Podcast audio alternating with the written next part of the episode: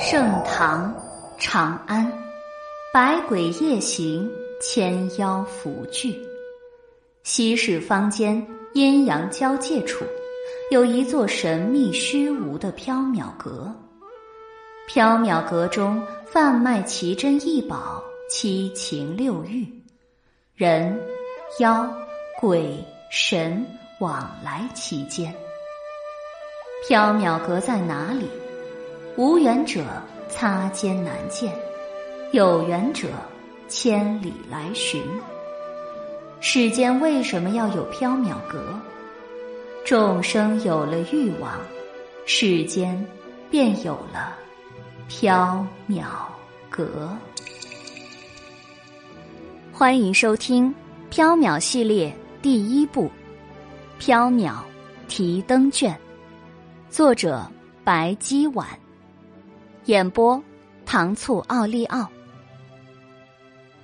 第一折，返魂香。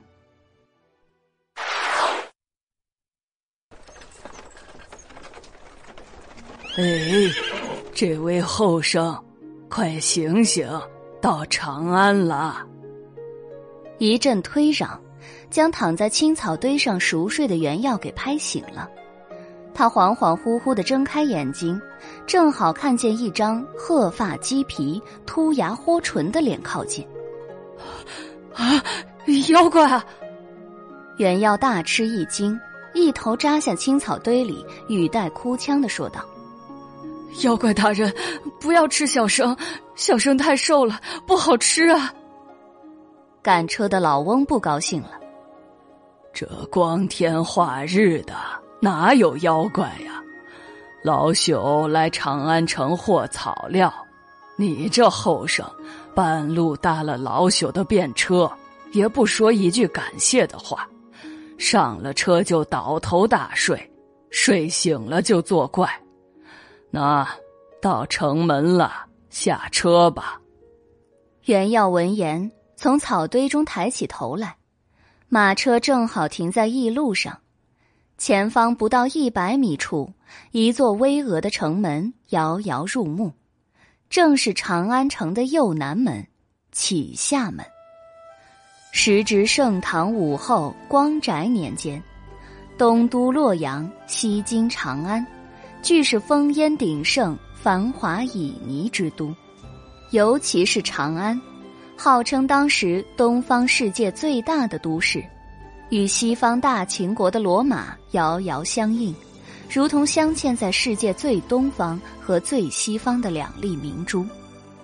大秦、波斯、楼兰、天竺、倭国、高丽等国的贵族、商人、僧侣，均不辞万里辛劳，慕名云集长安，或瞻仰大唐风物，或贸易奇珍异宝，或传播宗教信仰。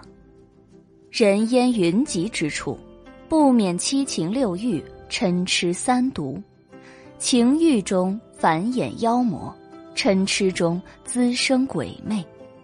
长安亦是一座百鬼夜行、千妖伏聚的魔都。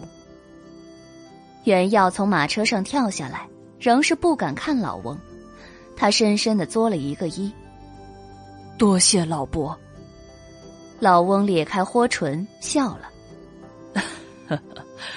闻着你一身酸腐味儿，莫不是进京赴考的世子？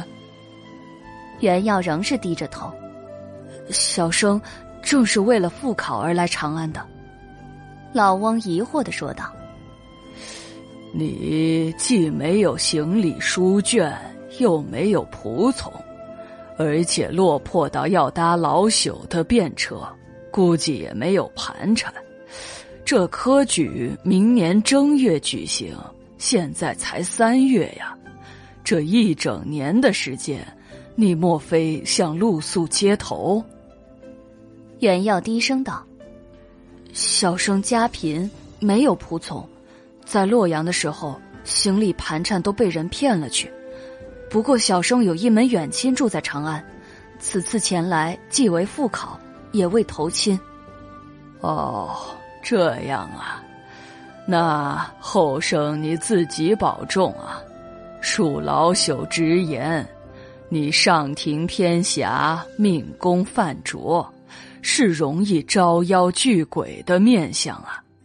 若要化解，近日内须得避水。袁耀抬头看了老翁一眼，立刻又垂下了头。谢谢老伯指点。老翁挥了挥手：“去吧，后生。”袁耀作了一揖，转身向启下门走去。驿路边有简陋的茶肆，客商商客在茶肆中歇脚，笑语喧哗。老翁说是货草料，却不进长安城。他在原地将马车掉了个头，驮着满满一车青草，又按原路返回了。听到身后车轮声渐远，袁耀这才回过了头。他望向老翁赶马车的背影，那老翁一身灰色短打，银发梳成髻，本该是双耳的地方，长着一双长长的兔耳。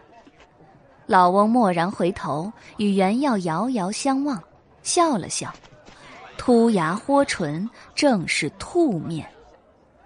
袁耀吓得赶紧转身，继续向城门走去。马车在驿道上缓缓行走，茶肆中歇脚的人，驿道上来往的人，似乎都没有发现那赶车的是一个兔首人身的老人。老翁说的不错，袁耀确实八字逢煞，命劫妖缘鬼分。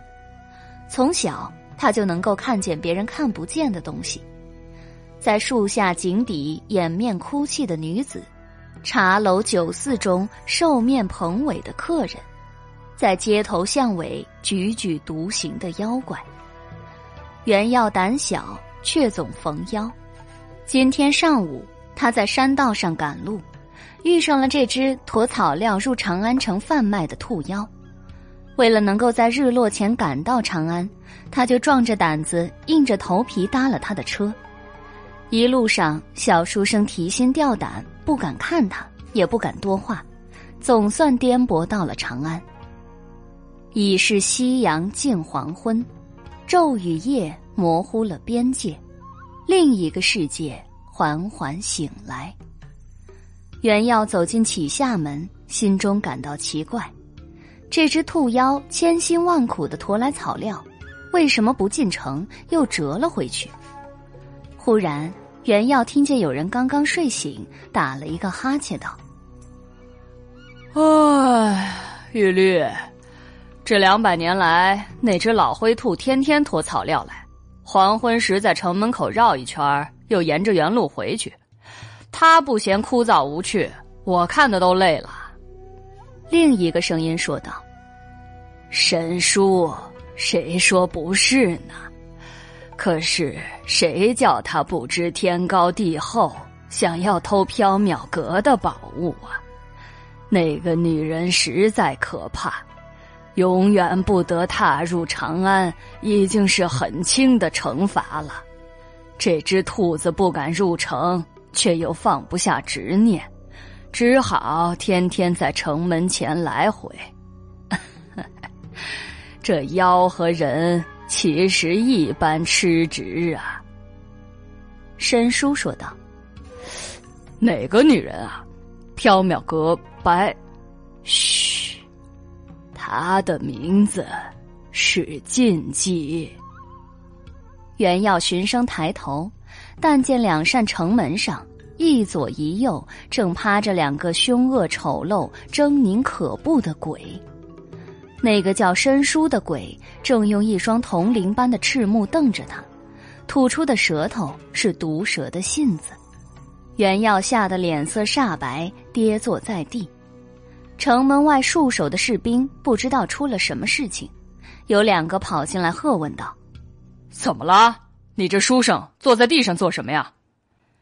袁耀指着城门上，颤着声道：“这这。”这城门上有有厉鬼。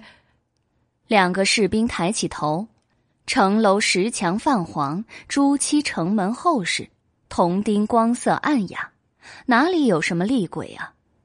士兵们立刻呵斥袁耀：“荆棘重地，你这书生休得胡言乱语，当心治你个妖言惑众、扰乱民心之罪。”袁耀再抬头望去，申叔玉律仍旧趴在城门上，对着他吐出蛇信子，笑得凶恶狰狞。袁耀骇然，急忙爬起来，一溜烟跑进了城，不敢再回头看了。哼，疯子！两名士兵骂了一声，走回原地束手。申叔趴在城门上，不满的说道：“这个书生可真是失礼啊！居然把我们当成了厉鬼，我们可是镇守鬼门的神，虽然位分低了一些。”相貌丑了一些，玉律吸动鼻翼，笑道：“嗯，这个书生很有趣，他的灵魂中有水的味道。”袁耀从启夏门进入长安，穿过安德坊、安义坊，来到了宽阔的朱雀大街。朱雀大街以平整的青石铺路，路面十分的广阔，可供八乘并行。街道两边的房舍鳞次栉比，人烟繁华鼎盛。此时此刻，天色已经擦黑，人来人往的街渠也渐渐的安静下来，即将到宵禁的时辰了。大唐律例，宵禁之后，百姓不可以在街上乱走。犯业者按律处罚，轻则鞭笞三十，重则杀头。袁耀思忖着，今天只能先找一个地方住下，明天再去投亲了。他站在宝宁坊，抬头四顾，不远处有一间名曰“吉祥”的小客栈，客栈门前的红灯笼发出橘色的光芒，十分暖目。袁耀摸了摸腰间的双鱼玉佩。走向吉祥客栈，行李盘缠被人骗走之后，他身上只剩下这一只双鱼玉佩，还能典当几贯钱了。袁耀进入客栈，要了一间房安顿下来。店小二将晚饭端进客房的时候，袁耀问道：“哎，请问小哥，你可知道当朝礼部尚书韦大人的府邸在哪里啊？”店小二打量了袁耀一眼，但见他身形修长，穿着一袭半旧的儒衫，气质温雅敦厚。他的容颜十分平凡，但是一双明澈的黑眸无垢无染，一如天空。店小二一边摆着饭菜，一边问道：“客官问的可是韦德玄韦大人？”袁耀道：“正是。”啊，韦大人住在崇仁坊，客官您去了崇仁坊，很容易就能打听到了。哎，客官莫非是要去拜访韦大人？哦，小生是韦大人的远亲，想去投亲。啊，原来客官是韦大人的亲戚啊！店小二摆好饭食，躬身笑道：“嘿，客官您慢用，小子先告退了。”吃完晚饭，洗漱完毕之后。袁耀上床安歇，他侧卧在床榻上，望着桌上的一斗孤灯，听着街上传来的打更声，想着明天该怎样去尚书府投亲呢？渐渐的，袁耀眼皮沉重，坠入了梦乡。恍惚之中，袁耀下了床榻，出了客栈。圆月高悬，街渠空寂。袁耀走在长安城的街道上，踏着月光而行。一阵似有若无的流水声不知从何处传来，吸引了他的脚步。袁耀穿街过坊，循着流水声而去，目之所见空无一人。流水声渐渐清晰，峰回路转处出现了一条河，一座石桥，两轮圆月。水之月是天之月的倒影。石桥横如虹，桥上站着一名白衣女子。女子穿着一袭月下白袖浮云罗裙，玩血色娇绡披帛，月色勾勒出她玲珑有致的身形，妖娆婆娑。她临河而立，手持一线垂向河中，似是在垂钓。袁耀心中奇怪，这夜深人静的，怎么会有女子站在石桥上垂钓？莫不是鬼魅？虽然有些害怕，但是鬼使神差的，袁耀抬脚向石桥上走去。女子面和而立，神情专注，似乎没有察觉有人走近。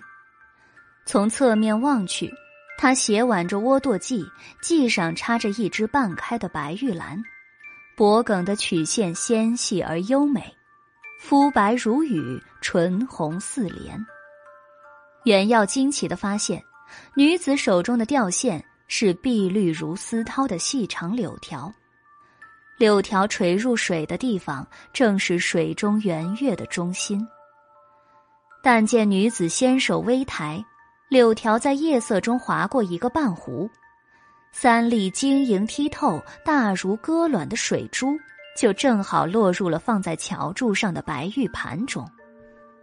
令人诧异的是，滚入白玉盘中的水珠竟然不散作水，而仿如透明的珍珠，一粒粒滑向玉盘凹下的中央。停住时，水珠仍然浑圆饱满，似有光泽流转。荷叶状的白玉盘中已经有小半盘水珠了，在月光的照耀下，水珠剔透莹润，美如梦幻。哎，这是什么呀？袁耀吃惊之下脱口而出。女子回过头来望向袁耀，她有一双暗金色的瞳，左眼角有一滴朱砂泪痣，血红。宛如相思紫，金色瞳孔，人怎么会有金色瞳孔呢？莫非又是那个？袁耀吓了一大跳，急忙揉了揉眼睛，再次定睛望去。白衣女子仍旧站在那儿，金瞳微睨，似笑非笑的望着他。这叫水晶珠，是河流吸收天地日月之气。凝聚而成的精华，水晶珠只在月圆之夜浮现在水之月中。哇，好神奇的东西啊！袁耀赞叹道，一时间忘了害怕，跑去对着白玉盘中的水晶珠左瞧右瞧。袁耀回头对着女子作了一揖，道：“啊，小生姓袁，名耀，字宣之，刚才唐突了。”还请姑娘见谅。女子笑了笑，没有回答。她转过身去，将柳条垂入水月中。不一会儿，柳条扬起，银光闪没，又是三枚水晶珠跌入白玉盘中。袁耀一直站在桥上，望着女子垂钓，也不离去，也不说话。渐渐的，圆月偏西时。白玉盘中已经盛满了水晶珠。女子抬头见已是三更天色，笑道：“袁公子，你该回去了。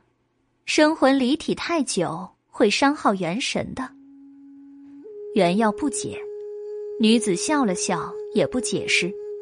她上下打量了袁耀一眼，狭长的凤目在看到双鱼玉佩的时候。闪过了一丝金光。那是春秋时期的古玉，玉髓尽碧，玉色通透，有一抹寒烟萦绕其上。生烟玉是欺凌之所，正是他要的东西。女子的唇角勾起一抹狡笑，那是西市中奸诈的商人盘算着低价收购胡人手中的宝石时特有的。不动声色的狡笑。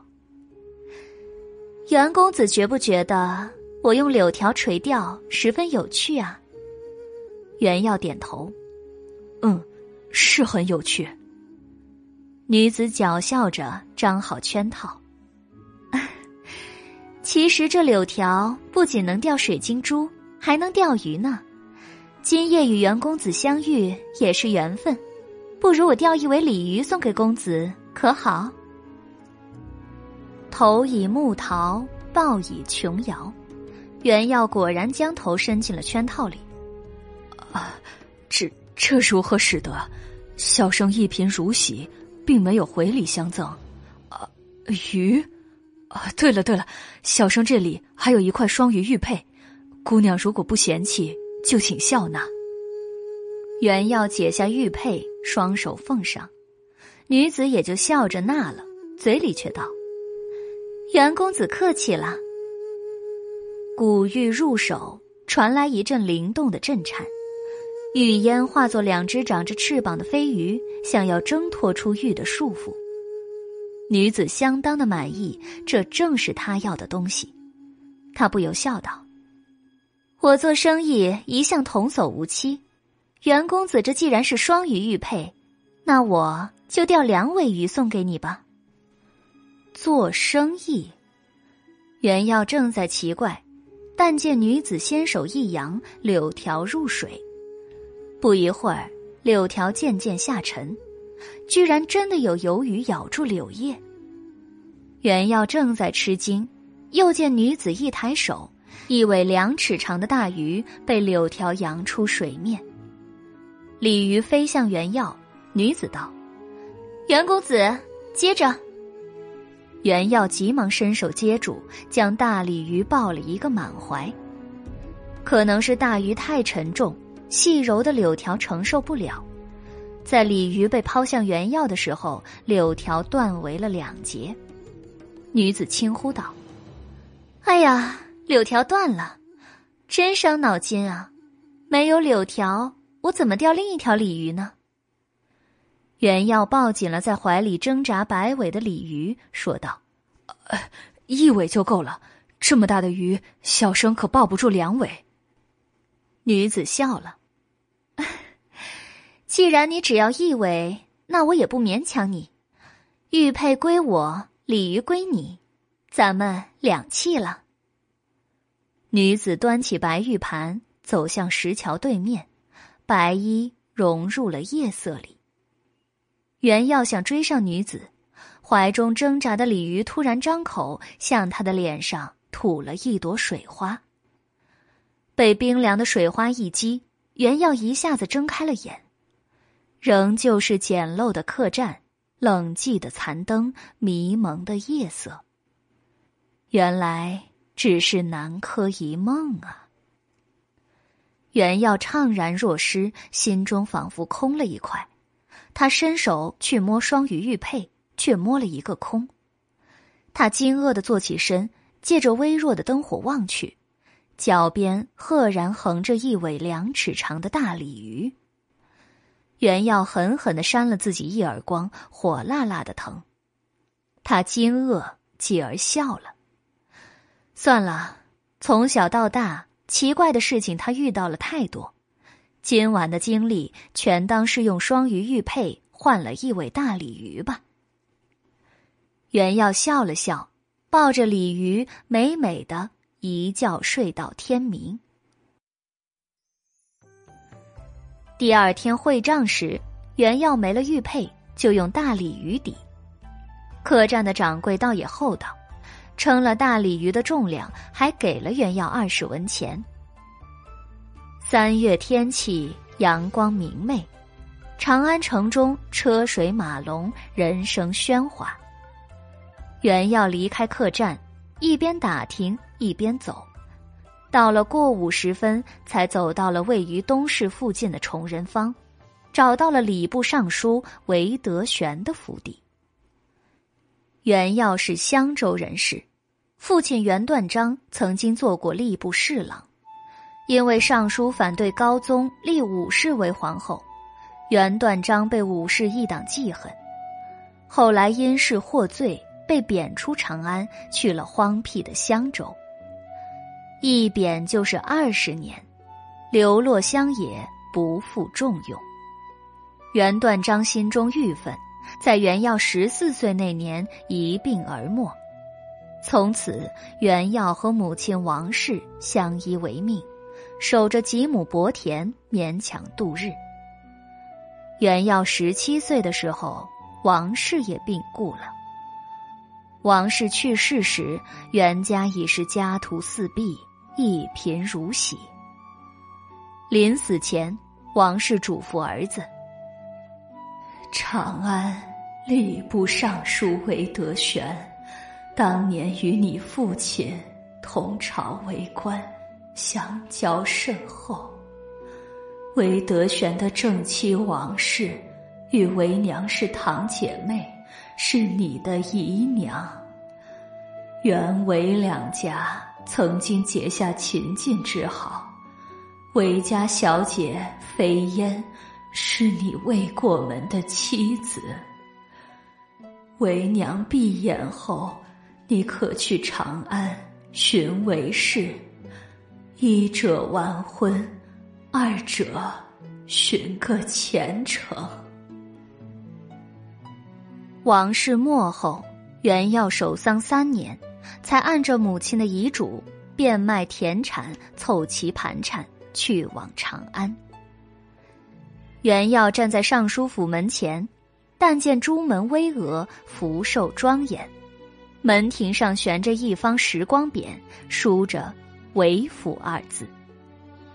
袁耀踌躇了一下，这才涉阶而上，向门前守卫的家奴一一道：“小生袁耀想拜会韦大人，烦请小哥通报一声。”两名家奴见袁耀衣衫破旧，便挥了挥手：“去去去，哪里来的穷酸啊！我家大人日理万机，可是你想见就能见的吗？”袁耀陪着笑脸：“啊，小生远道而来，特为拜访姨父韦大人，烦请小哥劳不通传一声。”家奴冷笑道：“ 原来又是一个来认亲的，书生。”你可知道我们韦府中一个月要乱棍打出几波认亲的无赖骗子呀？袁耀与家奴理论，小生不是骗子，韦夫人王氏与家母乃是姐妹。年轻的家奴乐了，哼，还说不是骗子？我家主母明明就是正室，哪来的王氏啊？一直没有作声的年长家奴说道。王氏是前主母，十几年前已经没了。王氏没后，庶氏、正氏才成为主母。这书生看起来倒也实诚，不像是骗吃骗喝的无赖之徒。你进去替他传一声吧。年轻的家奴不乐意了，你自己怎么不去啊？替前主母的亲戚传话，如果被主母知道了，免不了又是一顿板子。想起彪悍刻薄的正室，年长的家奴也犹豫了。唉，人老了，腰酸腿疼，经不起这一进一出的折腾，还是你们年轻人腿脚灵便。袁耀见两名家奴互相推诿，念及自己落魄潦倒，连下人也欺负他，心中不禁悲伤愤懑。他本想就此俯首离去，但想起母亲临死前的殷殷叮嘱和如今流落长安、身无盘缠的窘况，他只得忍气折腰，再次低声请两人劳部通传。两名家奴仍旧一推二诿。年轻的已经开始赶人了。三人正在韦府前闹腾纠缠，一名骑着高头骏马的俊逸公子被一群仆从簇拥着走向韦府。两名家奴见状，丢下原药，笑脸逢迎：“公子去城外狩猎，这么早就回来了。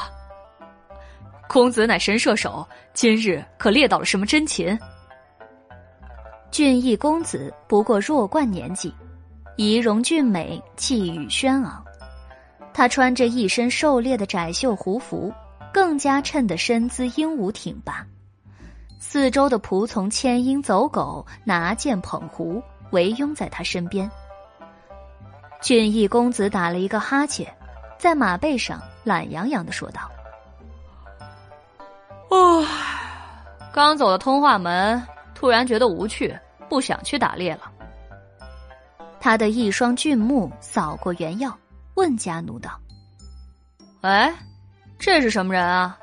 刚才远远的就听见你们在喧哗。”这俊逸的公子姓韦，名燕，字丹阳。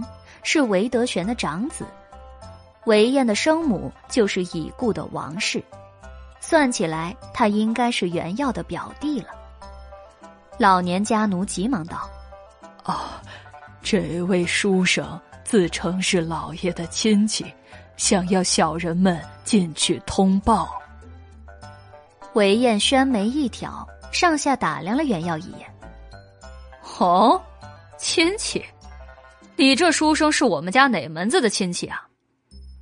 袁耀连忙行礼：“小生姓袁，名耀，字宣之，从襄州来。”是。韦燕露出古怪之色，打断袁耀：“襄州来的袁耀，你就是那个袁耀？”袁耀反而懵了：“小生是哪个袁耀啊？”韦燕咳了一声。嗯，就是与我与我妹妹定亲的那个袁耀啊。袁耀脸一红，道：“，这是家父在时定下的亲事。”韦燕翻身下马，将缰绳扔给家奴，携了原耀进入府中。啊，我叫韦燕，字丹阳，算起来我可是你的七兄呢。好妹夫。随我进去吧。原耀闻言，脸涨得更红了，随了韦燕进入府中。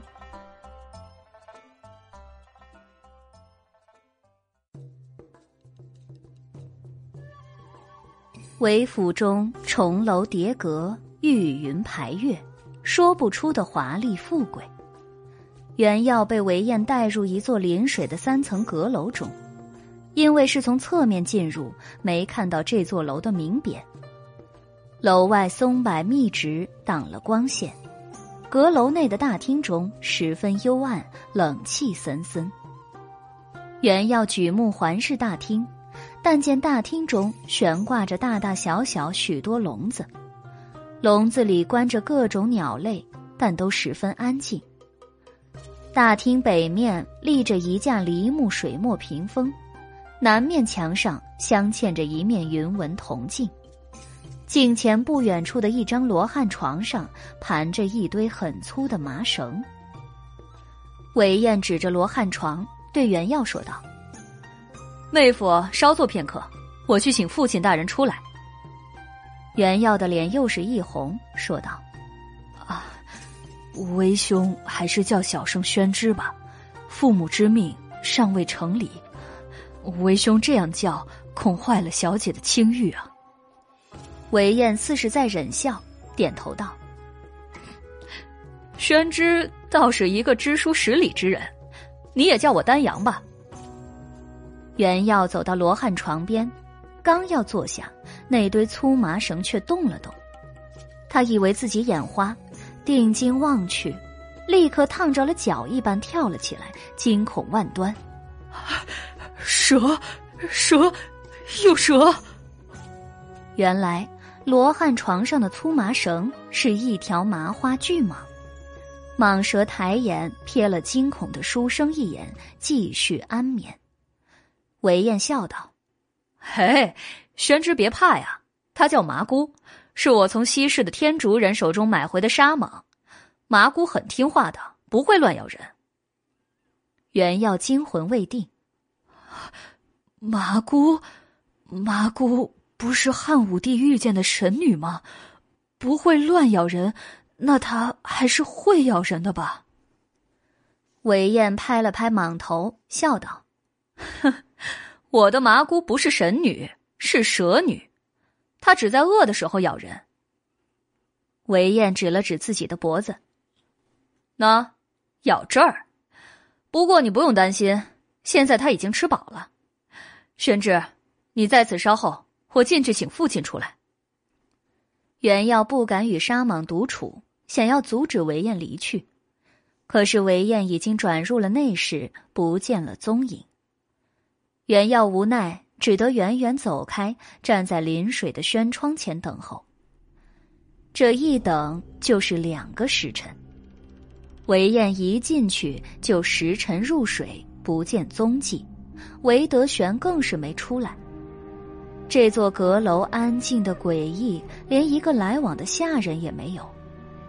袁耀又累又饿，又悬心吊胆，他生怕罗汉床上的麻姑醒来爬向自己。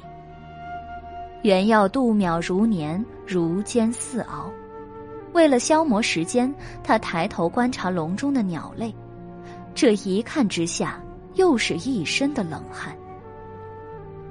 王孙贵族豢养的宠鸟大多是鹦鹉、夜莺、金丝雀之类的，因为它们毛羽华艳，啼声婉转；但这近百只鸟笼里关着的，却是猫头鹰、夜枭、乌鸦之类黑暗不及、安静雅声的鸟类。怪不得大厅中安静如斯。袁耀擦了一把额上的冷汗，这座阁楼的主人喜好实在是怪癖呀。南面墙上的云纹铜镜闪动着金色的灵光，似是一汪潭水。铜镜后有一间雅室，雅室中有一张华美的罗汉床。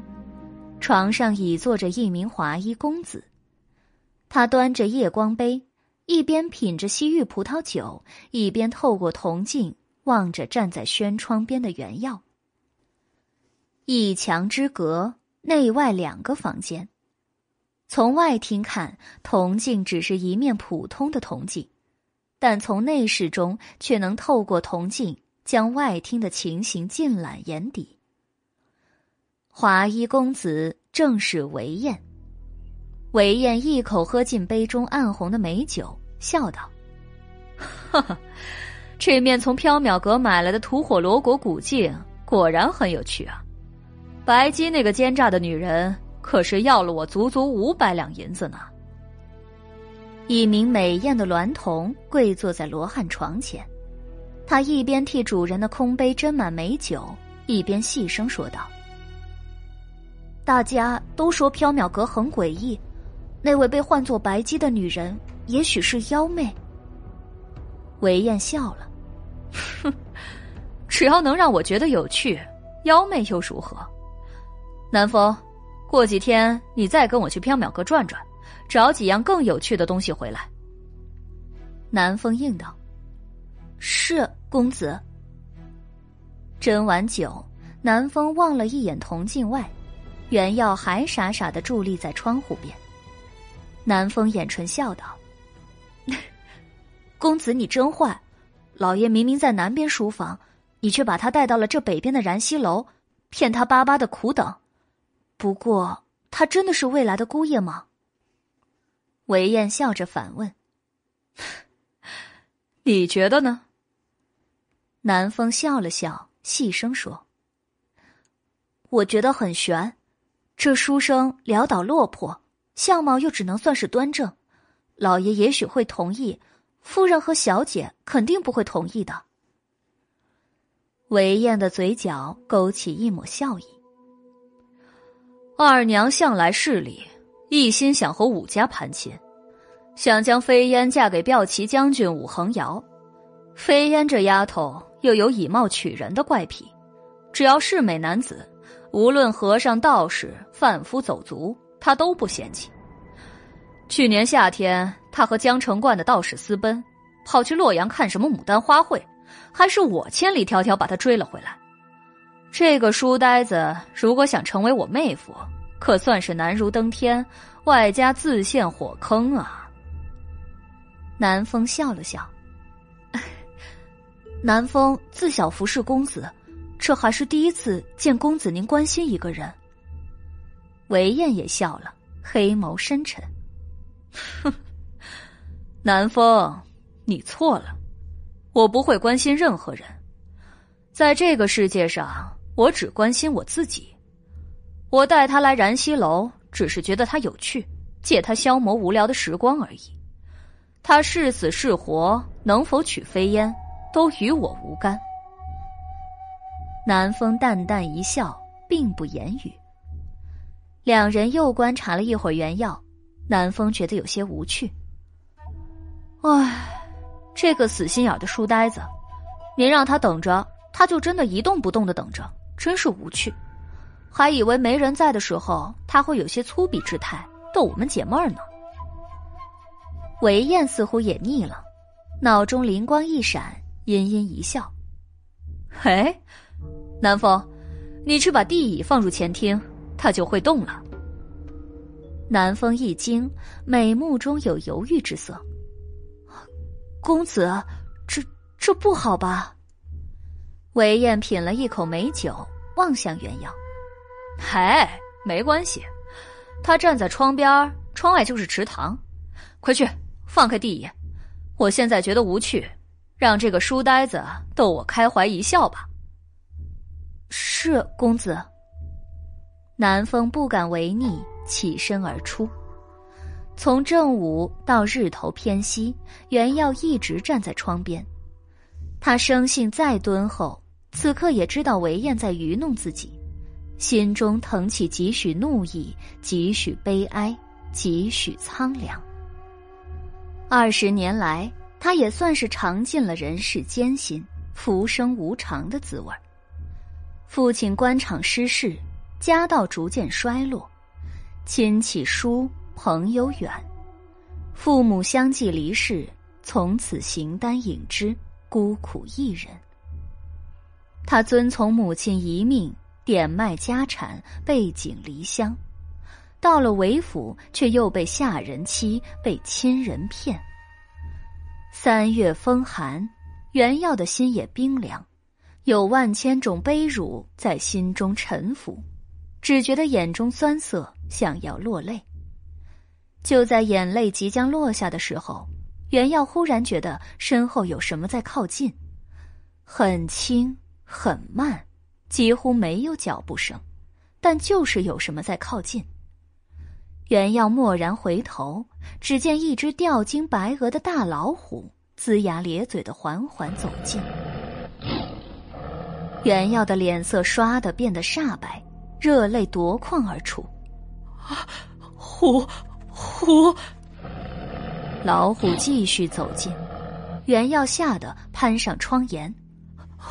虎兄，你你不要过来啊！老虎不懂人语，仍在走向原药。原药也顾不得窗外是水，攀着窗沿就跳了下去。只听扑通一声，落进了池塘里。原药入了水，这才想起自己是旱鸭子，在水中扑腾着哭喊：“啊，救命啊！救命啊！”韦燕看见原药的窘样。在铜镜后捧腹大笑，过了一会儿，听见袁耀在水中扑腾求救，他倏地站起身来。这个书呆子怎么不会游泳啊？韦燕旋风般卷了出去，南风急忙跟上。韦燕来到窗户边，听见扑腾呼喊声渐弱，看见袁耀已经沉下水塘。他也不管地椅蹭他的手，向他撒欢，急忙跃了出去，跳进水中捞人。公子，三月水寒，当心着凉啊！南风阻止道，但是韦燕已经跳了下去。捞出原药，已经是气若游丝，奄奄一息了。韦燕赶紧派人找来大夫，扎针急救。折腾到上灯时分，小书生才算回过命来。韦燕明明松了一口气，但目光仍是黑沉。我只是看在他母亲和我母亲是姐妹的份上，才不想他死，并不是关心他。在这个世界上，我只关心我自己。灯烛摇晃，夜色沉沉，没有人回应韦燕的自语。次日，袁耀醒来，韦燕胡编了几句借口：“啊，昨天真不巧啊！我去找父亲，父亲却刚好出门去同僚家赴宴了。我追去禀告，但是宴会中有重要的客人，我却不过情面，也只好留下了，因此就没能马上回来。我本来遣了家童回来告诉你，但这小奴才路上贪玩，居然忘记了。谁知道燃溪楼中地椅又没有锁好，跑出去惊吓了你，真的是十分过意不去啊！宣之，都是我不好，不该让你一个人待在燃溪楼。袁耀心性纯善，从不疑人，听了韦燕的解释，立刻就相信了他，并为昨天怀疑他欺骗自己而感到十分愧疚。没关系的，丹阳不必自责，笑声已经没事了。袁耀笑容无邪，目光纯澈，韦燕心中一虚。赶紧转开了头。嗯，宣志，你先安心休养，等你能下床了，我就带你去见父亲。三天后，袁耀整衣结冠，正式去拜见韦德玄。韦德玄已经过了知天命的年纪，白面微须，气质敦儒。袁耀十六岁那年，韦德玄因为公干路过襄州，曾去他家探望故旧，两人彼此早已相识。袁耀和韦德玄相见，叙了半日旧话，忆起袁耀过世的父母，想起往昔两家的交情，韦德玄洒了几滴老泪，又勾起了袁耀的满怀伤绪。袁耀言及奉母亲遗命来长安。一来为了明年参加科考，二来为了昔日定下的亲事。韦德玄听到第二件事，一下子就不说话了，顿了半晌，他才开口道：“啊，贤侄远道而来，就在此安心住下，温书备考，其他的事情以后再慢慢记忆吧。”袁耀知道，如今袁家已经衰败没落，不及韦氏如日中天。韦家的千金小姐，如何能下嫁他这个穷困落魄的书生呢？他只是遵从母命行事，并不强求美事能成。能成固然好，不成也是天命。袁耀只念人恩情，不记人负心。此刻，他只感激韦德玄顾惜旧情，收留自己。多谢世伯收容。袁要告退之后，韦德玄皱着眉，背着手踱到内室。一名华衣艳饰、珠光宝气的中年美妇，手执团扇从屏风后转出。他对着韦德玄冷哼道：“哼。”我都听见了，不管怎么样，飞燕不能嫁给这个穷小子。我的女儿必得嫁一个权贵之人。前些天，骠骑将军武恒瑶要续弦，我已经将飞燕的生辰八字托媒人送去了。武恒瑶是太后的侄子，年轻有为，前途无量。此事如果能成，咱们呀就和武家攀上了亲。有了武家做靠山，你以后的仕途也会更加畅通无阻的。韦德玄闻言一怔：“什么？武恒瑶要续弦？那个痴心五郎一生一娘的武恒瑶？”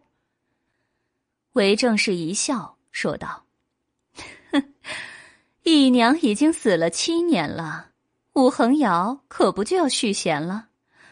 男人呀，都是一个德行，也许有痴情种，但绝无专情人。韦德玄又道：“哎呀，夫人呐，女儿的终身大事，你尚未跟老夫商量，怎么就把生辰八字送到武家去了？”韦正氏又是一笑：“ 老爷。”你主外，妾身我主内，这些家内之事，我就自己做主了。可是，当年老夫已经与袁家定下了亲事，将飞燕许配给了袁家世侄啊。许多旧日同僚都是见证人。如今袁家世侄找上门来，老夫怎么能食言回亲，惹人闲话呢？韦正是柳眉一挑，不高兴了。哼，别跟我提这门亲事，这是你那位好夫人暂时定下的，你让她给你生个女儿嫁到袁家去啊？这门亲事我可不认。肥燕是我的女儿，她的终身大事由我说了算。当年，韦德玄与袁断章是同僚兼好友，两人的夫人又是堂姐妹。袁夫人生下袁耀后，韦夫人正身怀六甲，韦夫人觉得自己怀的是个女儿。在袁耀的满月酒宴中，韦德玄指着妻子隆起的腹部，玩笑般的对尚在襁褓中的袁耀说道：“贤侄，世伯指他与你为妻，可好？”韦德玄本来是戏言。但袁断章袁夫人却当真了，三天后就送来了聘礼。韦德玄觉得不妥，毕竟还不知道自家孩子是男是女。韦夫人却很是高兴，纳下聘礼又送了回礼。韦德玄也没反对，亲事就这么定下来了。可是谁知韦夫人临盆生下的却是男孩，也就是韦燕。两家只好约定，韦德玄如果再得女儿，就嫁与袁耀为妻。可是直到去世，韦夫人也没有女儿。韦德玄扶正了侧室正室，韦正室生了一女，即是飞燕。按两家的约定，韦飞燕就成了袁耀的未婚妻子。韦德玄想起往事，念及亡妻，心中不免伤感。见韦正是埋怨亡妻，遂道：“哎呀，他都已经过世多年了，你还和他生什么嫌弃呀？哎，现在到底该怎么办？悔婚二字，老夫万万说不出口。”韦正是冷笑道：“哼，你说不出口，我去说。这穷酸书生。”收留他，给他一饭果腹，一瓦栖身，已经是咱们韦家积德了。他还癞蛤蟆想吃天鹅肉，想娶我的女儿，等下辈子吧。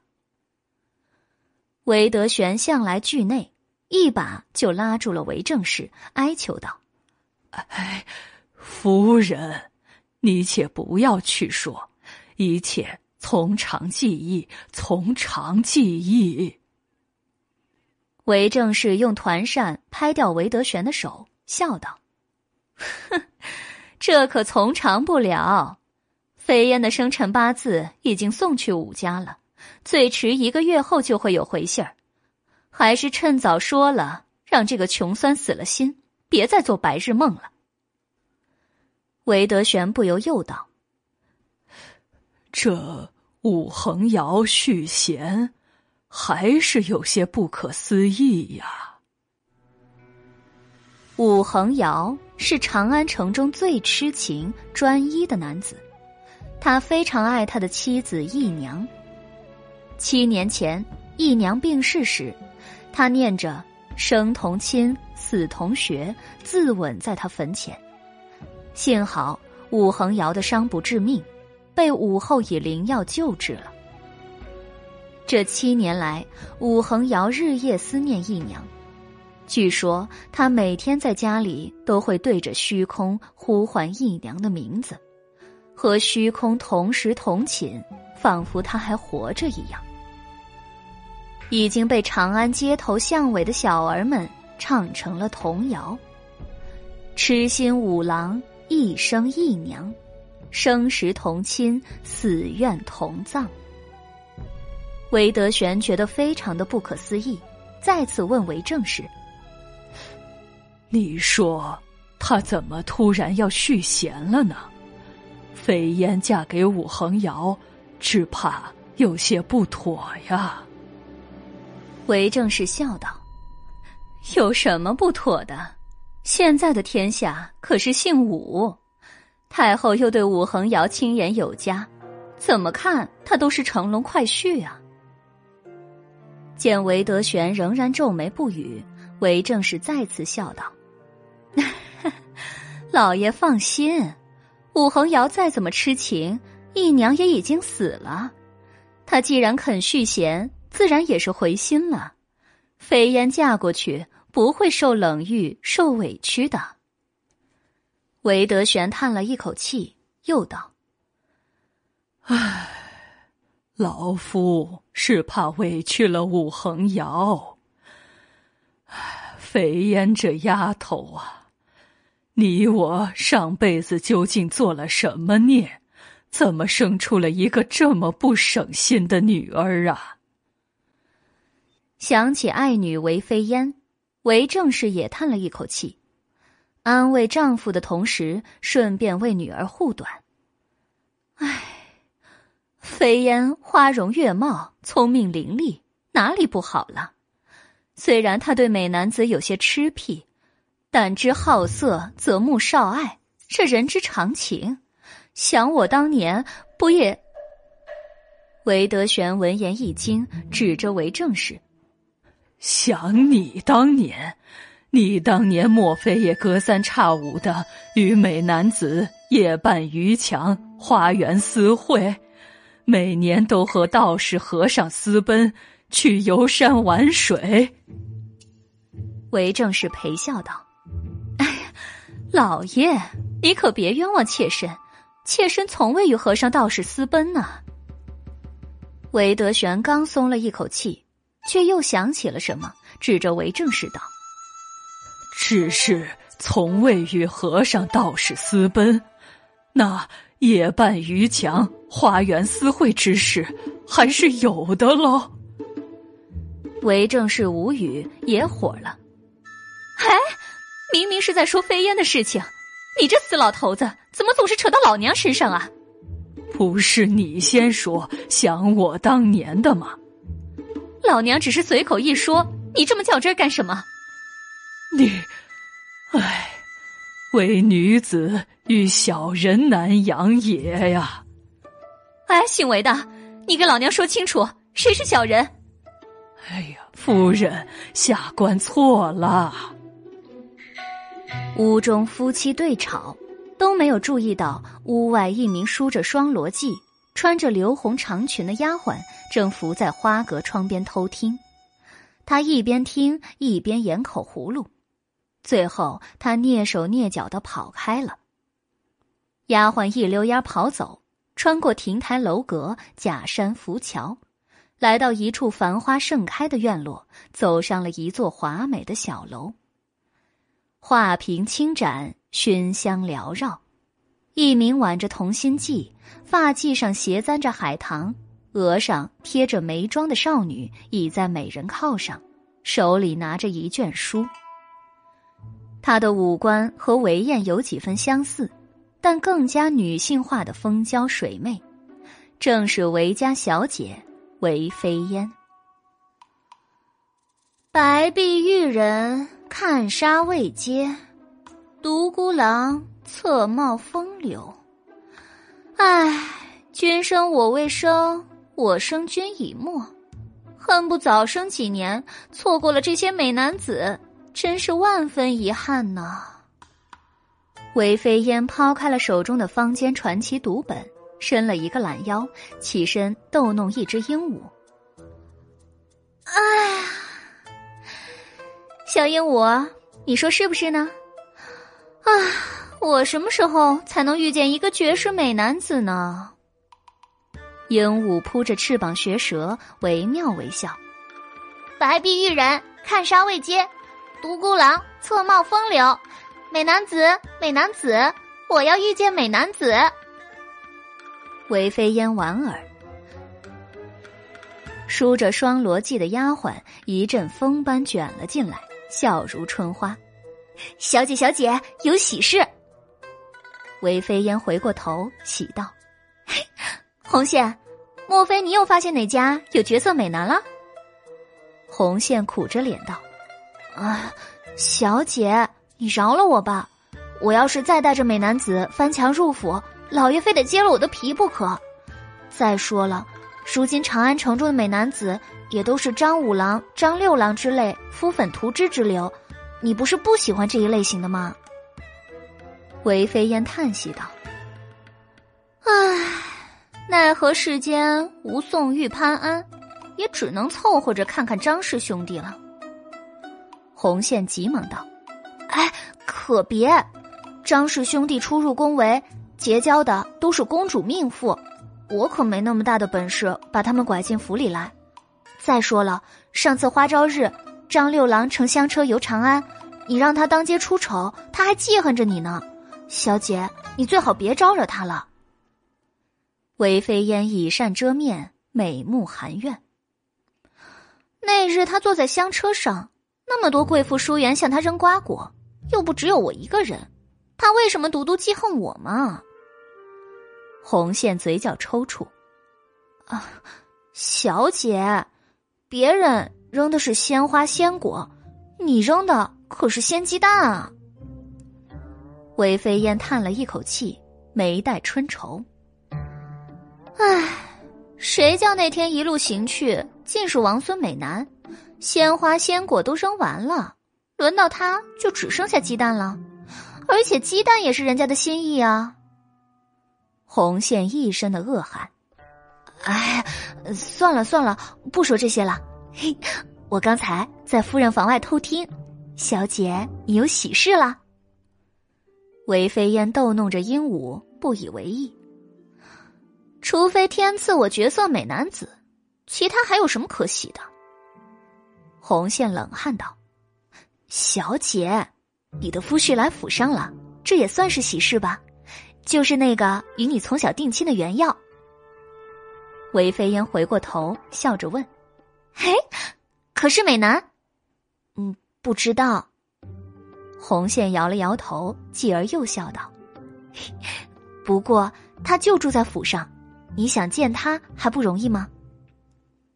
韦飞烟嫣然一笑，那现在就去看看。红线颇显为难，小姐，他住在大公子的燃溪楼。韦飞烟柳眉微挑，什么？住在哥哥那儿？哥哥一向孤僻乖戾，不爱与人结交，他怎么会劫纳原药呢？莫非他是在打他的什么鬼主意？嗯，不知道，反正听说大公子与他挺亲厚的。小姐，你真的要去吗？燃溪楼里蛇蝎遍布，猛兽蛰伏，还真叫人瘆得慌。说到燃溪楼，韦飞烟也寒了。那座鬼楼我可不去，看了麻姑地乙和那些晦气的鸟儿，我就好几天都不舒服。韦飞烟想了想，有了主意，笑着道：“嘿，有了，红线，老样子，我写一张花笺，你带过去给原耀。夜深人静，月色迷蒙，深闺小姐与俊美书生花园私会，互诉衷肠。”红线一头的冷汗，啊，小姐，你又玩这一套？你怎么就玩不腻呢？如果再被老爷逮住了，可别说是我传的信啊，否则老爷这一次一定会揭了我的皮的。原要辞别韦德玄，回到燃溪楼时，韦燕正穿戴整齐要出门。韦燕见袁耀回来，就邀他同行。哎，走啊，宣之，我带你去一个地方。袁耀问道：“什么地方？” 缥缈阁，一个好地方。说话之间，韦燕和袁耀已经出了韦府，出了崇仁坊，向西市而去。韦燕没有骑马，也没有带随从，两人徒步走在三月柳絮纷飞的长安街头，身边车水马龙，行人如织。袁耀忍不住问道：“缥缈阁是什么地方？”天上廊环地，人间缥缈香。缥缈阁在西市，是一家货卖奇珍异宝的店铺。他家卖的古董玉丸、奇花瑶草、异域鸟兽都很有趣。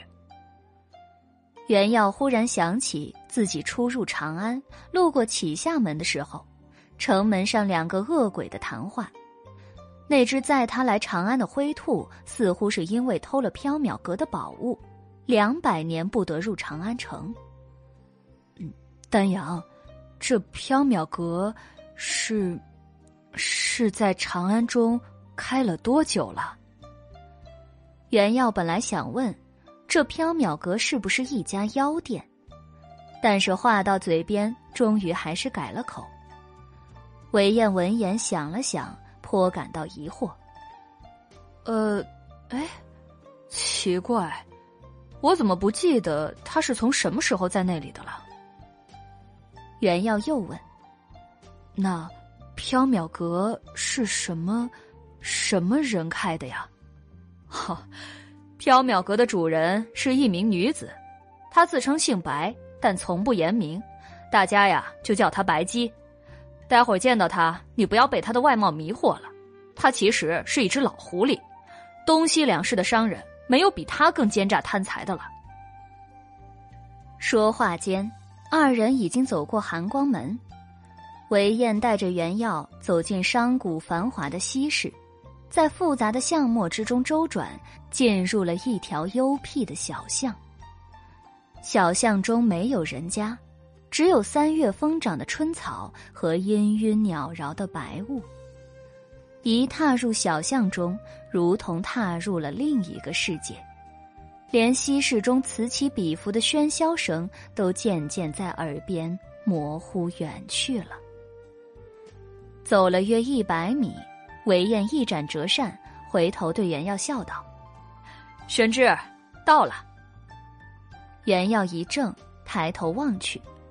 伫立在他眼前的是一座长安城中随处可见的二层小楼，小楼的正门上悬着一方虚白匾，目黑无泽，字白有光，以古篆体书着“缥缈阁”。小楼的左右门柱上刻着一幅对联：“红尘有相，纸醉金迷百色尽。”浮世无常，爱怨嗔痴，万劫空。缥缈阁的四扇古旧的木门大开，隐约可以看见里面的几个货架，有花瓶、古董、玉玩摆在货架上。韦燕已经举足踏了进去，袁耀急忙跟上。缥缈阁的店面不大，也没有什么奇特的地方。格局与布置都与东西市中的古玩斋一样，货架上的物品有古董字画、花草鸟兽，还有西域各国的宝石、香料、金器、卷轴等。一名黑衣少年倚在柜台边吃着什么，听见有人进来，他抬起头，伸出粉红的舌头，舔舐了一下嘴角的食物残渣。黑衣少年的下巴很尖，眼睛很大，他的容颜十分清俊，只是瞳孔细得有些诡异。袁耀望向柜台，发现黑衣少年正在吃的东西是一碟香鱼干。黑衣少年看见韦燕，笑了：“嘿，韦公子又来了，这次您想买些什么东西啊？”韦燕一展折扇，说道：“黎奴。”可新到了什么有趣的玩物？黎奴笑道：“啊，这个黎奴可不清楚，您得问主人。”哎，白姬呢？有客人来了，他怎么不出来啊？李奴指了指里间：“啊，刚才啊，武恒尧大人来了，主人正在里面招呼他呢。要不，韦公子先随便看看。”韦燕嗯了一声，就自去货架之间赏玩各种宝物去了。哎，宣志，你来看，这个是西域的提壶香。韦燕拿起一只木匣，侧头对袁耀道，却没看见袁耀在身边。韦燕四处望去，但见小书生站在摆放玉器的货架前，呆呆的望着一只双鱼玉佩，神色古怪。袁耀望着双鱼玉佩，心中惊异万分。这只玉佩他再熟悉不过了，正是那晚似梦非梦中用柳条钓水晶珠的白衣女子以大鲤鱼向他换走的东西。这个东西怎么摆在了缥缈阁的货架上呢？原要站的位置左边就是里间，门并未掩上。他转目向左望去，一扇画着牡丹的屏风阻隔了视线。但是透过薄薄的屏风，可以看见两个对坐的侧影，一名是纤柔婀娜的女子，一名是威武挺拔的男子。按照黎奴所言，应该就是白姬和武恒瑶了。白姬的声音很低，只偶尔说一两句话，也是飘渺如风，听不真切。武恒瑶的声音稍大。话语急促如走珠，由于带有浓厚的并州口音，只能听得出残破的只字片语，有“一娘”“生辰八字”“返魂香”什么的。韦燕拍了拍袁耀的肩膀，问道：“哎，宣志，你在干什么呢？”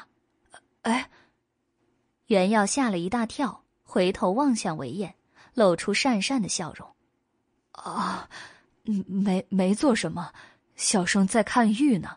这双鱼玉佩成色真不错呀。韦燕拉走原药，哎，这玉有什么意思呀？过来看看，这些啊是西域运来的神奇香料，点燃之后就能梦入意境。沙漠之中，金殿玉池，高鼻碧眸的美人环似，相当的美妙销魂呐。袁耀和韦燕品了一会儿香，里间传来响动，武恒瑶出来了。武恒瑶是一个相貌英俊、身姿挺拔的男子，他穿着一身素净的湖蓝色长袍。从里间出来，他径自走出缥缈阁，脸上似有无限的心事，眼中似有无尽的哀伤。不一会儿，白姬也从里间走了出来。他轻摇完扇，自言自语：“相思兼为返魂药，深情刻作长生文。人心之幽微，人性之曲离，真是难以洞悉啊。”原要举目望去，但见一名白衣黑发的女子摇着完扇缓缓走出。女子眉目如画，左眼角下一滴朱砂泪痣，红如滴血。袁耀认出了她，正是月夜石桥上那个钓水晶珠的女子。不过她的眼眸不再是诡异的金色，而是普通的黑色。白姬看见袁耀和韦燕，不由得一愣，似乎没有料到外面有人。韦燕笑道。白姬好生悠闲啊，今天不做生意，倒是引起诗来了。闲来无事也风雅一下。韦公子什么时候来了？这一次又想买些什么？白姬望向韦燕，嘴角似笑非笑；他又望向袁耀，嘴角的笑意更深了。还有这位公子，进入缥缈阁。就是有缘人，你想要什么？你想要什么？也许是因为白姬的声音飘渺如梦，这五个字带着一种神奇的蛊惑人心的魔力，让潜伏在人内心深处的各色欲望，或纯白，或黑暗，或介于纯白与黑暗之间的灰色。都开始蠢蠢欲动，喷薄欲出。韦燕道：“白姬，把能够让我觉得有趣的东西都拿出来。”袁耀讷讷的问：“小生是不是在哪里见过白姬姑娘啊？”白姬笑了，回答袁耀：“也许是在梦中见过吧。”韦燕见状，用折扇轻轻拍了一下袁耀的肩膀，撇嘴道：“嘿，我说妹夫啊，你可不能见异思迁，辜负了我妹妹啊！”袁耀的脸唰的一下红了，窘得手足无措。丹阳，你不要胡说，小生哪里见异思迁了？哦，不对，小生根本还没与飞燕小姐完婚。丹阳，你不要坏了小姐的清誉啊！韦燕在善后偷笑，白姬也笑了。小书生觉得自己像是一只羊，而眼前的两个人明显就是狼。韦燕对白姬道：“白姬，快拿出新奇有趣的玩物吧。”白姬笑道：“真不巧啊，三月不是上货的时节，西域、东海、南疆的商旅都还在路上。韦公子如果觉得店中的物件无趣，我前几天闲来无事，用水晶珠织了一卷珠帘，相当有趣呢。韦公子要不要看一看？”韦燕一收折扇，颇感兴趣。哦，如何有趣啊？白姬眨了眨眼。月圆之夜，每一颗水晶珠里都会浮现出一张人脸，都是长安城中溺水而亡的人的脸。说不定啊，韦公子还能看见相熟的面孔呢。韦燕十分感兴趣，快拿出来让我看看。白姬笑了，在里间，请随我来。韦燕随白姬进入里间，随口问道：“这样的水晶莲多少银子呀？”“一千零一两，一颗珠子一两，正好一千零一颗水晶珠。韦公子是熟客，手工费我就不收了。把人面弄进水晶珠里的工艺，可是相当耗费精力和时间呢。”“哦。”一千零一两银子，嗯，倒也不算是天价。不是黄金，你怎么不去抢啊？抢劫哪有宰人个乐趣无穷啊！啊，韦公子说笑了，一两黄金换一张人脸已经很便宜了，那可是货真价实的人脸呀，不仅五官俱全，还有喜怒哀惧。甚至还会发出笑声和哭声。夜深月圆、万籁俱寂的时候，您在燃溪楼里秉烛观赏，那可是相当的有气氛和乐趣啊。嗯，先看看再说。好。白姬和韦燕走进里间去看水晶帘，留下袁耀独自站在原地。李奴倚在柜台后，继续吃小碟子里的香鱼干儿。他望了袁耀一眼，瞳孔尖细。喂，书呆子，我讨厌你，你身上有水的味道。哎，袁耀一惊，望向黎奴。黎奴一边吃着鱼干，一边伸出粉红的舌头舔舐嘴角。书呆子，离我远一点不然我就像吃鱼干一样吃了你。黎奴邪魅一笑，露出两颗长长的獠牙，说不出的吓人。袁耀大惊，踉跄后退，冷不丁的脚下一滑，仰天向后跌去。他站的位置离放置玉器瓷瓶的货架很近，这一跌倒撞翻了货架。货架倒下的时候，又带翻了另一个放着西域古镜杯盘的货架。但听得一片噼里啪啦、砰通哐当之声，彩釉瓶、琉璃杯、翡翠环、琥珀盘、玉罗镜，全都摔在地上，砸得粉碎。袁耀惊得魂飞魄散，跌坐在满地残金碎玉中，脑子里只剩下了一片空白。此时此刻。袁耀没有发现许多奇形怪状、如同青烟一般的东西从碎裂的宝器中冉冉升起，挣扎着逃逸出缥缈阁，消失在了长安城的各个方向。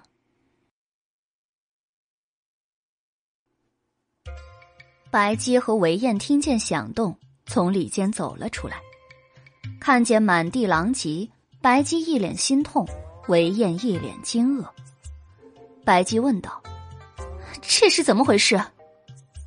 黎奴已经恢复了清俊少年的模样，他指着吓呆了的小书生说道：“主人，这位公子摔了一跤，带倒了货架，就成了这样了。”袁耀一惊。指着黎奴，气急之下说不出一句完整的话。啊，你，你，明明是你！黎奴一脸的无辜，打断了袁耀。哎，公子可别诬赖我，我一直站在柜台后边，可没到货架那边去。袁耀无言，只得望向韦燕，欲哭无泪。丹阳，小生。韦燕望着满地摔碎的奇珍异宝，脸色苍白。宣之，你……白姬倒是笑了，细长的凤目中闪过一抹奸诈的幽光。哼，韦公子，这位公子是你什么人啊？宣之是我表兄，客住在我家中。白姬笑了。东西已经碎了，伤神也是徒然。两位公子不必挂在心上，影响挑选宝物的心情。等我清点整理之后，会派人将账单送入韦府，到时候您二位按价付银即可。放心，看在韦公子是熟客的份上，零头我会抹去的。韦燕一阵的头晕目眩。以他对白姬的了解，当然知道这个奸商一定会趁机狠宰一顿，到时候只怕是卖了麻姑和地乙都不够还清账单的。袁耀唯有抬袖抹泪，无助的望着韦燕。韦燕的脸色十分难看，勉强安慰小书生：“无妨，无妨。”发生了这种意外。韦燕也没有了淘宝的兴致，他随便转了转，就拉了袁耀离开了。韦燕和袁耀离开之后，白姬走到满地残金碎玉中，拾起一块断裂的翡翠如意，冰凉沉淀，死气沉沉，没有任何灵性的律动和生机。白姬苦笑道。都一走了，这个呆子，他知不知道他这一失足间，长安城中又要增加多少鬼魅妖灵，又要有多少人与异界姻缘纠缠呢？黎奴站在柜台边道：“这些都是主人辛苦收集回来的，如今散去八方，再想找回来可就不容易了。前世因，今生果。”今日因，来日果，一切皆因他而起，自然也该由他而了。放心，他一定还会再来缥缈阁的。白姬扔掉翡翠，走向里间，头也不回的道：“黎奴，不要以为我不知道。虽然是他失足，但你也逃不了干系。把店面收拾干净，等我列好账单，你送去韦府。”唉，东西的价格我得往最高了写。白姬话音刚落，一只毛色黑亮、瞳孔尖细的猫从柜台边窜了出来，来到满地的古董残片中，用嘴和爪子刨碎玉断金。他与其说是在清理，不如说是在玩耍，一会儿滚，一会儿跳，乐不可支。白姬懒洋洋的声音从里间传了出来：“黎奴，如果日落前不收拾好，三个月内别想吃香鱼干了。”黑猫叫了一声，似是在抗议。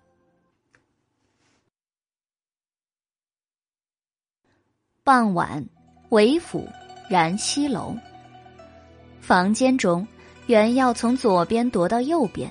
又从右边踱到左边，他长吁短叹，泪湿衣袖。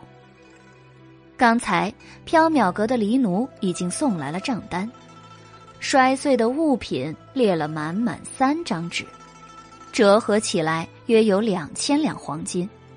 据说还是白姬看在韦燕是缥缈阁的熟客的份上给出的最低价钱。原要身无分文，寄人篱下，哪里赔偿得出这笔巨资呢？韦燕虽然没有说外话。但从他浏览账单时煞白的脸色来看，这笔钱对他来说也不是一笔能够轻易拿出的小数目。袁耀愧恨难当，觉得无言苟活，他解下了腰带，抛向了房梁。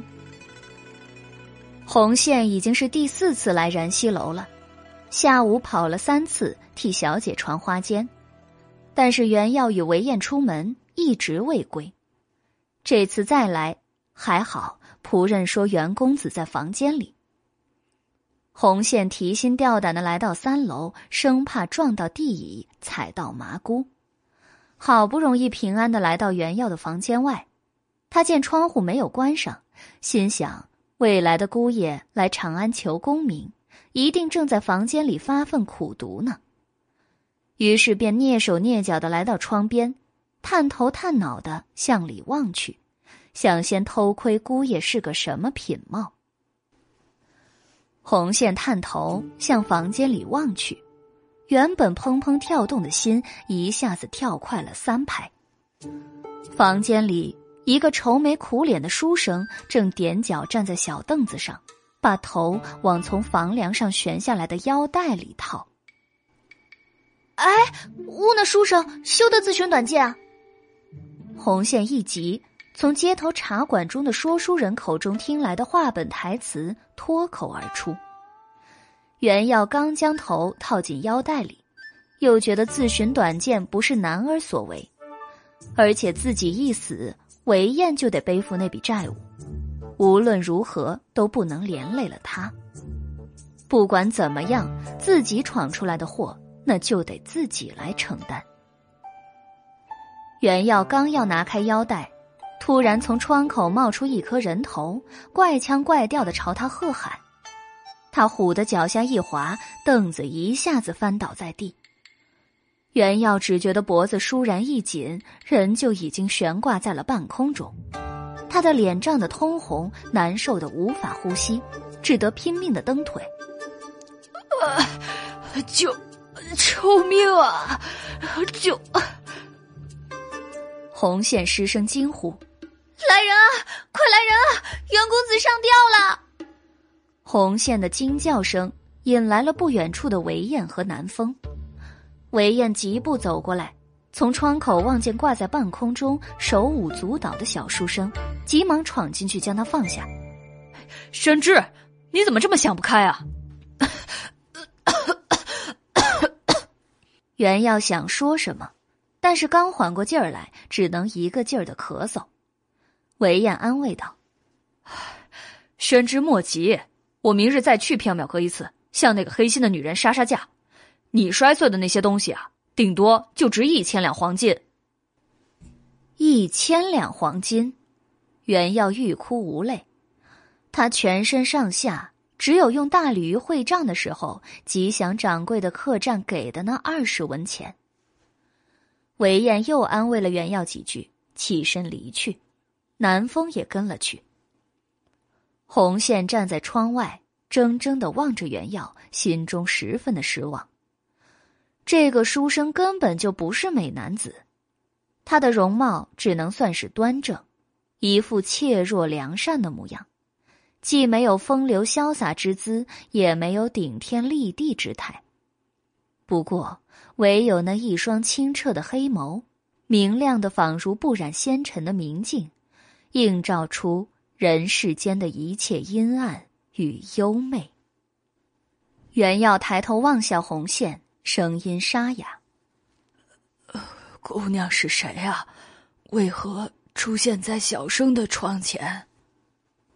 红线这才回过神来，他走进房间，从衣袖中拿出花笺。递给袁耀。哦，奴名红线，是飞燕小姐的婢女。小姐命我送书给袁公子，请袁公子今夜子时三刻，在后花园的牡丹亭中相会。纯善的小书生再次被吓了一跳。呃，什么？飞烟小姐约小生夜半相会？这这不合礼数，万万不可呀！袁公子爱来不来？红线翻了一个白眼儿，丢下花笺，走出了房间。根据他多年来为小姐猎美的经验，这个没有姿色的小书生一定没有戏。他的任务只是传信，赴不赴约随他的便。红线离开之后，袁耀尚未从缥缈阁的债务烦恼中解脱，又陷入了牡丹亭夜半私会的苦恼中。去赴约吧，他一个饱读诗书的儒生。怎么能去做那等重子于强之事？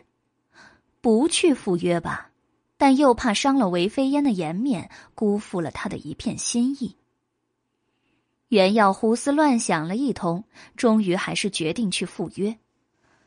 他安慰自己，只是说两句话，非礼勿视，非礼勿动，也不算太过愉悦吧。如果被人发现，大不了他就当场撞死，以全小姐的清誉。忐忑不安的等到子时，袁耀借着月色摸下了燃溪楼，前行到了后花园，摸上了牡丹亭。他在韦府中住了将近半个月，已经熟悉了各处的道路。月色明朗，万籁俱寂，袁耀到的有些早。韦飞烟还没来，他只好在牡丹亭中等候。四周一个人也没有，假山巨石，花丛树林，影影绰绰。一阵夜风吹过，木叶沙沙作响。原要提心吊胆，度秒如年，好容易挨到了子时三刻，花丛小径的尽头，两盏灯火缓缓移来。袁耀不由得一愣，韦家小姐可真是大胆呐！半夜与男子花园私会，居然还敢提灯？不对，怎么有两盏灯呢？袁耀定睛望去，但见月光之下，花径之中，两名女子缓缓走来，一名走在前面，身着鹅黄衣衫，步态婀娜。提着一盏红色的宫灯，另一名走在后面，一身红衣，步履飘忽，提着一盏悠悠青灯。不多时，两名女子已经走上了牡丹亭。袁耀偷眼望去，鹅黄衣衫的女子挽着同心髻，额贴眉妆，眉目与韦燕有几分相似。红衣女子看不清样貌。因为她全身上下都罩在一件连头斗篷中，连脸庞也隐在风帽下。他手中的青灯发出碧悠悠的火焰，将斗篷映得红艳似血。袁耀赶紧行了一礼，不敢抬头。小生姓袁，名耀，字宣之，敢问谁是飞烟小姐？韦飞烟一愣，脸上露出古怪之色。他左右看了看，奇怪的说道：“啊，自然是我啊，公子就是袁耀。”袁耀脸上一红，仍然不敢抬头。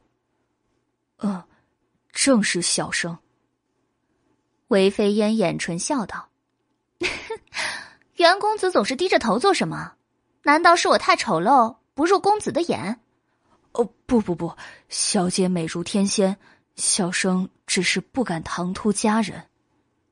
袁耀赶紧道，随即抬起头来，韦飞烟笑吟吟的望着他。那名提着青灯的红衣女子风貌低垂，静静的站在一边。袁耀心中奇怪，暗想：他莫非是白天送信的红线？不对呀。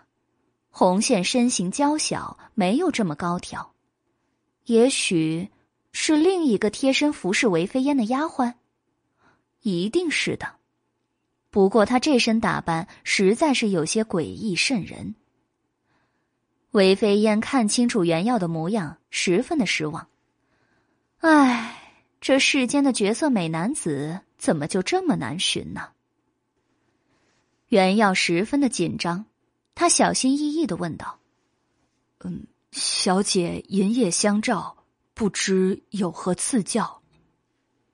话刚出口，袁耀就想扇自己的嘴，这实在不是现在这种情况和气氛下。应该用的措辞和语气啊！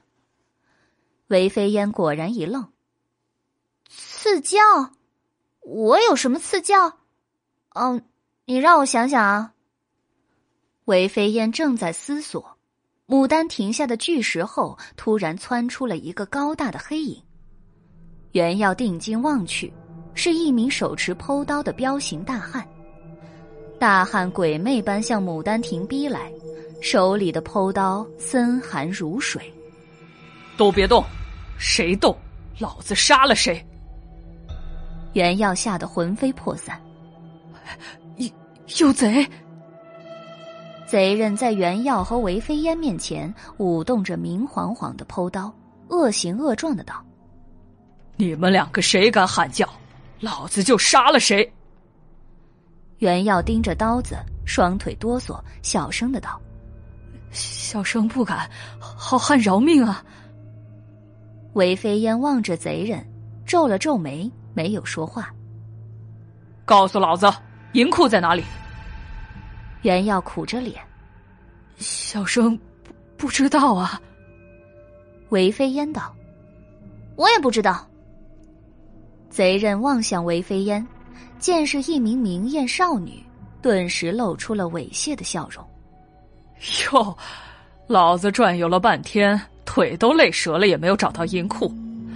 罢了，今夜劫不到银子，劫走一个美人儿，也不算是白来一遭。袁耀吓得脸色苍白，明明害怕的要死，却还是挡在了韦飞烟的身前。你，你休想对小姐无礼！你这手无缚鸡之力的书生，滚一边去！贼人扑扇大的手一把推开袁耀，将他摔了开去。袁耀被狠狠的摔在地上，头撞上停柱，疼得眼冒金星。他正好跌在提着青灯的红衣女子脚边，她的裙裾拂在袁耀的脸上，有丝绸的冰凉质感。袁耀一把抓住红裙，对女子道：“快！”快去找人来救你家小姐！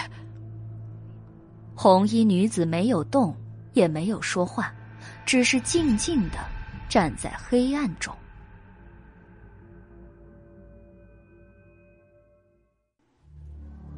贼人推开袁耀，走向韦飞烟，淫笑道：“美人儿，乖乖的跟老子走，老子一定好好疼你。”韦飞烟望着面目丑陋的贼人，仰天叹了一口气：“唉，一个不如一个。老天啊，为什么你总不让我遇上绝世美男呢？”他冷冷的望向贼人：“算你这厮走运，今夜我不遇张扬，你给我安静的滚出韦府。”贼人一愣，狞笑着说：“哟。”美人好大的口气啊！看来老子只好动强了。贼人话音刚落，已经饿狼扑羊一般向韦飞烟扑去，想将他扛上肩头带出韦府。可是韦飞烟脚下如同生了根一般，贼人使尽了吃奶的力气，怎么也扛不动他。贼人满头大汗，韦飞烟却笑道。呵呵，好了，轮到我了。说着，韦飞烟抓住贼人的手腕，只是稍一用力，这个壮如铁塔的巨汉就被他摔了出去。袁耀惊得眼珠子都脱眶了，他指着身形娇弱的韦飞烟：“你，你。”韦飞烟似乎有些羞赧，以袖掩面道：“哎呀，我天生神力，吓到袁公子了吗？哎，曾经啊，有好几位美男子都被我的神力给吓跑了。贼人从地上爬起来，羞恼成怒，面露凶光，他持刀劈向魏飞燕。老子，老子杀了你！剖刀寒光凛凛，袁耀看得真切，他当即就忘了惊愕，什么也顾不得了，扯着嗓子大喊：“来人啊！快来人啊！有贼人闯入府中了！”哎，袁公子，你不要叫啊！招来了家人和护院，你我可就说不清了。韦飞燕急忙阻止袁耀叫喊，但是已经来不及了。贼人的刀近在眼前，韦飞燕侧身避过，抬脚踢向贼人的手腕。贼人吃痛松手，剖刀掉落的瞬间，韦飞燕抬手劈向贼人的颈肩，贼人应手而倒。贼人倒地的瞬间。袁耀再一次眼珠子脱框，指着韦飞烟说不出话来。你，你怎么？听见袁耀的惊呼声，韦府的家丁护院举着火把，提着灯笼，匆匆而来。韦飞烟望着渐渐逼近的一群人，揉着额头，苦恼的说道：“哎呀，我天生神力。”有机缘巧合，从小蒙一人指点，习得一身武艺，对付三两个强盗山贼没有什么问题的。啊，家丁和护院都提着灯笼过来了，你我已经无处藏身，父亲大人他一定又要气得背过气去了。韦府的家人护院举着火把，提着灯笼围上来。此时的牡丹亭中只剩下一脸愁容的韦飞烟和满面惊愕的袁耀。还有倒在地上不省人事的贼人，提着青灯的红衣女子已经不知去向了。韦德玄、韦正氏在众人的簇拥下匆匆赶来。韦德玄一见韦飞烟和袁耀，深更半夜孤男寡女，他立刻就知道女儿的老毛病又犯了，当场一口气没提上来，双眼一翻，背过气去。众人急忙施救，韦正是掐了半天人中，韦德玄才悠悠转醒。他指着韦飞烟和袁耀，有气无力的说道：“这，这究竟是怎么回事儿啊？地上躺着的是什么人？”袁耀万分羞愧，只恨不得能找一个地缝钻进去，哪里敢回答。韦飞燕小心翼翼、避重就轻的答道：“禀父亲大人，地上躺着的是贼人，他半夜入府行窃，恰好被女儿撞见，就将他击昏了。”韦德玄气道：“住口！你一个待字闺中的千金小姐，深更半夜不在绣楼安寝，跑来牡丹亭做什么？”还与贼人相斗，成何体统啊！还有你，袁世侄，你不在燃溪楼安歇，深夜来这后花园做什么？你是一个读书人，也当知道礼义廉耻，什么是当为，什么是不当为？你呀，你太让老夫失望了。袁耀万分惭愧，恨不得一头撞死，根本不敢答话。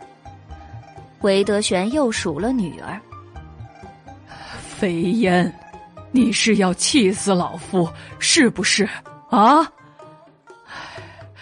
老夫前世究竟是造了什么孽呀？怎么生出你这么一个逆女？韦飞烟讪讪不敢答话。韦正氏见了，又开始护短。哎，好了好了，老爷你就少说两句吧。女儿千般不是万般错，不是还抓住了一个贼吗？他如果不来这牡丹亭，哪里能捉住这个贼人呢？韦德玄指着韦正氏，气结。合着他不守女戒，半夜乱跑，不仅没有过，反而倒有功了。妾身可没有这么说呀，老爷你主外，贼人和袁世侄就交给你了，妾身我主内。飞烟，跟娘走，不要在此妨碍你爹处理外事。韦飞烟巴不得，急忙笑道：“哎，是娘。”韦氏母女携手离去。韦德玄叹道：“哎，妇道人家就知道护短，女儿都是让你给惯坏了。”韦德玄命护院将贼人押下，明早送交官府，然后又数落了袁耀几句，才回去休息了。可能因为韦家小姐爬墙惯了，一众下人也都见怪不怪，纷纷打着哈欠散去。袁耀举目望去，在散去的仆从婢女中，仍旧没有看见那个提着青灯的红衣女子。第二天下午，袁耀正在房中苦恼缥缈阁的债务时，大开的窗户外突然冒出一颗人头。哎，袁公子！袁耀抬起头，哦，红线姑娘，你怎么来了？啊，我奉小姐之命来给袁公子带几句话。想起昨夜袁耀就溃怕，他急忙摆手：“呃，不不不。”这半夜逾墙之事，打死小生，小生也不敢再干了。红线冷汗，他暗暗腹诽道：“切，以你的相貌，就是你想，我家小姐还不乐意呢。”哼，袁公子误会了，小姐不是让我给你送花笺，而是见袁公子您是一个老实人，让我带几句忠告给您。袁耀打起了文枪。小姐有何真言呢？红线左右望了望，见四下无人，才压低了声音道：“嗯嗯，小姐说，大公子居心叵测，是一个冷酷自私的人。袁公子您良善老实，与他相交可要谨之慎之，否则呀，被他卖了都不知道。”袁耀闻言不由得一怔：“啊！”这，小姐何出此言呢？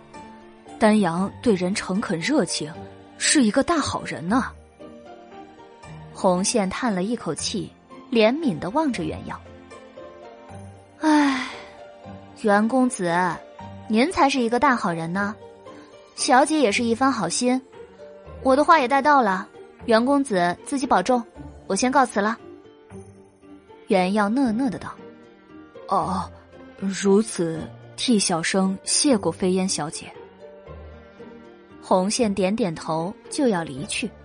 袁耀突然想起了什么，又问道：“哦，对了，红线姑娘，昨夜与飞烟小姐一起赴约的红衣女子，她也是小姐的贴身丫鬟吗？她为什么蒙头遮面，忽隐忽现的？”红线回过头来，疑惑的道：“啊？”袁公子在胡说些什么啊？昨夜小姐明明是独自去牡丹亭赴约的。袁耀心中一阵恐惧，也不知答了一句什么，红线径自去了。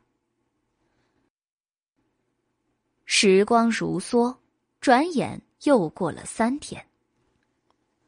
这三天里，袁耀过得浑浑噩噩，整天闷在房间里温书。天明时，书本翻在那一页；上灯时，书本仍旧摊开在那一页。他脑子里想的全是白鸡、缥缈阁以及那笔巨债，根本就无心读书。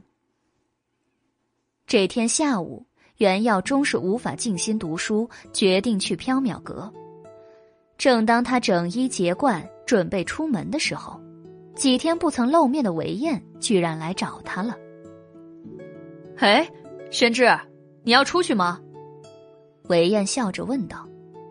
哦，是啊，小生想去缥缈阁，请白姬宽限一下还债的时间。丹阳，你来找小生有事儿？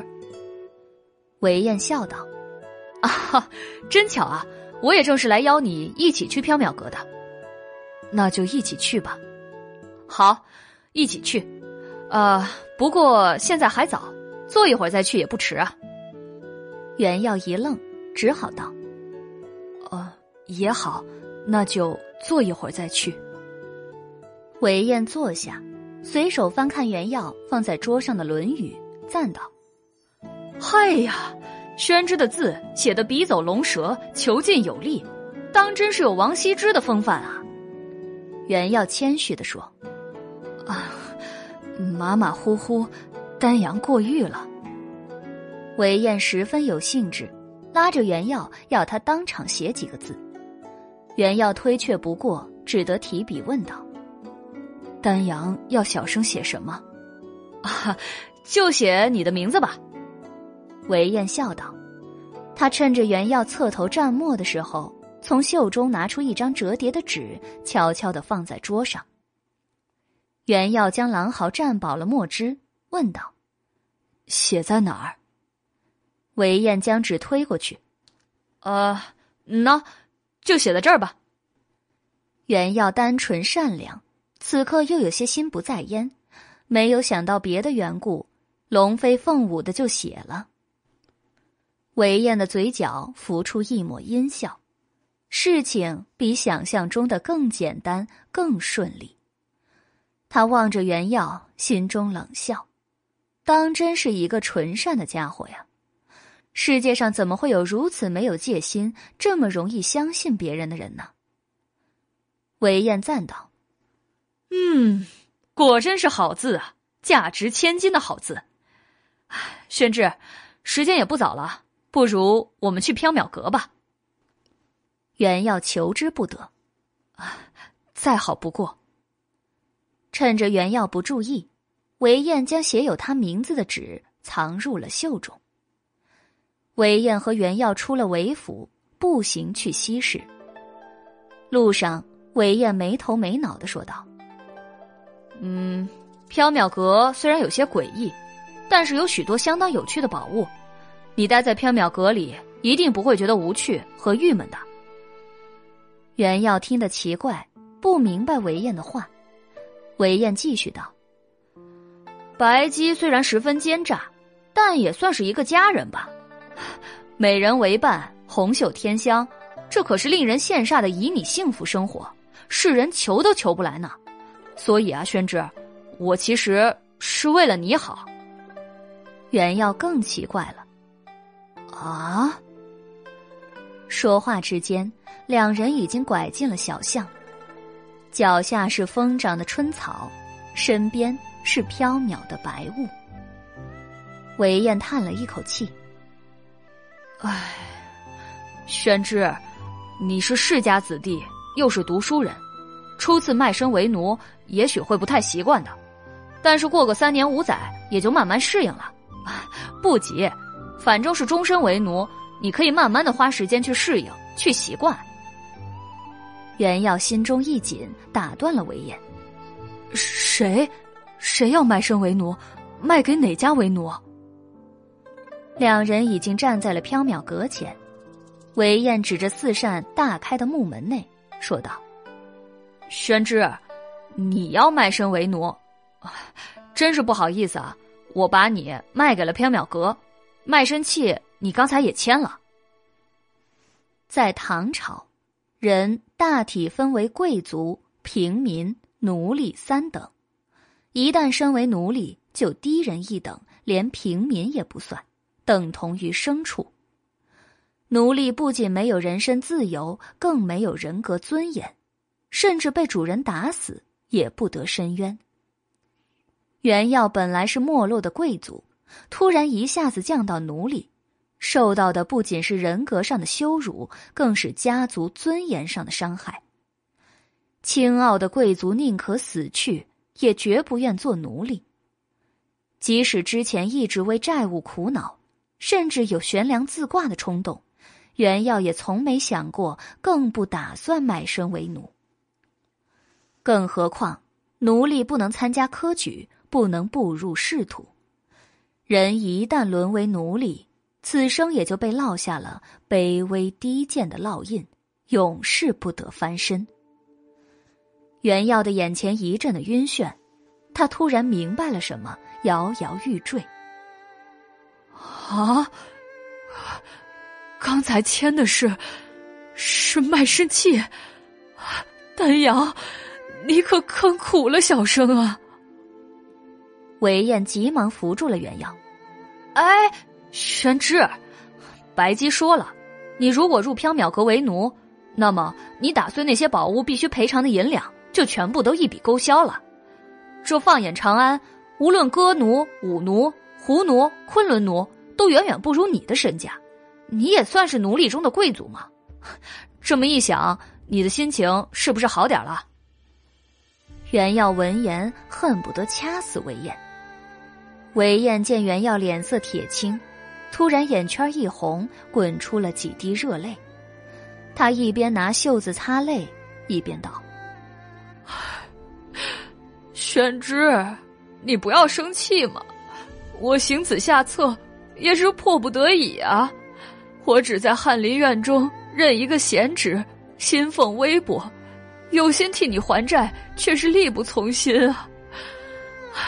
都是我没用，不能偿还缥缈阁的债务，才害得你卖身为奴啊！缥缈阁的宝物是自己失手打碎的，与韦燕并没有什么关系。袁耀听他这么说，哪里还能继续生气呢？他只能泪流满面。罢了罢了，都是自己的命不好，何该有此一劫？缥缈阁里间中，一架绘着牡丹的屏风旁，白姬与韦燕。原药相对而坐，一张落款处有原药签名的卖身契摊开放在了三人之间的青玉案上。白姬与韦燕正在说话，而他们话题的主人公原药却愁眉苦脸的静坐在一边，仿佛是东西市中被人货卖的羔羊。白姬似笑非笑的看了袁耀一眼，十分满意的收下了卖身契。那么我就将他留下了。韦燕道：“好，那就这样吧。”商谈毕，韦燕告辞。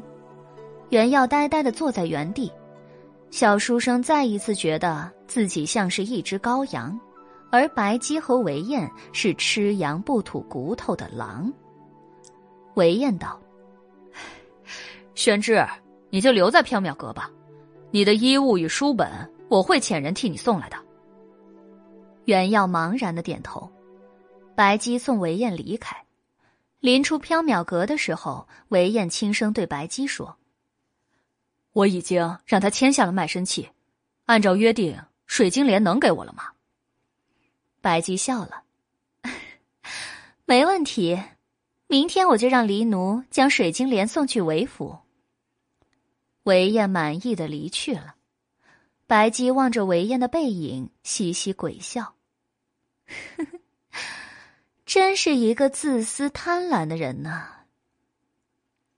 白姬回到里间，袁耀仍旧坐在原地，但是眼神已经从茫然恢复了正常。他清澈的眼眸中并没有怨尤沮丧，仍是清明坚定。白姬姑娘。白姬在原耀对面坐下，叫我白姬就可以了。宣之，以后我就这么叫你，可以吧？哦，当然可以。原耀点头，他站起身来，侍立在一边。看来他已经从茫然错愕中醒来，并且接受了自己的新身份。白姬一边喝茶，一边饶有兴趣的望向原耀。韦燕欺骗你，害你沦为奴隶，误你一生的功名，你对他没有怨尤，没有憎恨。袁耀笑了笑，啊，他欺骗小生，肯定有他的缘由和钟情，小生不怪他，他是一个好人。小生被韦府的家奴欺侮，是他带小生入府的，小生被地乙惊吓落水，他跳下水救小生。小生打碎了贵阁的宝物，他为小生费心。来到长安的这段日子，他对小生真的很照顾，小生很感激他。白姬笑了，我从来没见过像你这样奇特的人。袁耀笑了笑，笑声不过是芸芸众生中一个平凡人罢了。白姬微微逆目望着袁耀。仿佛在鉴赏一件新奇而有趣的宝物。你是一个很有趣的人。没来由的小书生打了一个寒战。宣之，你会些什么？小生会读书。除了读书，你还会些什么？袁耀想了想。呃，除了读书。什么也不会，不过不会的东西，小生可以慢慢学。白姬点点头，没有说话。袁耀试探着问：“小生必须在缥缈阁中待一辈子吗？”你不必待一辈子，等到缘分尽了，你看不见缥缈阁了，就可以离开了。袁耀十分的奇怪。看不见缥缈阁。白姬笑得十分神秘。很多人都看不见缥缈阁，只有有缘的人才能走进缥缈阁。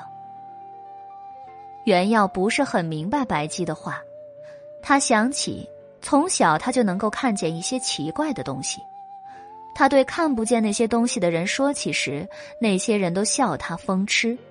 而那些奇怪的东西，尽管除了他之外没有人看见，但确确实实存在着。看不见，并不意味着不存在，只是因为无缘。他想，白姬的话应该就是这个意思吧。白姬带着原药熟悉缥缈阁的环境。缥缈阁的格局与东西市中所有的商家一样。一楼分为正厅、里间、后院。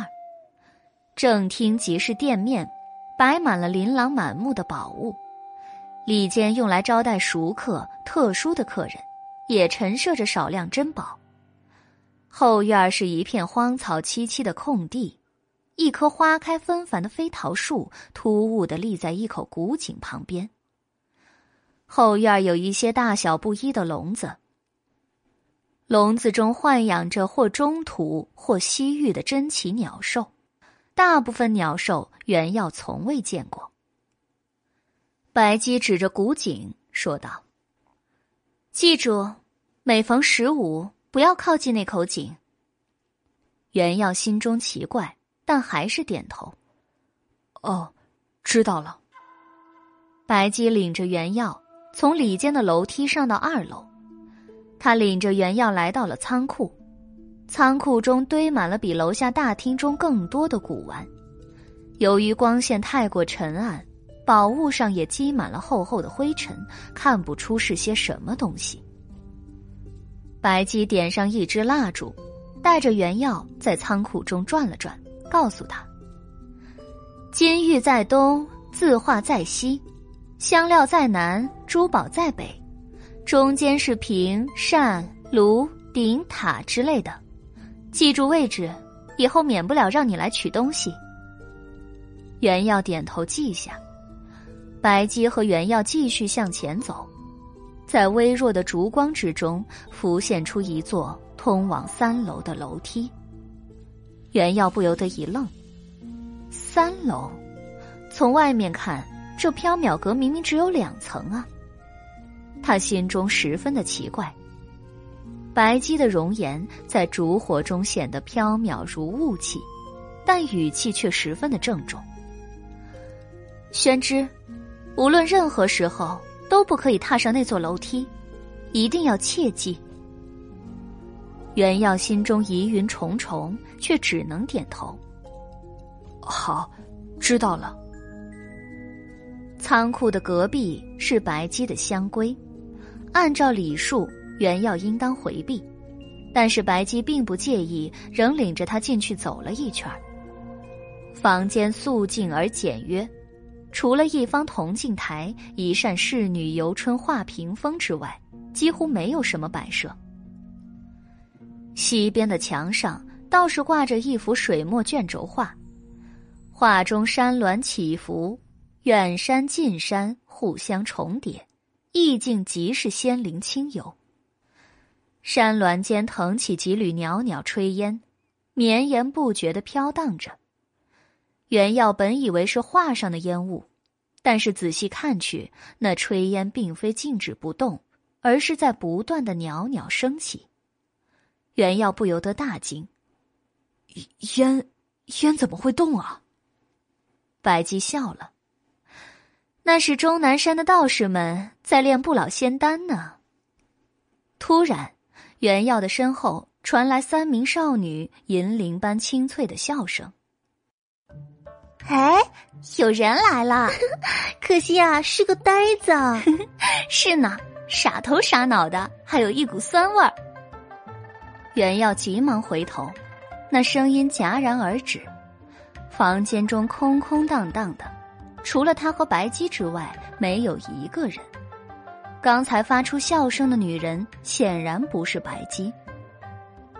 袁耀的目光定格在那一扇仕女游春画屏风上，屏风上碧池潺潺，倒影杨柳，三名妩媚的宫装侍女正笑吟吟的站在牡丹花丛中。袁耀一头的冷汗，莫非是屏风上的少女在说话？屏风上的人怎么能说话呢？这缥缈阁到底是什么地方？怎么这么诡异呀？袁耀望向白姬，白姬神秘一笑，笑而不语。时光匆匆，转眼之间，袁耀已经在缥缈阁中住了十天了。因为不辞而别，终归不礼貌。在韦燕再次来到缥缈阁淘宝的时候。袁耀写了一封措辞恭谨的书函，托韦燕转交给韦德选。一者表达对之前收容自己的感激，二者作为辞别。韦德玄得信后，念及两家的旧谊，遣人给袁耀送来了一些银两，化作馈赠。但对袁耀和韦飞燕的婚事，仍是只字不提。袁耀在缥缈阁中待得越久，越觉得此处有一种难以言说的诡异气氛。缥缈阁中只有白姬、黎奴、袁耀三人。白姬很懒，白天没有生意的时候，总是窝在二楼睡觉。深夜，他偶尔会外出，鸡鸣时才回来。第二天，货架上就会多出一两样新的宝物。原耀十分的奇怪，他在宵禁后外出，为什么从来不曾犯夜呀？白姬的旧乐趣是宰客，与缥缈阁结下浅缘的普通客人之中，不乏达官显贵、王孙帝女。白姬舌灿莲花，连哄带诈，这些人往往出了天价，还觉得自己买的便宜。很久之后，小书生才知道。对于买欲望的特殊客人，白姬从来不提价钱，只说一物换一物，时机到了，他就会拿走代价，而这些人付出的代价往往更大。白姬的新乐趣是奴役原药，他一会儿让原药去东市的瑞荣斋买糕点，一会儿让他去西市胡姬酒肆中沽酒。一会儿让他把仓库中的奇珍异宝摆出来，看腻了又让他一件一件的收进去。因为身为奴隶，原药只能含泪当牛做马，不敢有一句抱怨之言。黎奴是一个很爱干净的少年，无论什么时候，他总是衣衫整洁，发髻一丝不乱。他喜欢偷懒儿，爱吃香鱼干黎奴非常的不喜欢原耀。白姬在眼前的时候，他不敢发作；白姬一离开，他就对原耀凶神恶相，呼来喝去。原耀有些害怕他，只能忍气吞声。大多数的时候，缥缈阁门可罗雀，有时候甚至一连数日也没有一个客人上门。白姬从来没有为生意冷清而犯愁，他只是淡淡的道：“该来的总会来，有缘者自会进入缥缈阁的。”子夜时分，月光如水。缥缈阁一楼的大厅中，铺在地上的一张席、一床被，就是原耀的床。大厅中空旷寒冷。里间要更窄小暖和一些。白姬本来安排袁耀与黎奴同睡里间，但黎奴讨厌袁耀，将他赶了出来，独自霸占了里间。袁耀正睡得迷迷糊糊的，忽然有敲门声传入耳际。袁耀一下子惊醒了，他有些奇怪，已是宵禁的子夜，怎么会有人敲门呢？袁耀侧耳倾听。四周万籁俱寂，正当他以为是幻觉，准备再次合眼的时候，敲门声又响了起来。不会是小偷吧？袁耀有些害怕，但还是起身披衣，壮着胆子来到门口，隔着木门颤声问道：“谁呀？”门外响起一名女子的声音，温婉且有礼。妾身义娘，与白姬约好，今夜子时来拿返魂香。一听女子的答话，袁耀顿时放下心来，但也有些奇怪。义娘，这个名字怎么有些耳熟啊？他为什么白天不来，偏偏晚上来？这个时间街上已经宵禁了，他怎么能够随意走动呢？奇怪归奇怪，袁耀还是打开了门。一阵阴冷的夜风卷入，他不禁打了一个寒战。一名红衣女子提着青灯，静静的站立在门口。她全身上下都罩在帘头的斗篷中，看不清面目。唯一从袖中伸出的指尖，乍眼望去很白很白。袁耀心中一惊。这不是那一夜在韦府牡丹亭一直跟在韦飞烟身后的红衣女子吗？袁耀道：“姑娘请进，小生这就去禀报白姬。”姨娘步入缥缈阁，脸认为礼。有礼了。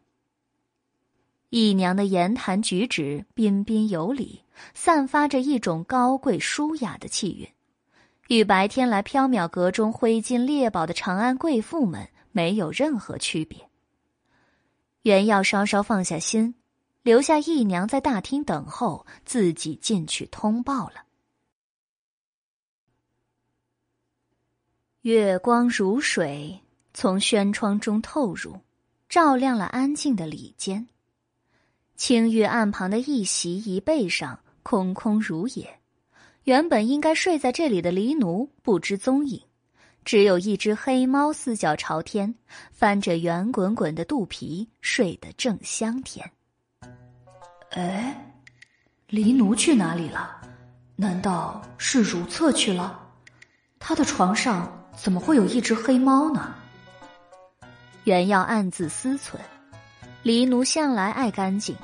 他如厕回来，若是看见一只野猫睡在自己的被子上，一定会很生气的。他今夜睡不好，明天一定又会对自己恶行恶状，呼来喝去。袁耀走过去，拎起熟睡的黑猫，从轩窗扔了出去。黑猫被摔了出去，砰的一声，如麻袋砸地。一声凄厉而愤怒的猫叫。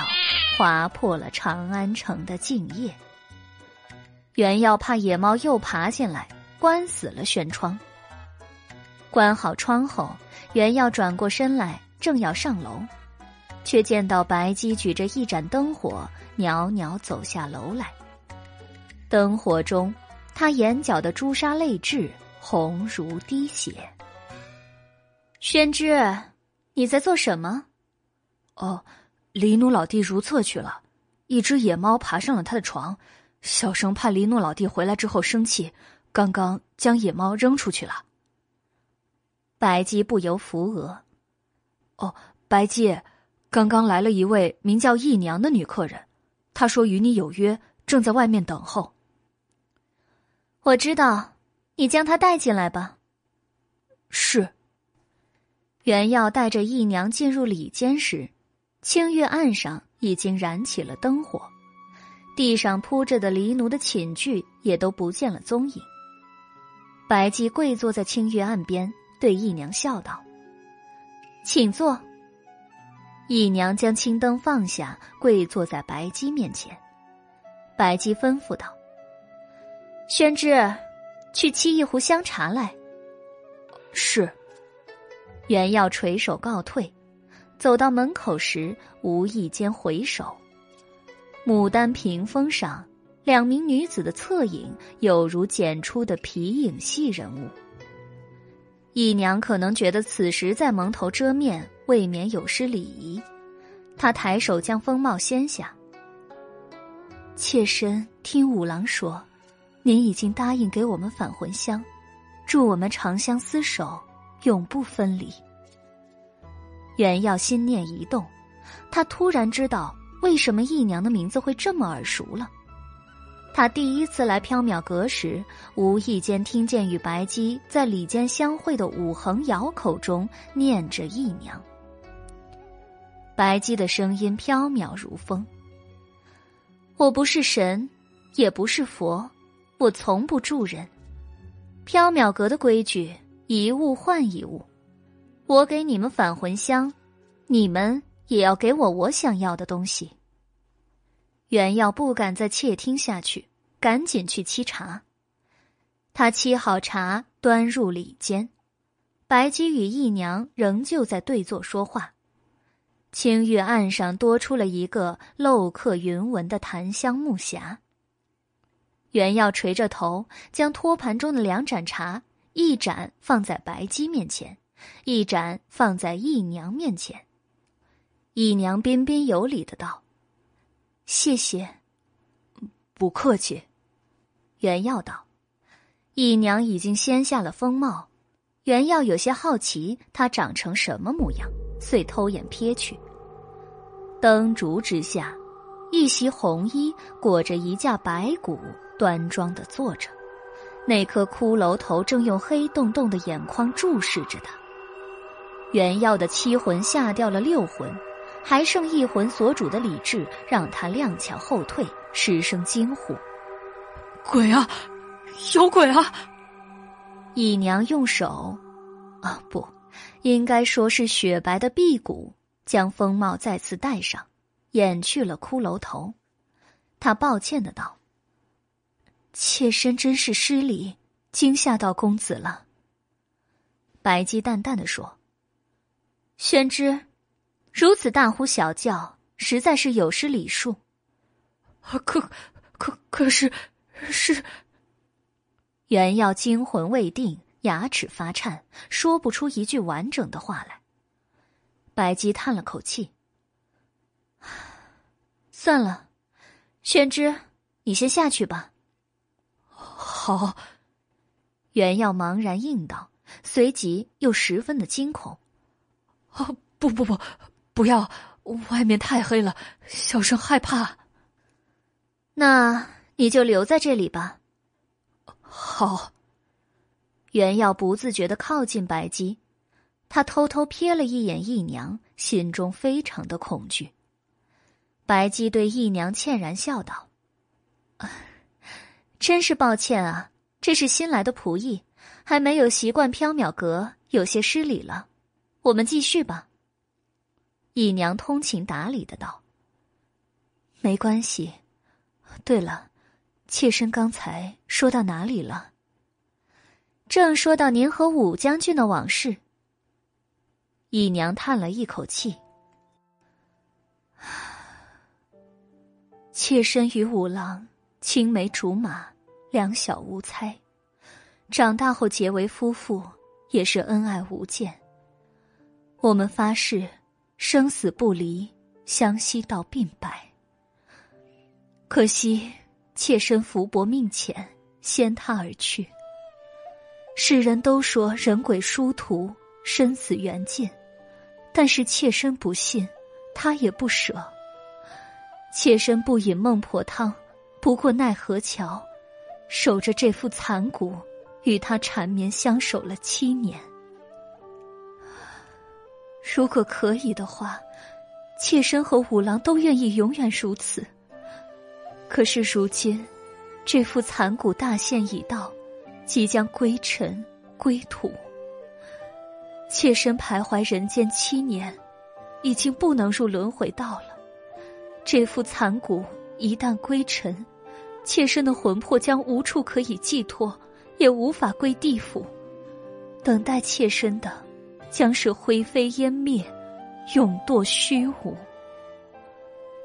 唯有返魂香，才能让妾身返魂重生，免去魂香破散之劫，更能履行当年的承诺，与五郎相惜并白。一炷蜜香幽冥去，五方童子引魂归。既然返魂香是你的愿望。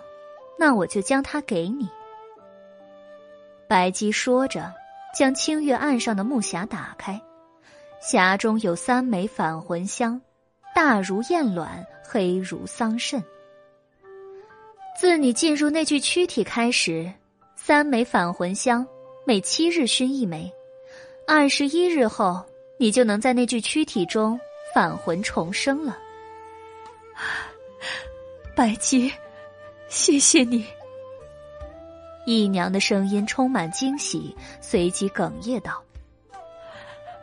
您的大恩大德，妾身与五郎没齿难忘。”白姬淡淡的道：“不必言谢，我只是在做生意而已。你们得到返魂香，我得到我想要的东西。”姨娘疑惑的问。您要的东西究竟是什么？至今为止，您并未告诉我们您想要什么呀？白姬笑了，我想要的东西，时机一到，我自会拿走的。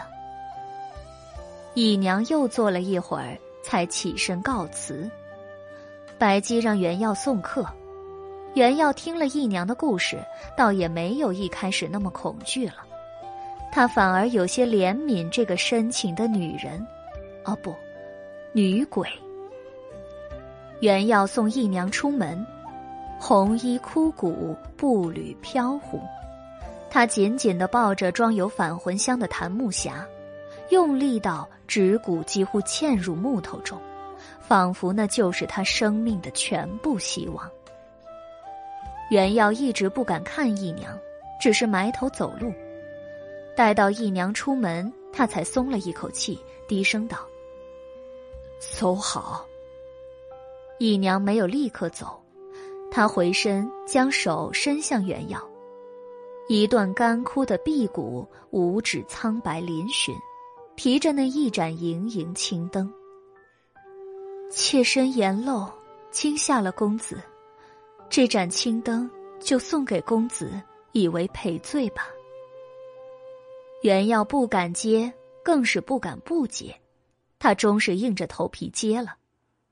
哦，谢谢。姨娘笑道：“ 不客气。”说罢，他转身离去。原耀提着青灯，怔怔的站在原地。月光下，白骨裹红衣，渐行渐远，融入了夜色之中。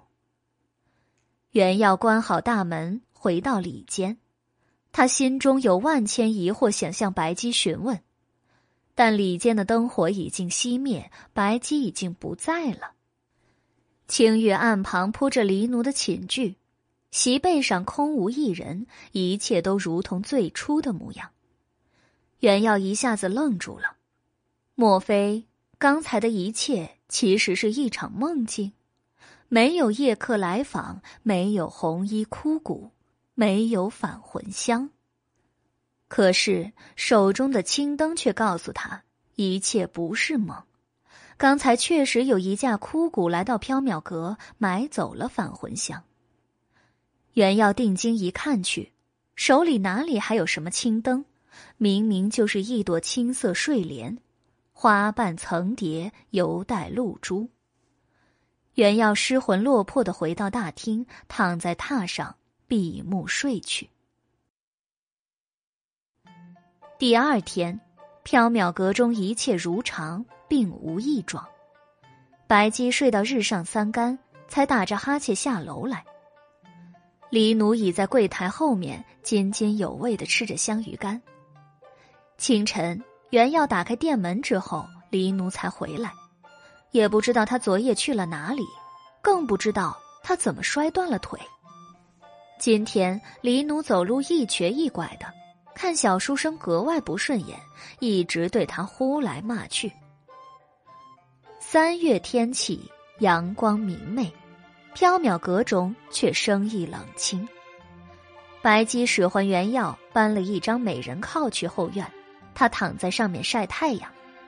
李奴准备了一壶西域葡萄酒，一只玛瑙杯，正要一瘸一拐的送去后院。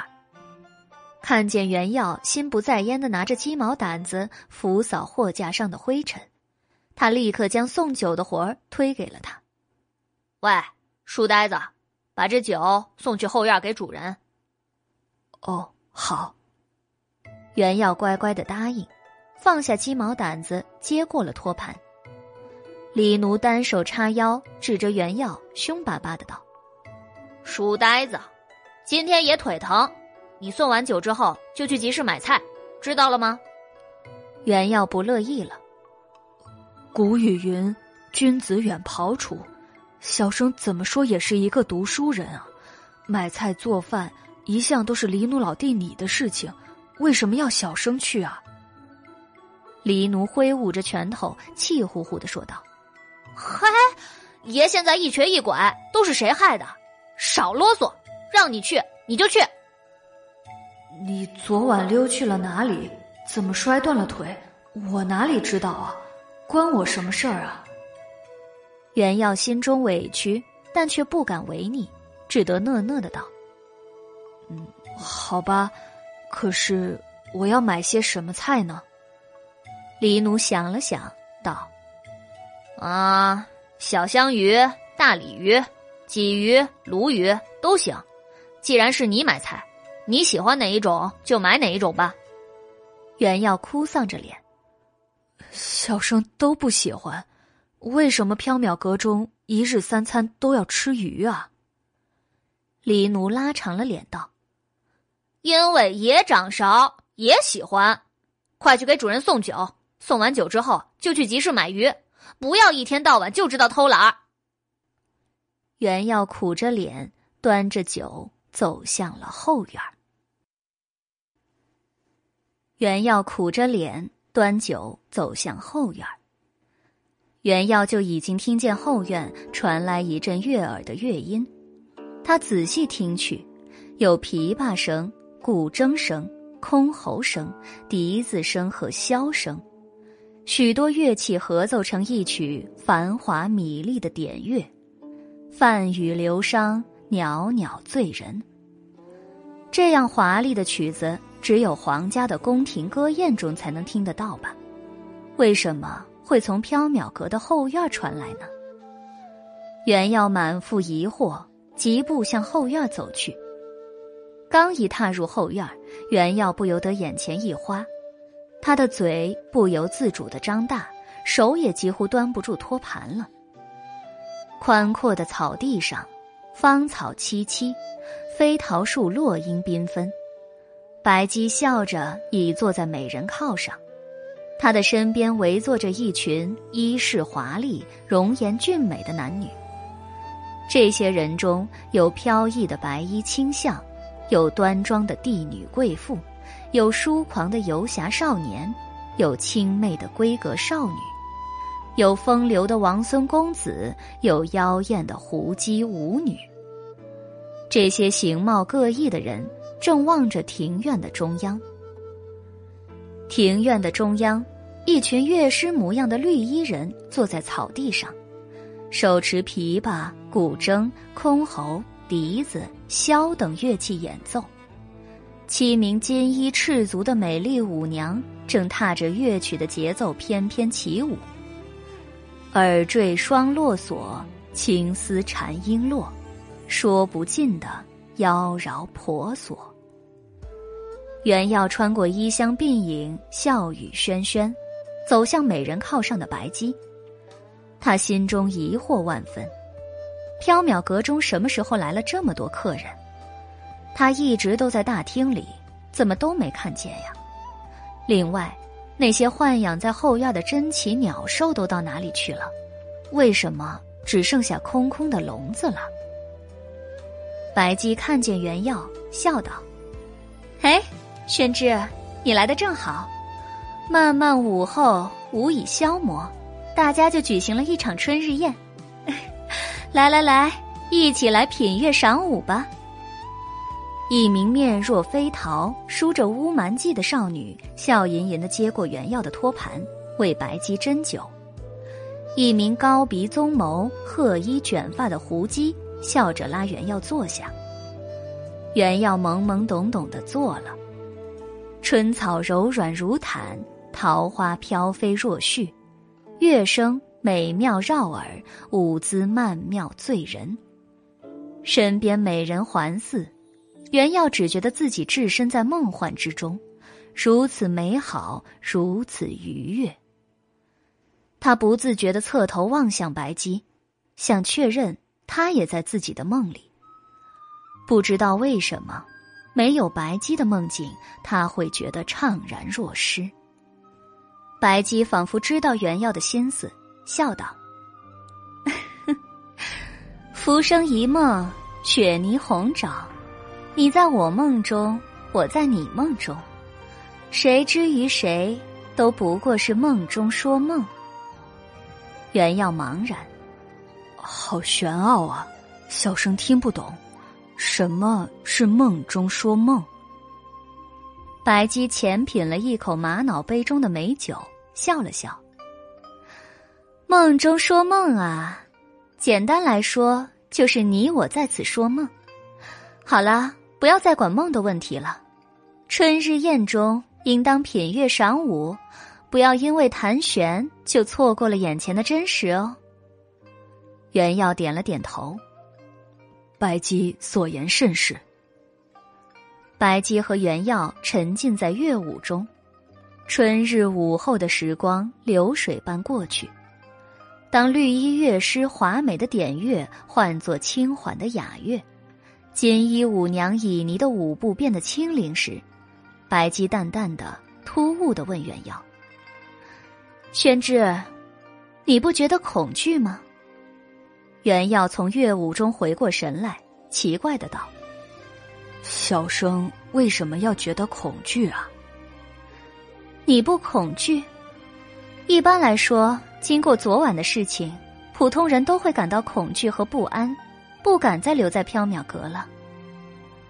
袁耀望着白姬，淡淡一笑：“啊，小生恐惧，却又不恐惧。”白姬懵了。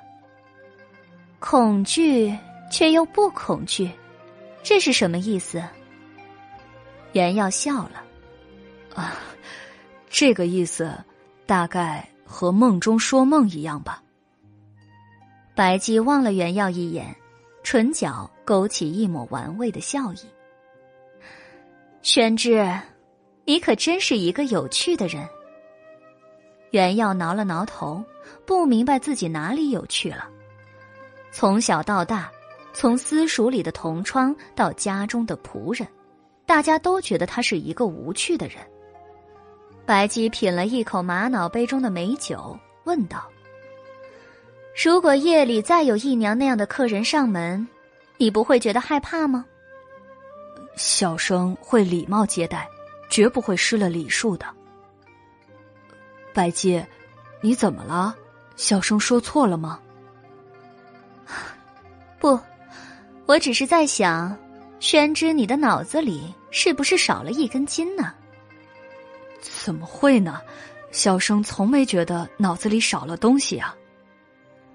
白姬不由抚额。白姬，你怎么了？算了，品乐赏舞吧。好，小书生欢快的说道。也许是阳光太温暖，也许是乐声太柔缓，原耀渐渐的觉得困倦了。耳边的乐曲缓缓的远去，舞娘的身影慢慢的模糊，他伏在褐衣卷发的胡姬膝上睡着了。当袁耀睁眼醒来，已经是夕阳近黄昏，他仍然置身在芳草萋萋的后院中。只是绿衣乐师、金衣舞娘都不见了。草丛之中，绿色的螳螂、蚱蜢、绿狐甲在跳来跳去；飞桃树下，七只金色的蝴蝶在翩跹飞舞。白姬和那群衣饰华丽、容颜俊美的男女也不见了。凄迷的春草中，大大小小的笼子里。缥缈阁豢养的毛羽华艳的鸟兽们又都回来了，它们或眠或醒，或伏或立，悠闲而自得。袁耀感到头下毛茸茸、软软的，他侧目望去，正好对上了一双棕色的眸子。袁耀吓得翻身而起，这才发现那是一只西域的褐色卷毛狗，正是豢养在后院准备货卖的宠物。袁耀心中奇怪，怎么枕在他身上睡着了？白姬呢？春日宴呢？他正在懵懂之中，黎奴一瘸一拐的走了过来，双手叉腰，凶巴巴的说道：“哈，到处找你都找不着，原来是溜到后院来偷懒了。喂，书呆子，鱼买回来了吗？”袁耀一拍脑袋。哎呀，小生给睡忘了。见黎奴的脸色渐渐泛青，小书生急忙起身开溜。小生现在就去集市。袁耀一溜烟跑了，黎奴在后面跺脚。哎呀，已经是吃饭的时间了，集市早就散了，哪里还有鱼卖啊？褐色卷毛狗一见到黎奴，突然一跃而起，向他扑来。黎奴大惊失色。逃跑不及，被扑翻在地，哭着骂道：“死书呆子！你在后院偷懒也就罢了，干嘛要把狗放出笼子呀？哎呀，我最怕狗了，谁来救救我呀？”袁耀隐约听见黎奴在后院哭喊，以为他腿脚不灵，便摔倒了。他急忙折回来相帮，谁知放眼望去，哪里有黎奴的身影？只有一只黑毛的野猫被褐色卷毛狗扑倒在地，正发出一声呜咽。哎，奇怪，黎奴呢？黎奴去哪里了？袁耀摸了摸头，也懒得理会猫狗掐架，径自奔向集市去了。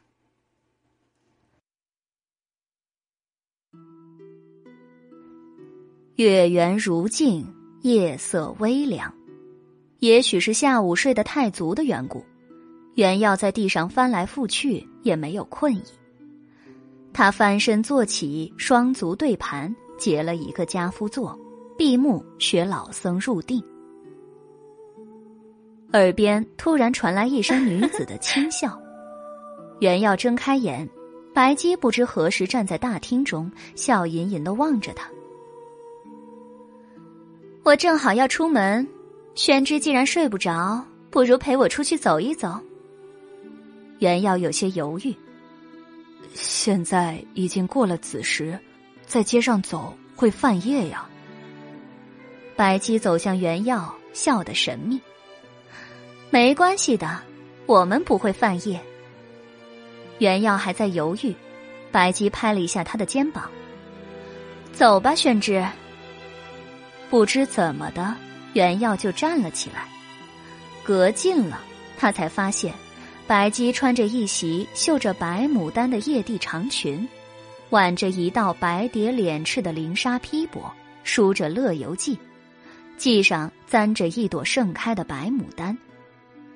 平日里淡扫蛾眉的女人，今夜难得的细涂鹅黄，经典口脂，两边的唇角还以罗带点着叶妆，整个人如同暗夜中盛开的一朵白牡丹，华美中透着几缕幽艳。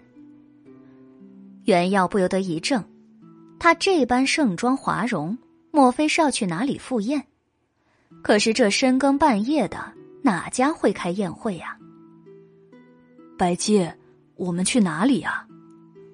白姬简单的道：“我们去看义娘。”袁耀一惊，义娘已经是死人了，去哪里看她？去郊外的坟地吗？可是这个时间怎么能够出城呢？再说了，去坟地看骷髅，需要盛装华容，如同去皇宫赴宴一样吗？白姬。你这般盛装，倒像是去赴宴，不像是去上坟呢。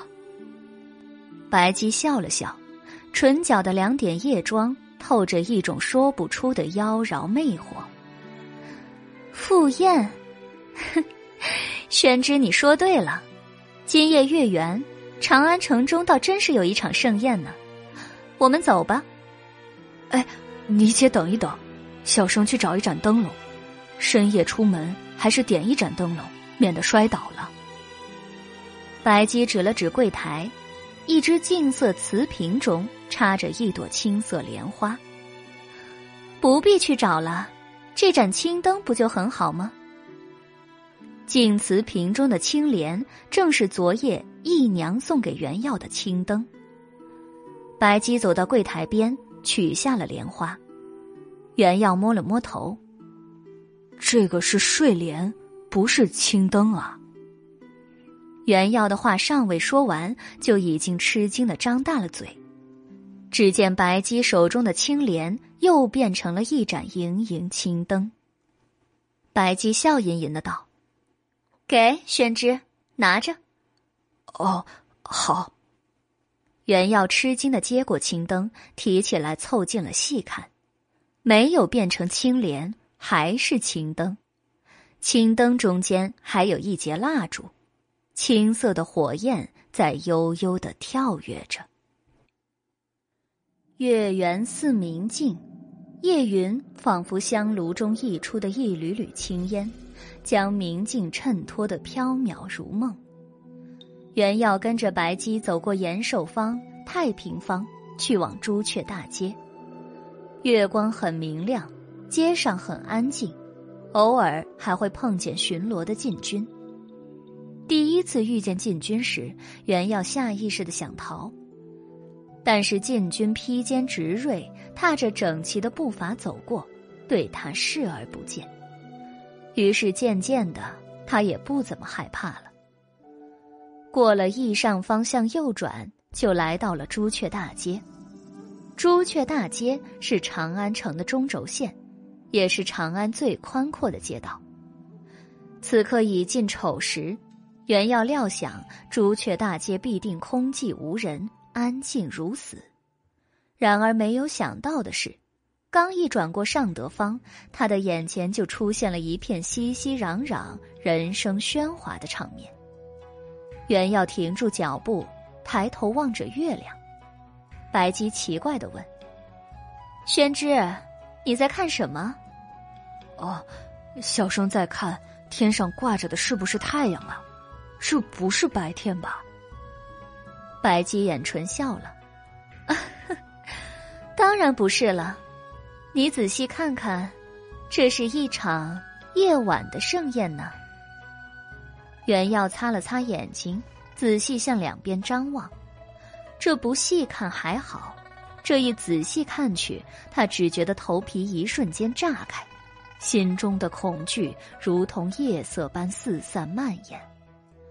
从袁耀身边经过的行人，有舌头垂到肚脐的女子，有眼珠掉在脸上的孩子，有脖子扭曲成一个诡异弧度的老人，还有穿着囚服、捧着头颅行走的男子。街边陈列着各种摊位。有肉摊，有布摊，有面具摊、灯笼摊、纸鸢摊。袁耀正好经过卖肉的摊位，一块巨大的木案上陈列着血淋淋的肉块，还有心、肝、肠、胃等脏器，都还带着鲜血呢。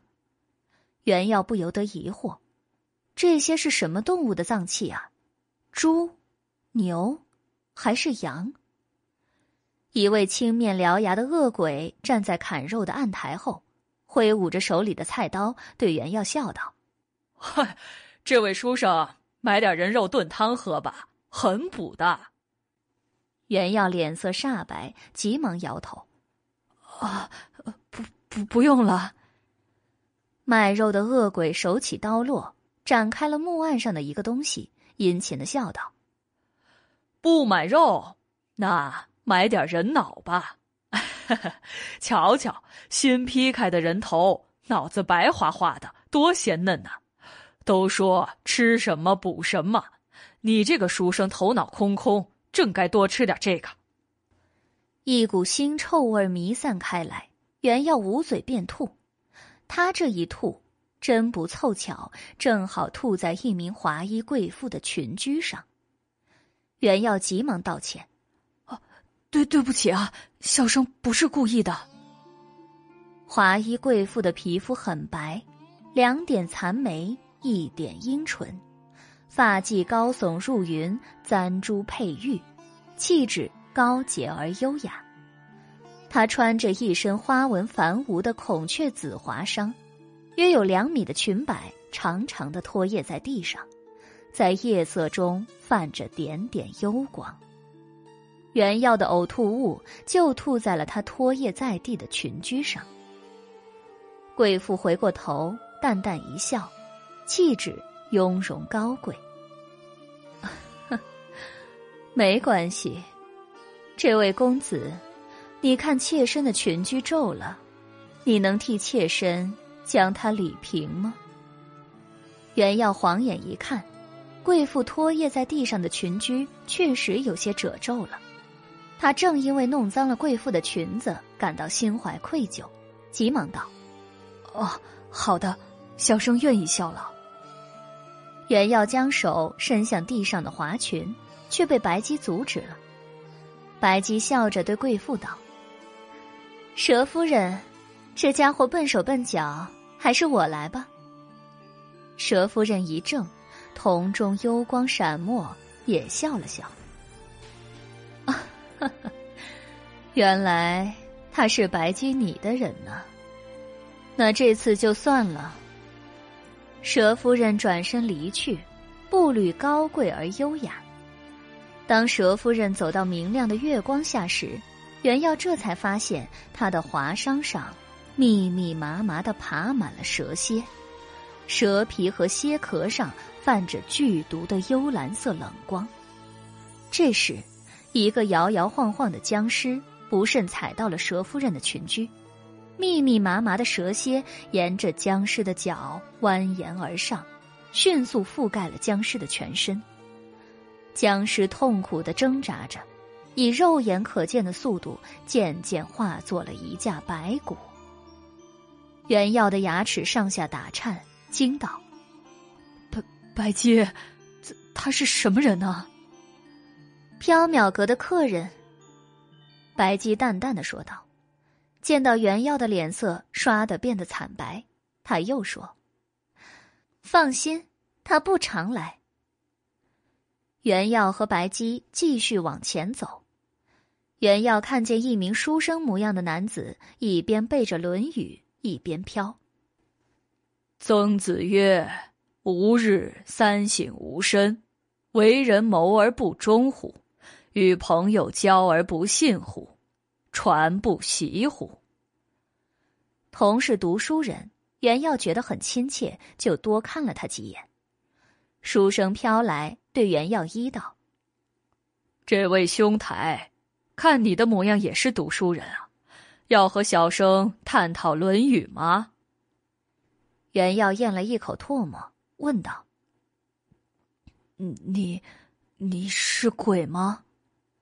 书生闻言十分的生气，拂袖飘走了。哼，又是一个愚俗之人！岂不闻子不语怪力乱神？路边的一棵槐树下，坐着一名身段窈窕的女子，她纤手执笔，正在专心致志的画着什么。袁耀正在奇怪，那女子站起身来，开始一件一件的脱衣裳。非礼勿视，袁耀急忙转头，白姬却又将他的头移了过去，笑道：“玄之，看看，待会儿啊，会很有趣的。”袁耀再次望向槐树下的女子，她已经全身不着寸缕了。女子低垂着头，双手环向后背，她的皮肤雪白，酥胸丰满，双腿修长，蛮腰纤细，十分的美丽诱人。袁耀有点口干舌燥，但见那女子动了动，又脱下了一件衣裳。袁耀十分的吃惊。他都已经不着寸缕了，还有什么能够脱下的？他定睛望去，顿时头皮发麻。那女子脱下的衣裳是一张人皮，脱了皮的女子是一团模糊的血肉，臂骨和肋骨清晰可见，还有蛆虫在如如爬动。女子扔了旧皮，拿起新化的人皮。如同穿衣一样裹在了身上，不过一瞬间之后，模糊的血肉变成了另一名赤裸的女子。女子白肤细腰，芙蓉如面，柳如眉，举手投足间风情万种。他回眸见袁耀正望着自己，不由勾唇一笑，千娇百媚。公子。奴家有些头晕，你可否过来扶奴家一把呀？袁耀已经吓得头晕了，哪敢上前去扶他？他拔腿就跑，踉踉跄跄的追上白姬，哭丧着脸道：“白姬，这究竟是什么地方啊？真是吓死小生了。”白姬笑了：“这里是朱雀大街呀。”小生知道这里是朱雀大街。可是眼前的这些，究竟是怎么一回事啊？白姬神秘一笑，唇角的夜妆将她衬托的鬼魅如妖。月圆之夜，妖鬼夜行，就是这么回事了。原要蛇脚不下，他们都是妖鬼，也不全是。按照佛经中的叫法。非人更为准确一些，一切人与非人皆是众生。什么是非人呢？佛经中，非人是指形貌似人而其实不是人的众生啊。袁耀咽了一口口水，问道：“你，你也是非人吗？”白姬没有直接回答袁耀的话。只是淡淡的说道：“天龙八部应该也算非人吧？”袁耀还想要再问什么，两人身后响起了马蹄声、车轮声、踏步声。踏步声十分整齐，像是王侯出行时摆架的仪仗队。白姬元耀回头，果然看见一片甲胄鲜明的仪仗队正在缓缓行来。路上的千妖百鬼纷纷退避，白姬也拉着原药避到了路边。原药奇怪的问：“这样的阵仗，莫不是帝王出巡？”白姬逆目一望，笑了：“确实是骊山来的帝王出巡呢。”仪仗队走近了，袁耀这才发现他们竟然是真人大小的屠勇。个个做将士打扮，栩栩如生，精神抖擞。不过屠勇的装束不像是大唐的武将，倒像是先秦时的风格。仪仗队之后，缓缓驶来一辆肃穆的四乘马车，装饰着帝王的龙幡，拉车的四匹骏马也是屠勇。袁耀暗自奇怪白姬的话：骊山来的帝王。圣上应该在大明宫，怎么会去骊山呢？又怎么会夜巡呢？四乘马车在袁耀面前停了下来，车中传来一个威严而醇厚的男声：“好久不见了。”哎，袁耀惊奇，车中人是在和自己说话吗？不，不可能。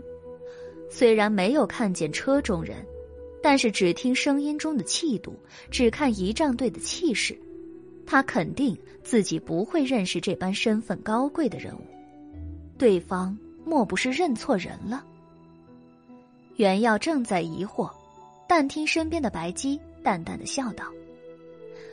陛下上一次来缥缈阁是在九百年前，可惜您想要的东西缥缈阁中没有，您的愿望白姬无力实现。车中人道：“白姬，你曾说缥缈阁中虽然没有不死药，但是东海有蓬莱山，蓬莱山上有不老泉。”朕依你之言，遣徐福去东海，但是终究没能等到他从蓬莱山取回不老泉水。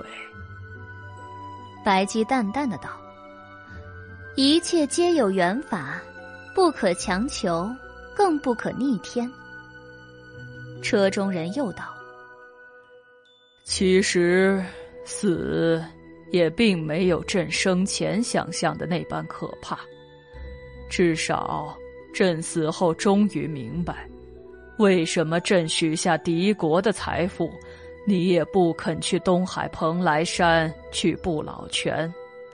朕也明白了，世间为什么会有缥缈阁。白姬云淡风轻的说道：“我不是不肯去东海。”而是不能去。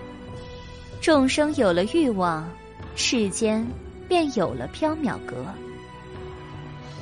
龙不能入海，倒真是世间最痛苦的惩罚了。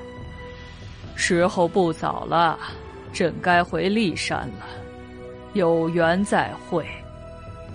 白姬笑道：“好，有缘再会。”仪仗起步。马车起驾，骊山来的帝王渐渐远去，消失在了朱雀大街上。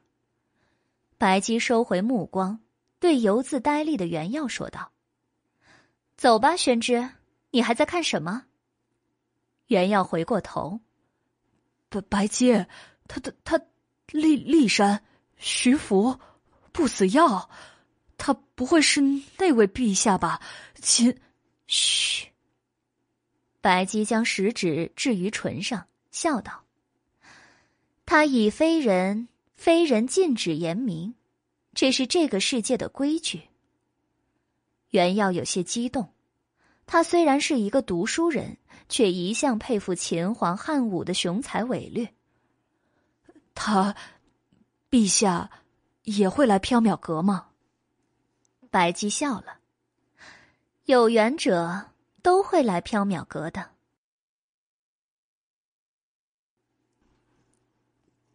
袁耀跟着白姬走到丰安坊时，已经圆月西沉了。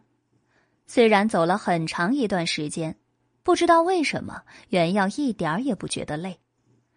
丰安坊十分僻静，与百鬼夜行的朱雀大街仿佛两个世界。武恒尧的别院就坐落在丰安坊。一年之中，武恒尧几乎很少住在位于永兴坊的官邸，而是住在这安静幽僻的别院之中。借着月光望去，原要看见一座荒草丛生的宅院。宅院占地很大，但院墙上、大门上朱漆剥落，杂草漫生。与其说是富贵人家的别院，倒更像是一座。废弃的寺院。袁耀敲了敲门上的铜环，久久无人来应。要么是家仆早已经睡死，要么就是没有家仆。袁耀为难的望向白姬：“没有人来应门，怎么办啊？白姬沉思了一会儿，嗯，爬墙吧。踏着石墙上凹凸不平的地方，袁耀颤颤巍巍的攀上了墙头，骑坐在墙沿上。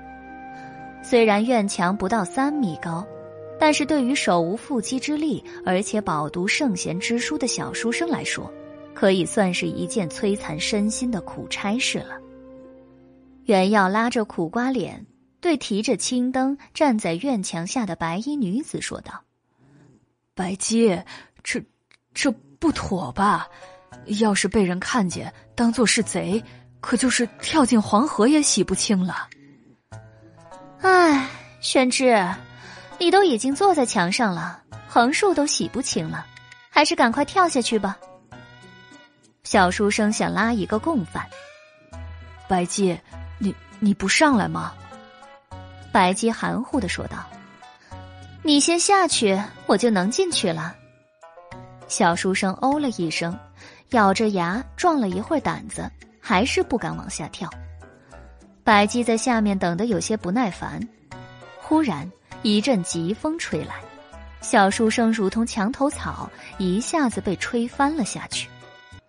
只听“咚”的一声，原要跌落墙头，摔在地上。幸好墙下是草地，杂草柔软，小书生不曾受伤。他揉着大腿站起来，疼得直叫唤：“哎呦，好好的，怎么起风了？真是摔死小生了！”袁耀巴巴的抬头望墙，等着白姬翻墙进来。可是等了好一会儿，墙头没有任何动静，大门外。却响起了敲门声。宣之，开门。袁耀一瘸一拐的打开门，看见白姬提着青灯，优雅的走进来时，终于明白了他刚才那句话的意思。你先下去，我就能进去了。别院中碧草萋萋，杂花生树，就连光滑的石径。都几乎被疯长的花草淹没了。白姬和袁耀沿着小径走向别院深处亮着灯火的厢房。袁耀好奇的问道：“这里看上去好荒凉啊，似乎连一个仆人都没有。武将军身为朝廷重臣，真的住在这儿？”白姬淡淡的说道：“坊间传言，义娘死后。”武恒尧总是当他还活着，每天对着虚空说话，与虚空对坐饮食，与虚空抚琴联诗，赏花品茗，仿佛姨娘还活着一样。同僚们因为他的痴意举动，纷纷讥笑他，疏远他；仆人们觉得害怕，也都逃离了官邸。就连武后也认为他得了邪症，心生怜悯。也许。武将军就是喜欢这里的幽静，才住在这里吧。只有住在这远离尘嚣的别院，不受世人指点，他才能和亡妻安静的在一起吧。可是，这里也太荒凉了，这些树木花草，怎么也得找几个园丁来修剪一下吧。宣之，你不觉得这种荒凉也未尝不是一种生机勃勃吗？被规制的很好的庭院，反而失去了生机呢。这里哪里有什么生机啊？这连一个仆人也没有啊！青草、绿苔、浮萍、藤萝、芭蕉、绣球花、芍药、叶虫、游鱼、犀鸟、野狐，这些不都是生机吗？嘘，宣之，你听。夜风中有很多声音在细语呢喃，人们如果能够听懂他们的对话，就可以知道今年是不是风调雨顺、五谷丰登，也可以知道别处正在发生的事情呢。原要侧耳倾听，除了几声瘆人的夜鸦叫，什么也没有听见。白姬和原耀走过浮桥，亮着灯的厢房出现在两人面前。袁耀正要上前，却被白姬拉住，两人站在一丛茂密的芭蕉树下，远远的观望。厢房的轩窗大开，隐约可以看见里面的情形。厢房之中灯火煌煌，武恒瑶穿着白色长衫，跪坐在地上，用拨子弹着琵琶。一身红衣的骷髅踏着珠玉般的琵琶调缓缓起舞，森白的骨头，鲜红的血衣，偏偏以曼妙的姿态起舞，说不出的诡异骇人。武恒瑶的脸上带着温柔的笑容，他深情的望着起舞的姨娘，姨娘偶尔也低首回眸，以黑洞洞的目光注视着他，情意绵绵。明明是很诡异的场景，袁耀却觉得有一种琴瑟和谐、间谍双飞的美感。一人一鬼，尘缘已断，仅凭着一丝不灭的执念和欲望，仍旧做着世间相爱至深的情侣。袁耀有些感动，也有些悲伤。一曲舞罢，武恒瑶与姨娘相携而坐。互相依偎，武恒瑶执着姨娘的手，温暖的人手扣着冰冷的白骨，十指交缠，深情如初。白姬叹了一口气，说道：“啊，宣之，我们回去吧。”啊，你不是特地来拜访姨娘的吗？怎么不见她就要走啊？算了。见了她也没用，她的欲望太强烈，不会改变的。袁耀不明白白姬的话，见白姬提着青灯走远，他也只好跟了上去。他最后回头望向厢房，武恒瑶和姨娘相依相偎的身影，带着一种悲剧性的美。回去的路上，白姬没有说话，只是安静的走着。袁耀忍不住问道：“白姬，你今晚拜访姨娘，是想劝她改变心意吗？难道让她返魂重生，与武恒瑶相守一生，不好吗？”白姬淡淡的说道：“时光倒流，死而复生，永葆青春，这些违背天道的事情，都是禁忌，都是逆天。”逆天而为，打乱天罡秩序，必将付出可怕的代价。什么可怕的代价呀？比永堕虚无更加可怕的代价。袁耀打了一个寒战。那，那你为什么还要给他们返魂香？因为那是他们的爱欲，缥缈阁就是为了众生的欲望而存在的。回到缥缈阁，袁耀赫然发现一名书生正盘膝结着家夫坐，坐在大厅中的寝具上。走近一看，奇怪，竟然是他自己。这书生是自己，那自己又是谁呢？袁耀正在迷惑，白姬又拍了一下他的肩膀：“宣之，回去吧。”袁耀一下子就失去了意识。东方响起了一声悠长的鸡鸣，夜之华宴接近尾声，非人的喧嚣渐渐沉寂，人的喧嚣伴随着泛白的天空渐渐拉开了序幕。白姬吹灭了青灯，青灯又变成了青莲，他将青莲插入净瓷瓶中，走进里间，黎奴的寝具上。一只黑猫翻着圆滚滚的肚皮，四脚朝天，呼呼大睡。白鸡打着哈欠走上楼梯。啊，好困啊，是该睡一会儿了。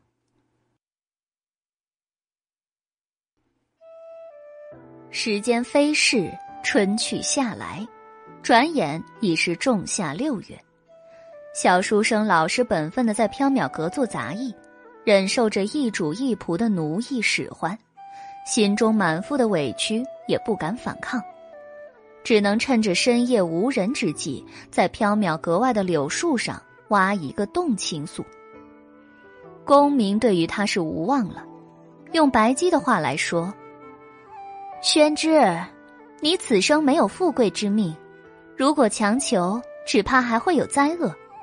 还是本分一生，倒能安然终老。”因为父亲的遭遇，小书生对功名本来也看得颇淡，他也就不再想去参加科试了。不过，他还是常常捧着书本看。缥缈阁中有不少珍贵的古卷，他就做了蠹虫，偶尔也会吟两首或壮志未酬或伤春悲秋的酸诗，惹来黎奴的白雅和嘲笑。从春天到夏天。发生了不少事情。仲春时节，韦德玄客气的请小书生去韦府，吞吞吐吐绕了半天，又洒了几滴老泪。小书生这才明白，韦家是要他解除与韦飞烟的婚约，因为韦家小姐已经另娶别家，而且婚期在即。小书生虽然伤心，但还是同意了。韦德玄抹着老泪，信誓旦旦：“哎呀，袁世侄啊，婚约虽然解除了，但是韦家与袁家事已永在。”韦德玄又送了小书生许多的金银，这些许银两，聊作是值客旅长安之资费。小书生客气而委婉的拒绝了。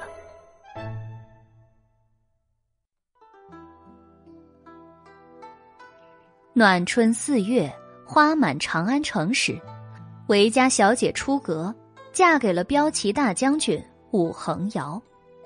小书生幽居缥缈阁，并不知道这个消息。夏木阴阴，火伞当空。一声声蝉鸣从缥缈格外的柳树上传来，更显得夏日午后的寂静与燥热。李奴懒洋洋的趴在柜台上，无精打采，对最爱偷嘴吃的香鱼干都没有了胃口。袁耀拿着鸡毛掸子，给一只一人高的曲径彩釉瓶掸灰，彩釉瓶上绘的是十里碧河的景致。原要靠近花瓶时，似乎能够嗅到清芬宜人的荷香，感到一股带着氤氲水汽的夏风扑面而来，说不出的舒适惬意。小书生钻进上来，摇头晃脑的吟了一首诗：“十里碧河翡翠冷，红莲凋尽白莲生。十顷烟湖晴川美。”一脉水乡静心灯。黎奴听了，不由骂道：“书呆子，你不好好干活，又偷懒吟诗，什么破诗啊！酸死了！”小书生一边挥舞着鸡毛掸子，一边辩解：“小生一边掸灰一边吟诗，哪有偷懒啊？小生的诗里一脉水河之乡，怎么会有酸味呢？”黎奴不耐烦，少啰嗦！爷说你偷懒，你就是偷懒。爷说你的诗一股酸味儿，你的诗就是一股酸味儿。黎奴在白姬和客人面前，永远都是一副恭顺乖巧的奴才样，可是，在小书生面前，他扬眉吐气，翻身成了爷。小书生不敢忤逆黎奴大爷，只好忍气闭了嘴，乖乖掸灰。只听一阵清脆的铃铛声从缥缈阁外传来，袁耀回头望去，一只五色华羽、眼纹如火焰的鸟儿飞进了缥缈阁，它的脖颈上系着一枚小铃铛。彩鸟在大厅中盘旋了一圈，径自飞去了里间。袁耀担心彩鸟带倒了玉器和古玩，拿着鸡毛掸子想去撵，被黎奴一把拦住。哎，回来！你打他干什么呀？那是给主人送信的。给白鸡送信的，飞鸟传书吗？这是什么鸟啊？小生从来没有见过这种鸟。这是朱盘鸟，是毕大公子的宠鸟，肯定啊，又是陶五公子闯祸了。毕大公子，陶五公子，他们是什么人啊？小书生好奇的问。毕大公子、陶五公子都是主人的侄子，主人有九个侄子呢。每隔十年，九位公子会从东海运送各种宝物来缥缈阁。可是陶五公子一上岸就爱闯祸。黎奴话还没说完，白姬揉着额头从里间走了出来，一脸的郁色。朱盘鸟停在他的肩头，低手以喙梳理着五色华羽。宣之，出了一些事情，我和黎奴必须去洛阳几天。你独自留在缥缈阁没有问题吧？小书生心中不安，他不敢独自待在诡秘的缥缈阁中。啊，嗯，不如小生也同你们一起去吧。黎奴撇了撇嘴，恐吓小书生：“切，你去了。”会被洛阳的妖鬼吹的骨头都不剩的。小书生打了一个寒战，白姬又道：“宣之，你还是留在缥缈阁吧。”小书生只好道：“那，那好吧。”白姬和黎奴当天傍晚就离开了，留下小书生看守缥缈阁。这一天天气炎热。小书生懒洋洋的学着黎奴趴柜台，一阵脚步声响起，有客上门了。小书生蓦地抬起头，一扫疲懒之色，热情的笑道：“客人想要些什么？”走进缥缈阁的华服公子吓了一跳，他洒金折扇一开，半遮笑脸：“哟，宣之，看来你已经很适应现在的生活了。”我还以为你失了姻缘，又失了自由之身，一定会意志消沉、萎靡不振的。来者正是将小书生迈进缥缈阁的韦燕。哦，原来是丹阳啊，好久不见了。韦燕又来猎新宝，可惜袁耀并不了解他的诡异喜好，推荐了几样，韦燕都不满意。得知白姬出了远门。韦燕说什么也要拉着小书生回韦府去喝酒叙旧，小书生推却不过他的热情，被他硬拉上了马车。韦府燃溪楼，韦燕和袁耀喝到傍晚，相谈甚是投机。从韦燕口中得知韦飞燕嫁的人正是武恒瑶时，袁耀没来由的觉得不妥，继而心中发悚。他还记得，春天的时候，红衣白骨的义娘从缥缈阁中买去了返魂香，而百鬼夜行之夜，他和白姬在封安坊的武家别院中，看见了武恒瑶与义娘缠绵恩爱。武恒瑶决意与义娘以返魂香再续前缘，长相厮守，他又怎么会突然娶了韦飞烟呢？小书生试探着问：“飞烟小姐，哦不，五夫人现在过得可好？”韦燕一抖折扇，有些不满：“哼，琴瑟和谐，恩爱美满。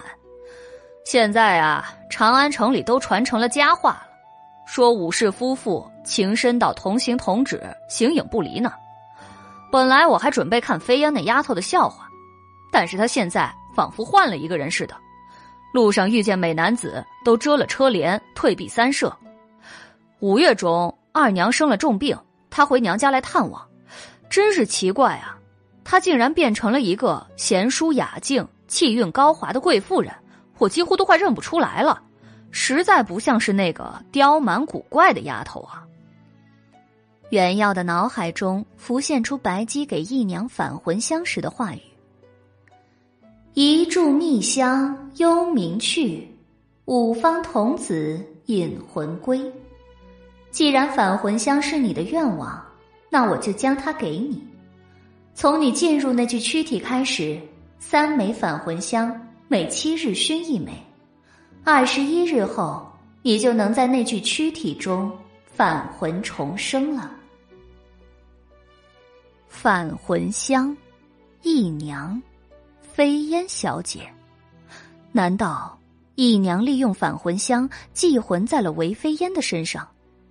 如果是这样，那飞烟小姐的魂魄又去了哪里？难道香消玉殒了？袁耀不敢再想下去。虽然韦家贪图权势、践诺悔婚，但他也并不怪他们。对曾经给他告诫的韦飞烟，他也没有恶感。袁耀希望他能够幸福。眼看着天色擦黑了，袁耀告辞离去。韦燕执意留他住一晚再走，袁耀推却不过韦燕的热情，也担心走到半路就宵禁，惹来麻烦，于是就留下了。他想起当初驮他来长安那只老灰兔的凄凉下场，并不担心有谁会夜到空无一人的缥缈阁。即便真的有盗贼闯入缥缈阁盗宝，按照白姬的说法，那也算是一种缘分吧。这一夜，袁耀住在自己曾经住过的那间房中。子夜时分，他睡得迷迷糊糊的，窗户吱呀一声开了。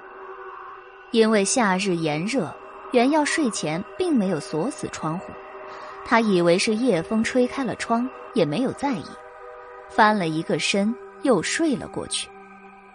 突然，一团毛茸茸、软绵绵的东西轻拍着他的脸，袁耀以为是蚊子，用手去扶。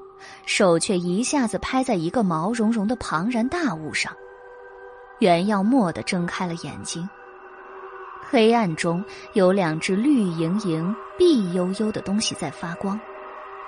袁耀的瞌睡早已经吓飞到九霄云外，手掌上的温润触感告诉他，眼前的庞然大物是一只动物。月亮划出乌云。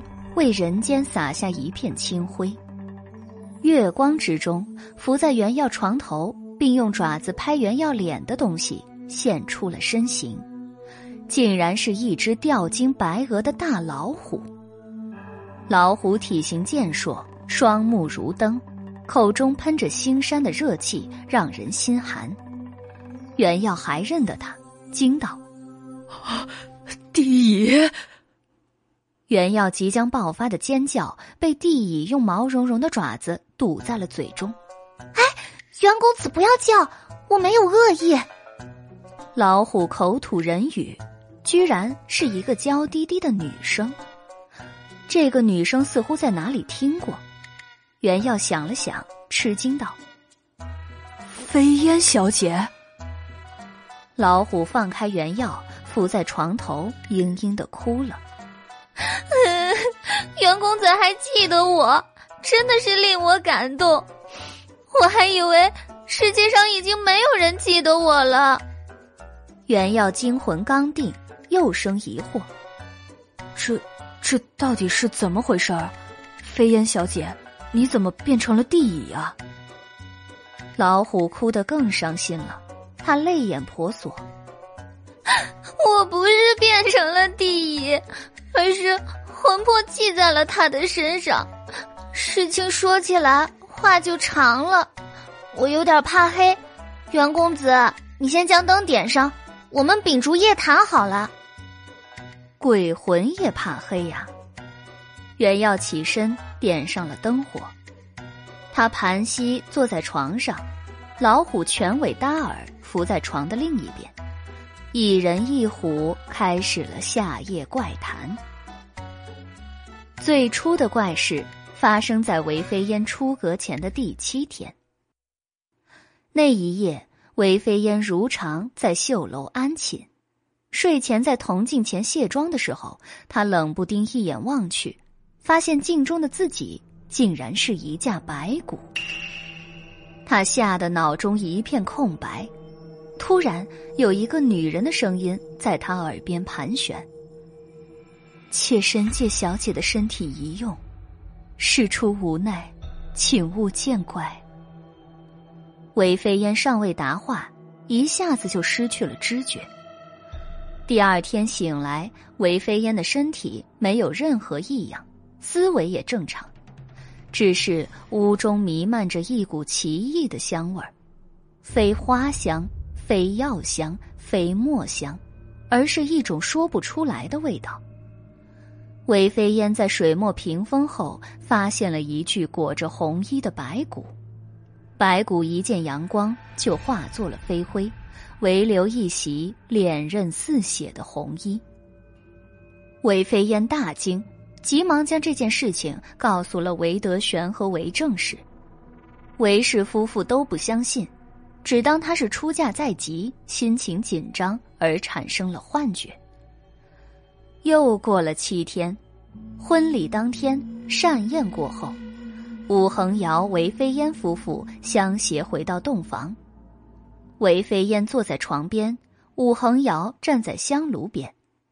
不一会儿，室中弥漫出一股奇异的香味儿，非花木，非药石，非墨香，那是一种无法用言语形容的，不属于尘世间的香味儿。香味吸入肺腑，韦飞烟失去了知觉。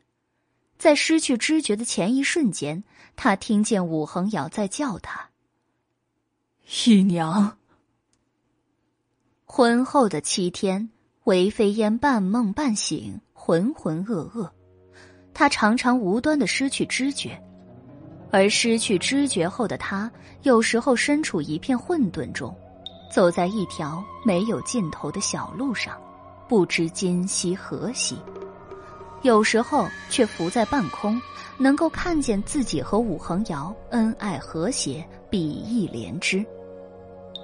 婚后的第七天，武恒瑶又焚起了香，韦飞烟又闻到了那股非花木非药石的诡异香味儿。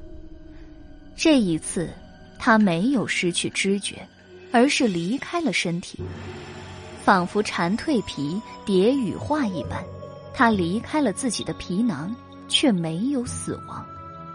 而更奇怪的是，没有了他的五夫人仍然好好的活着，周围的人都没有察觉到他已经不见了。灵魂离开身体之后，韦飞烟有些害怕，也有些悲伤。他不明白发生了什么事情，只是每日每夜随风飘啊飘的。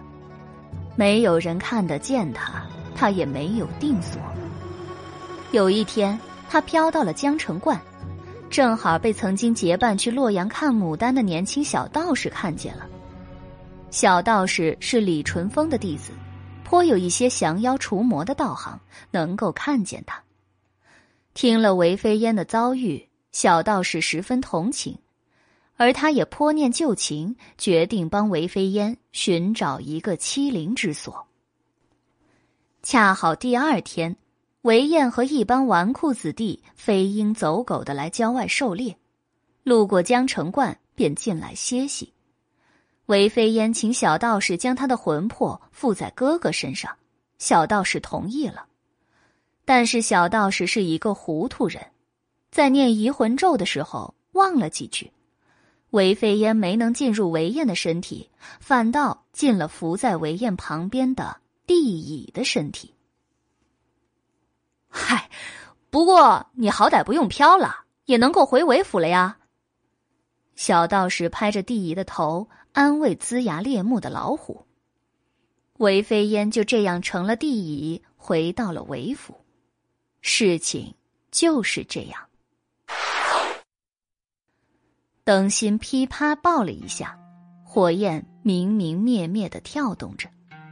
老虎泪流满面的对袁耀说道：“ 我不要一辈子当老虎，袁公子，你可得帮帮我。”袁耀听完事情的经过，惊得舌脚不下。姨娘真的借了飞烟小姐的诗返魂。他和武恒瑶算是神仙眷侣，得偿夙愿了。但是无辜的飞烟小姐魂无所寄，未免太可怜了。飞烟小姐，你既然能够说话，又身在韦府，为什么不向韦世伯、韦夫人说出原委呢？老虎流着泪哭道：“父亲大人最恨怪力乱神的事情了，我如果去向他说，他一定会乱棍打死我的。至于娘亲，五月中我晚上跑去诉过一次苦，才刚开口就把他吓晕了，第二天他就病得卧床不起。”一个劲儿的说家里闹虎妖，叫了好些和尚来念经，道士来画符，我再也不敢惊吓他了。袁耀见老虎哭得伤心，顿生出怜悯之心来。那丹阳呢？你住在燃溪楼，与他最近了。古语云：“长兄如父。”你有向他说过吗？哼！老虎冷哼了一声。就算当一辈子的老虎，我也不会向他说的。袁公子，你有所不知，我们兄妹从小就是死对头，互相看彼此的笑话。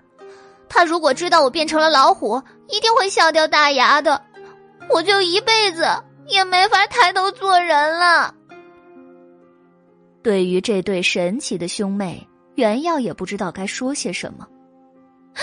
袁公子，你一定要帮我呀！老虎扑向了袁耀，袁耀躲闪不及，被扑倒在床上，手舞足蹈的挣扎。哎，好说好说，飞燕小姐，你你先放开小生。老虎固执的说道：“不，你先答应帮我，我才放开。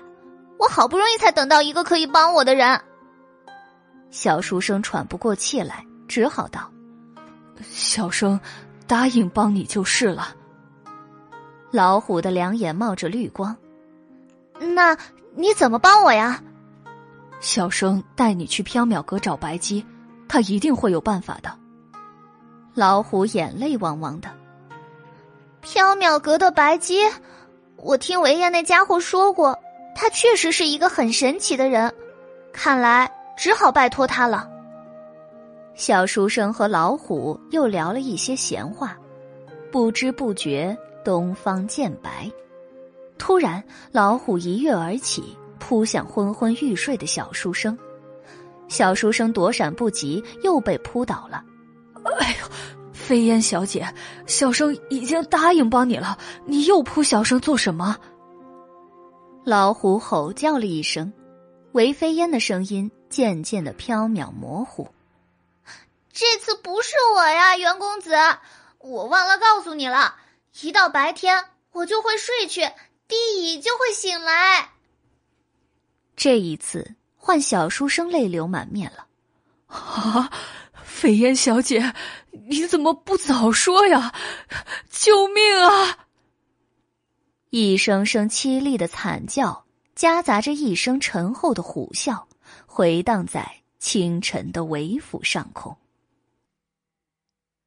第二天，袁耀向韦燕编了一个理由，借地仪几日。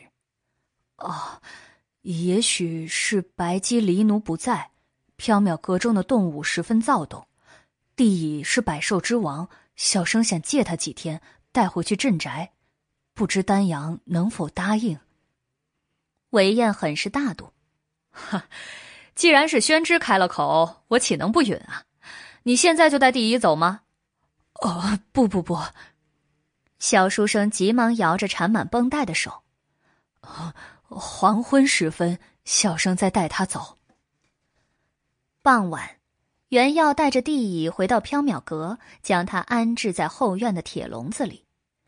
白姬和黎奴尚未回来，袁耀只好耐心的等待。不知道为什么。地乙来到缥缈阁之后，无论白天还是夜晚，韦飞燕再也没有出现过。袁耀十分奇怪，他也很担心，只盼着白姬早点回来。七日后，白姬和黎奴总算是回来了。可是令小书生感到诡异的是，他们不是从外面进来的，而是从缥缈阁中那不存在的三楼下来的。当时袁耀正点着蜡烛，在二楼的仓库中翻找古卷来消磨漫漫夏夜。通往三楼的楼梯上传来了脚步声。袁耀猛然回头，只见白姬和黎奴正在从楼梯上走下来。袁耀一惊，古卷从手中滑落在地。白姬的脸上带着云淡风轻的笑意。黎奴凶巴巴的说：“哼，书呆子，主人不在，你又偷懒了吧？”小书生一激动，疾步迎上前去。白姬，黎奴老弟，你们终于回来了。小书生忘情之下，即将踏上楼梯。白姬不动声色的拉着他走开，笑道：“宣之，看你的样子，似乎发生了什么事情，先下去再说吧。”好，袁耀答应。白姬、袁耀、黎奴离开了仓库，黑暗中只剩下通往不存在的三楼的阶梯，发出幽幽的、诡秘的光泽。里间中。袁耀述说了韦飞烟的遭遇，白姬静静的听着，不时喝一口黎奴沏来的香茶。白姬，你去看看飞烟小姐吧，不知道为什么，一进入缥缈阁之后，她就不再开口说话了。白姬淡淡一笑：“不必了，从帝乙进入缥缈阁那时起，飞烟小姐就已经不在他身上了。”啊！原耀十分的奇怪，白姬没有解原耀的疑惑，反而说起了别的。宣之，你知道武恒瑶为什么在众多的新娘候选人中选择了飞烟小姐吗？原耀想了想，突然灵光一动，他记起第一次来缥缈阁的时候偷听到的武恒瑶和白姬对话的只字片语。哦，莫非是生辰八字？白姬点点头。没错，我曾经对你说过，不是所有的人都能够走进缥缈阁的，有一些人命数特异，即使有迫切的欲望，也永远无法走进缥缈阁。飞烟小姐就是这样的命数，而她的哥哥韦燕公子则拥有与她截然相反的命数。即使没有迫切的欲望，他也能够随时走进缥缈阁。姨娘借返魂香返生，并不是任何人的身体都可以，必须生辰八字特异的人才行。也是机缘巧合之下，他找到了飞烟小姐。袁耀想起来，曾经他与韦飞烟在牡丹亭夜会的时候，姨娘就跟在他的身边。现在回想起来。他终于明白当时义娘为什么跟着飞烟小姐了。从一开始，他就选中了她，准备以返魂香为媒介，彻底占据她的身体。袁耀突然对武恒瑶和义娘的做法有点生气，他们自己算是间谍双飞了，但是飞烟小姐的一缕芳魂却孤苦伶仃的飘荡在世间。既不是人，也到不了黄泉，这未免也太自私了。如果之前原要对武恒瑶和义娘凄美的爱情尚存有一丝同情和感动的话，此刻也只对他们的自私感到不满。为了自己的幸福，就可以剥夺另一个毫不相干的人的幸福吗？飞烟小姐何其无辜啊！袁耀问白姬道：“飞烟小姐的魂魄进不了缥缈阁，那会在哪里啊？”巷口有一棵老槐树，她或许在那里吧。毕竟槐树是鬼妻之木。袁耀试探着问：“白姬，你有没有办法让飞烟小姐回到自己的身体啊？”白姬抬起头望向袁耀。有，但是我不会那么做的。为什么呀？我在等因果，返魂香是因，我在等果，因果就是我想要的东西。袁耀有些生气，能做到却又袖手旁观，难道你就没有恻隐之心吗？飞燕小姐实在是太可怜了。白姬笑了，恻隐之心，宣之，我连心都没有，怎么会有那种东西呢？没有心，原耀十分的吃惊。灯火之下，白姬似笑非笑的脸显得有些阴森，仿佛是一具没有生命的、永远保持一个表情的人偶。原耀不寒而栗。不过，集齐与恒河沙数相等的因果之后，我就有心了，也可以成佛了。这是西方极乐天中的那个人许给我的诺言。白姬缓缓的说，声音飘渺。恒河沙数的因果是多少？十亿、百亿、千亿，那么多的因果，得用多漫长的岁月、多久远的时间才能集齐呀？不，那根本就不可能集齐。许他这个诺言的人，根本就是在捉弄他吧。袁耀望着白姬，至今为止，你集齐了多少因果？白姬淡淡的说：“三千。”果然，不到恒河沙数的千亿分之一。你帮助飞烟小姐达成她的愿望，不就是又多了一个因果吗？她无法踏进缥缈阁，对我来说，她没有因。更没有果。袁耀闻言，提了一盏灯笼，飞快的走到巷口。远远的，他果然看见老槐树下立着一个纤瘦婀娜的倩影，很薄很淡，如同一抹幻觉。飞烟小姐，韦飞燕回过头，面色凄然。袁公子，你不是要带我去缥缈阁吗？怎么把我丢在半路就不管了？小生现在就带你去缥缈阁。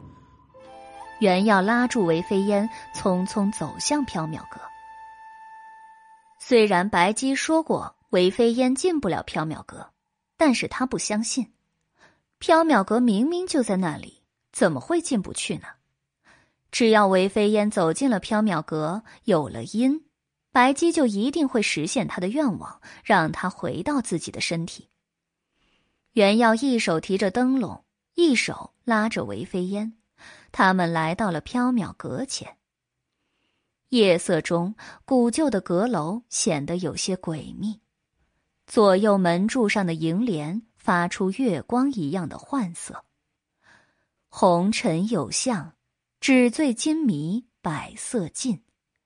浮世无常，爱怨嗔痴万劫空。缥缈阁的一扇大门半开着，保持着原要走出时的样子。飞燕小姐，随小生进去吧。哦，好啊。可是进去哪里啊？韦飞燕犹疑的问。原耀惊愕的回头。啊，这里就是缥缈阁前。当然是进缥缈阁了，你，你看不见门吗？哪有门啊？这里什么都没有，只有一面墙壁啊！袁耀颓然，果然，有些人永远也走不进缥缈阁。七月流火，天气转凉；八月白露，九月霜降。日子过得飞快，转眼已经到了鸿雁南飞的十月了。没有了鸿鹄之志的小书生，继续待在缥缈阁里混日子，看白姬以因换果。白姬不肯破坏返魂香的因果，所以韦飞烟一直在幽灵状的徘徊，在东西市看闭眼高鼻的胡人美男，在长安城各处寻觅绝色的男子。飘累了，他就栖身在缥缈阁巷外的槐树上，倒也是乐得自在，甚是逍遥。白姬给了袁耀一根头发，让他转交给韦飞烟，让他系在手腕上。袁耀不明白原因，白姬也不解释。后来，袁耀才从黎奴的口中得知了原因。哦，那样啊，他身上就有主人的味道了，也就不会被以鬼魂炼丹药的邪门道士或是别的法力高深的飞人给害了。主人可是长安城中活得最久、道行最深的飞人，呵呵，爷是第二。黎奴拍完主人的马屁之后，又没节操的自吹自擂。袁耀暗暗的翻了一个白眼儿，转身掸灰去了。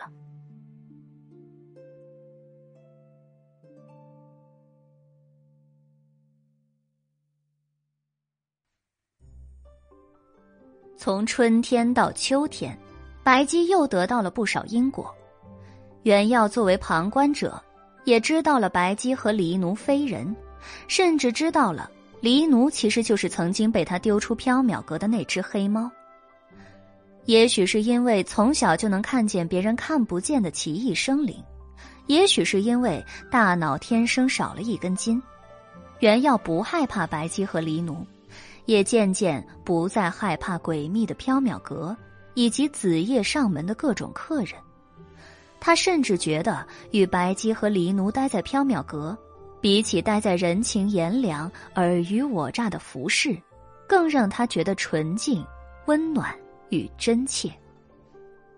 哎，书呆子，快去集市买鱼去，不要一天到晚就知道偷懒儿。黎奴的吆喝。打断了袁耀美好的错觉。袁耀回过头，撇了撇嘴：“为什么又要小生去集市啊？黎奴老弟，你不是也闲着吗？”黎奴倚着柜台，悠闲的吃着碟子里的鱼干。哼，谁说爷闲着呢？爷忙着呢，还有三碟鱼干要吃。少啰嗦，爷让你去你就去，不要一天到晚就知道偷懒儿。不知道究竟是谁一天到晚只知道偷懒。当然，这句话只是腹诽，小书生绝对不敢说出来。袁耀泱泱的去集市，经过小巷外的槐树下时，他看见韦飞烟双手托腮坐在树根上发呆。袁耀停下脚步打招呼：“飞烟小姐，你在做什么？”韦飞烟道。唉，我在数蚂蚁。小书生十分的奇怪：“你数蚂蚁做什么？”无聊，数蚂蚁消磨时间。韦飞燕瞥了一眼袁耀手里的菜篮，笑了：“哼，袁公子，你又被黎奴使唤啦？”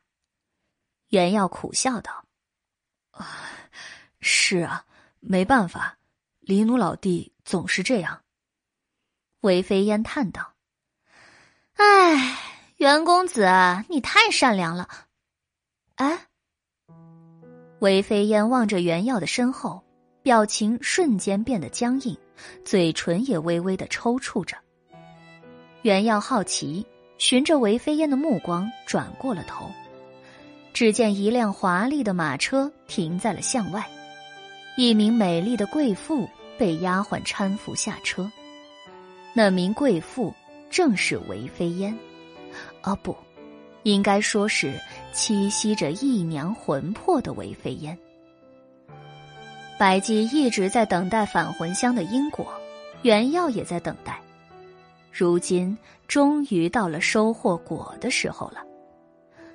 韦飞烟，啊不，姑且叫她义娘吧。远远的看见袁耀袅袅的走了过来。袁公子，好久不见了，你怎么一个人站在巷口吹风？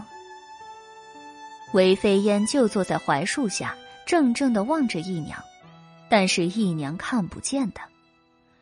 袁耀笑道：“啊，五夫人好，小生正要去集市呢，五夫人怎么会来这里啊？”姨娘的脸色十分憔悴，眼中沉淀着深切的悲伤。妾身来找白姬。他得偿夙愿，返魂重生，与武恒瑶双宿双飞，难道还有什么不满的吗？袁耀好奇的问道：“夫人有何求啊？姨娘没有回答袁耀，径自走向了深巷。一阵秋风卷来了他的细语呢喃，让小书生心惊。也许，当时没有得到返魂香，妾身永堕虚无，反而更好。袁耀从集市回到缥缈阁时，姨娘已经离开了。里间，金菊屏风后，白姬坐在青玉案边，他的面前摊开了一叠裁好的纸，手持蘸满朱砂的笔，在纸上写着什么。袁耀走近一看，纸上写着“魂兮归来”。白姬行事素来诡秘，袁耀也不敢多问。他站了一会儿，看腻了白姬练字。终于开口问出了自己想知道的问题：“白姬，姨娘为什么来缥缈阁啊？”白姬没有抬头。来缥缈阁的人自然是有所求。他求什么？白姬抬起头望向袁耀，黑眸深暗如沉夜。求死。袁耀吓了一跳。他为什么要求死啊？他好不容易达成夙愿，返魂重生了，与武恒瑶长相厮守，为什么要求死呢？白姬低下头，继续写着“魂兮归来”。长相厮守只是一个美好的愿望罢了。人心太过幽微曲折，会随着时间和境遇的推移而改变，而爱欲也很是微妙。会让人心变得更加复杂离奇。小书生一头雾水，小生听不懂。白姬笑了，简单来说吧，反生后的姨娘觉得武恒瑶不再爱她了，她也不再爱武恒瑶了。白姬微睨着黑眸，望着青玉案对面的虚空。一个时辰前，姨娘坐在那里，以袖拭泪，喃喃诉说衷情。曾经，五郎不顾世人的指点讽笑，与已经成为非人的妾身在一起。尽管在别人眼中，他是在和虚空说话，如同疯人，可是我们却很愉快。心心相印，如今能够长相厮守了，他却常常显得心不在焉，而妾身自己也觉得，同样是弹琵琶、跳舞、吟诗、赏花，这些曾经觉得特别美好的事情，如今却平淡乏味了。为什么？为什么会是这样？而且，有时候他竟然会在梦里叫妾身飞燕，妾身是姨娘啊。飞燕小姐的身体比妾身年轻貌美，或许五郎早就忘记姨娘长成什么模样，早就忘了妾身曾经的容颜了。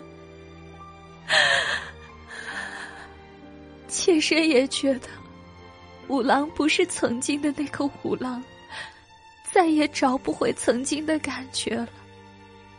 如今，妾身与五郎已是相看两相厌，都不知道该怎么相处下去。也许，当初没有得到返魂香，妾身永堕虚无，反而更好。至少。五郎会永远记得妾身，妾身也不会厌弃五郎了。小书生不懂，他们明明那么相爱，连生死都无法将他们分开，如今得偿夙愿，为什么反而两相厌了？白姬收起了朱砂笔，说道：“平淡和时间会消磨爱欲。”那反倒是坎坷，能让爱欲长久吗？小书生摇头，他不懂爱欲。白姬没有回答，他叠好写着“魂兮归来”的黄纸，仿若自语的说道：“他来求死，我答应了他。”小书生双腿发软：“你，你杀了他呀？”白姬笑了：“ 怎么会呢？我只是应他所求，答应在他死后将他的身体还给韦飞烟。”啊！把身体还给韦飞烟，就是他的愿望，最后的愿望。白姬，他要寻死，你为什么不阻止他呀？白姬喃喃的说：“我不能阻止，因为那是他的愿望。”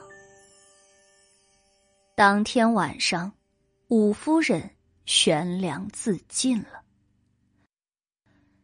子夜时分，缥缈阁外有人敲门。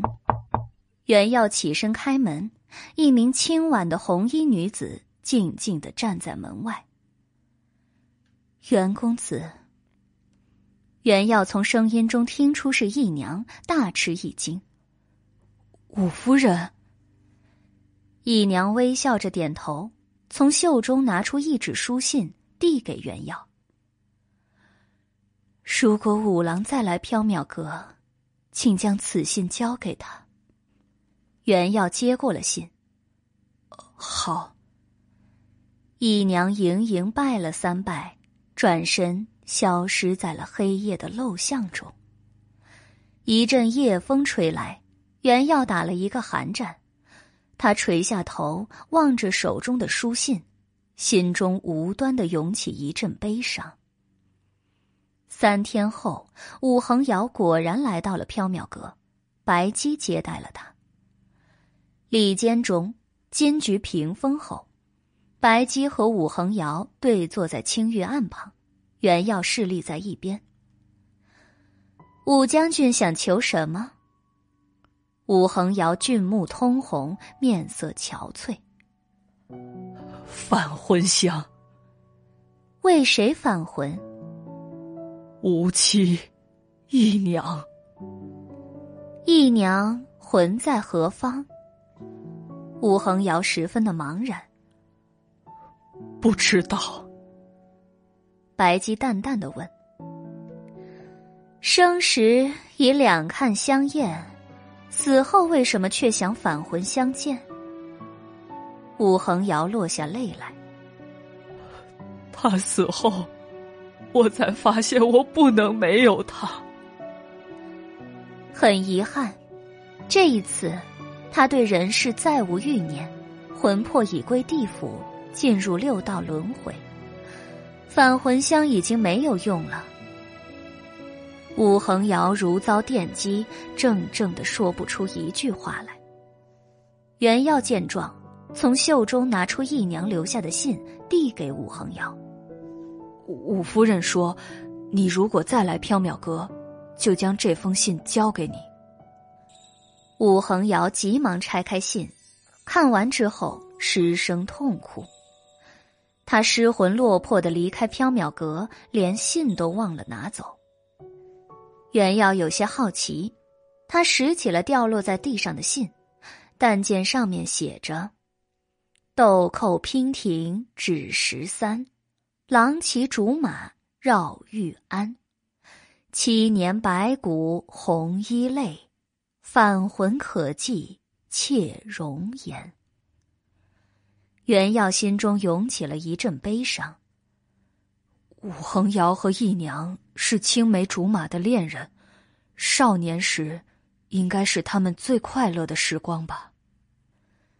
白姬静静的站着，没有说话。武夫人死后的第三天夜里，白姬带着原药韦飞烟来到了武家官邸，为武夫人招魂。原药这才发现，白姬那天写的“魂兮归来”竟然是咒符。白姬点燃了一炷冥香，将咒符贴在武夫人的额头，口中念念有词。韦飞燕的魂魄渐渐变得透明，仿佛被风吹散的朝雾，消失无痕。五夫人缓缓睁开了眼睛。哎呀，似乎做了好长的一个梦啊！五夫人韦飞燕返魂复活的消息在长安城中不胫而走，成为坊间奇谈。不久之后，武恒尧抛下娇妻和万贯家业，出家为僧，云游四方的消息。又在长安城中一时激起千层浪。但是帝京之中各色人物云集，每天都有新鲜、离奇、诡异的事情发生。不多久，武氏夫妇的事儿就已经成为了旧闻，无人在忆起了。十一月，缥缈阁，原要打扫大厅时，在柜台下。拾起一只枯萎的青色睡莲，他突然又想起了返魂香，想起了子夜时分提着青灯造访缥缈阁的红衣白骨，心中有些悲伤。白姬望着原耀手中的青莲，问道：“这青灯还在呀？”小书生伤感的说：“姨娘却不在了。”白姬淡淡的道。至少这一次，武恒瑶永远也不会再忘记他的容颜了。武恒瑶出家，对嫁给他的飞烟小姐来说，未免太不负责任了。小书生为韦飞烟抱不平，韦燕的声音突兀的从缥缈阁外传来：“嘿，谁说对他不公平啊？那丫头现在逍遥的不得了，再也没有人约束她四处猎美。”父亲觉得颜面无光，叫我去劝她收敛一点我刚走进武宅，就被他家下人给轰了出来。他说他现在是武夫人，父亲管不着他了。哎呀，家门不幸啊，家门不幸！啊，见笑啊，见笑。袁耀擦了擦冷汗，啊，哪里哪里，飞烟小姐只是对美男子痴直了一些，其实是一个好人。韦燕和袁耀打过招呼之后，转身问白姬：“哎，缥缈阁中可新到了什么有趣的玩物啊？”白姬眼中闪过一抹异亮，笑得热情：“最近新到了九只骷髅杯，非常的有趣。”韦燕颇感兴趣：“哦，怎么个有趣法？”白姬眨了眨眼。他们的材料是死人的头骨，做工极其细致，从大到小，分别是不同年龄人的头骨雕磨而成的。用骷髅杯饮西域葡萄酒，有一种饮血的乐趣呢。兴趣诡异的韦燕动了心，嘿，快拿出来让我看看。白姬笑道：“在里间，韦公子请随我来。”韦燕随着白姬进入里间，问道：“呃，这样的骷髅杯多少银子？”韦公子是熟客，我也就不虚价了。一套九只杯子，一共九十两，这可是最便宜的价格了。雕磨人骨的工艺，相当的耗费精力和时间呢。嗯，九十两银子，倒也不算太贵。不，是黄金。你怎么不去抢啊？抢劫哪有宰人更乐趣无穷？韦公子说笑了，十两黄金换一只骷髅杯已经很便宜了，那可是货真价实的人骨，上面还有血纹呢。夜深月圆、万籁俱寂的时候，您在燃溪楼中一边以骷髅杯饮血酒，一边观赏水晶帘里的人脸。一定相当有气氛和乐趣呀。嗯，先看看再说。韦燕有些动心了。好。听着白姬与韦燕一唱一和的走进里间，袁耀不禁笑了。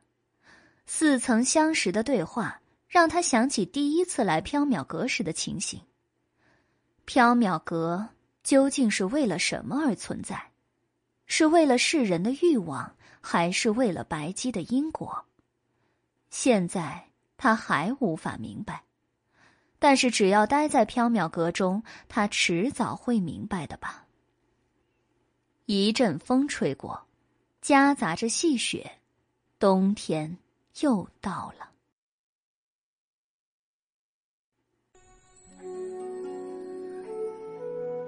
缥缈提灯卷，第二折，阴谷笛。仲夏长安，西市缥缈阁中，烈日炎炎，蝉鸣声声。让人觉得燥热难耐，也许是天气太热了。今天缥缈阁没有一个客人上门。夏日的午后总是让人倦怠。袁耀一边拿着鸡毛掸子给古董弹灰，一边鸡啄米似的打瞌睡。一只黑猫悄声无息地从里间走出，灵巧地跃上半人高的柜台。它伸出粉红色的舌头舔了舔爪子。闭塞的瞳孔瞥了一眼原耀，胡子抖了一下，蓦地口吐人语：“ 哼，爷一会儿不盯着，你这书呆子又开始偷懒了。”原耀吓了一跳，瞌睡虫也飞走了。“呃，小生哪有偷懒啊？小生又是看店又是弹灰，倒是李奴老弟你从早饭后就一直在后院树荫下偷懒睡觉啊。”少啰嗦！爷说你偷懒，你就是偷懒，不许还嘴。黎奴理亏气不亏，嘴角的獠牙闪过一道寒光。袁耀不敢还嘴，哼哼了两声，埋头弹灰去了。袁耀再回头时，柜台上的黑猫已经不见踪迹，一个面容清秀、瞳孔细长的黑衣少年站在柜台后面。黎奴懒懒地倚在柜台后，火眼金睛地监视袁耀弹灰，不时地挑刺嘲笑他笨、呆、傻、懒。袁耀也不还嘴，心中默默地背《论语》，横竖只当耳边是猫叫。袁耀和黎奴正在对峙间，有人走进了缥缈阁。黎奴回头望向门口，幽瞳闪烁了一下。嘴角扬起一抹微笑。客人想要些什么？袁耀回头望向大热天里顶着暑气而来的客人，来客是一名男子，身材中等，相貌平常，年龄约在四十开外，穿着一身半新不旧的丝绸长衫。这里是缥缈阁。他勉强笑了笑，一副愁眉不展、心事重重的样子。黎奴彬彬有礼的笑道：“不错，这里正是缥缈阁。客人是想买古玩，还是想买香料、宠兽？”“，不。”男子摇头。他打量了一眼周围，神色有些好奇，不经意间又露出一丝忐忑和恐畏。他试探一般的问道。有人告诉我，在这里可以买到想要的任何东西。这里的主人可以替人实现任何愿望。黎奴笑得深沉，看来客人是来买欲望的啦。男子舔了一下嘴唇，否认道：“我只是遇到了一点难以解决的麻烦，如果方便，我想见一见缥缈阁的主人。”黎奴礼貌的合手，请稍后，我这就去请主人出来。黎奴虽然这么说了，但却是站着不动。他对原耀使了一个眼色，袁耀知道他懒得动，想使唤自己去找白鸡，也懒得跟他计较，放下鸡毛掸子，走向了里间。袁耀进入里间，绕过屏风，这件屏风很有趣儿，屏风上的图案。春天是牡丹，夏天是荷花，秋天是金菊，冬天是寒梅。经过荷花屏风时，袁耀伸手点了一下停在右河上的一只蜻蜓，那只红色的蜻蜓受惊振翅飞走了，又停在了一朵莲蓬上。袁耀觉得很好玩，开心的笑了笑，走上楼梯。按惯例，这个时辰白姬应该在午睡。袁耀来到白姬的房间前，大声道：“白姬，有客人来了，请你下楼相见。”袁耀换了几遍，房间里没有任何动静。袁耀抬手敲门，他的手刚碰上门，门就开了。原来门虚掩着，没有锁。袁耀走进房中，房间素净而简约。除了一方铜镜台、一扇仕女游春画的屏风之外，几乎没有什么摆设。挂在西边墙上的水墨卷轴画仙灵清幽，画中的山峦中仍在袅袅不绝地冒着烟雾。白姬曾说，那是终南山的道士们在练不老仙丹呢。袁耀刚走到床边，就觉得一股凉意迎面袭来，沁骨入髓。让人神清气爽，在这暑热难当的夏日，让人凉爽惬意的冷气来自床中央的一方比棋盘略大的寒玉石。一条手臂粗细的白龙盘成一圈睡在寒玉石上，白龙的眼睛微合着，鼻翼轻轻的翕动，犄角盘旋如珊瑚，通体雪白晶莹，柔软如云朵。袁耀忍不住想伸手戳它一下，但看了看它锋利的四爪，又不敢了。白龙睁开眼睛，金色的瞳孔扫了袁耀一眼，懒懒的口吐人语道：“是宣之啊，怎么到了吃晚饭的时间了吗？”袁耀冷汗道：“呃，刚吃过午饭，还不到一个时辰呢。”白龙哦了一声。闭上眼睛继续睡。哦，我就说嘛，肚子还没饿，怎么就要吃晚饭了？袁耀突然觉得黎奴的懒不是没有原因的，有其主必有其仆啊。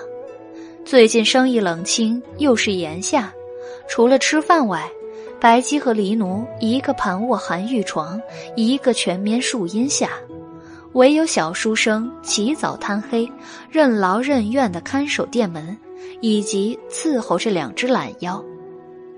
白龙又要睡过去了，袁耀急忙道：“白姐，有客人来买玉王，请你下楼相见。”白龙又睁开了眼，瞳中金光流转。知道啦。袁耀退了出去。在退出房门的瞬间，他不经意的回头一瞥，一名肤白如雪、浑身赤裸的妖娆女子正好从床上站起来。袁耀不禁怔住，白姬回头对呆呆的小书生鬼魅一笑，小书生吓得一个机灵，脸上莫名的发红，急忙低头走了。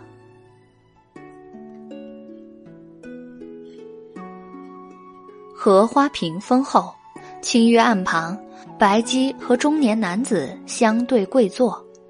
原要端来凉茶，分别奉给白姬和客人。奉茶完毕，小书生正要退下，白姬向他指了指放在一旁的桃形扑扇。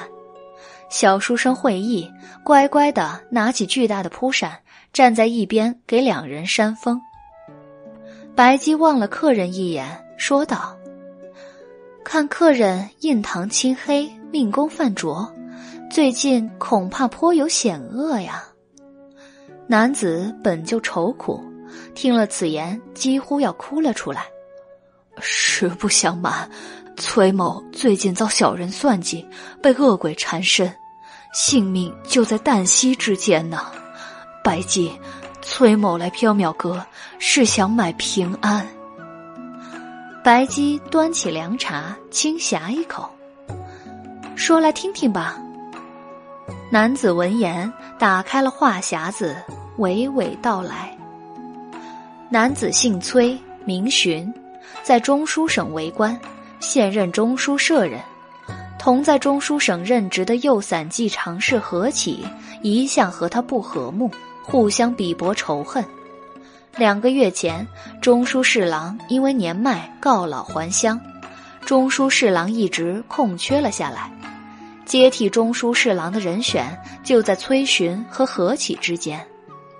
崔洵和何启都很想得到中书侍郎之职。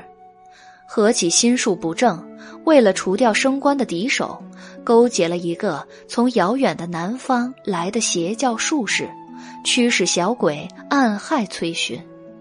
近日来，只要一到子夜，崔洵的宅邸里就有小鬼出来作祟，深更半夜，万籁俱寂。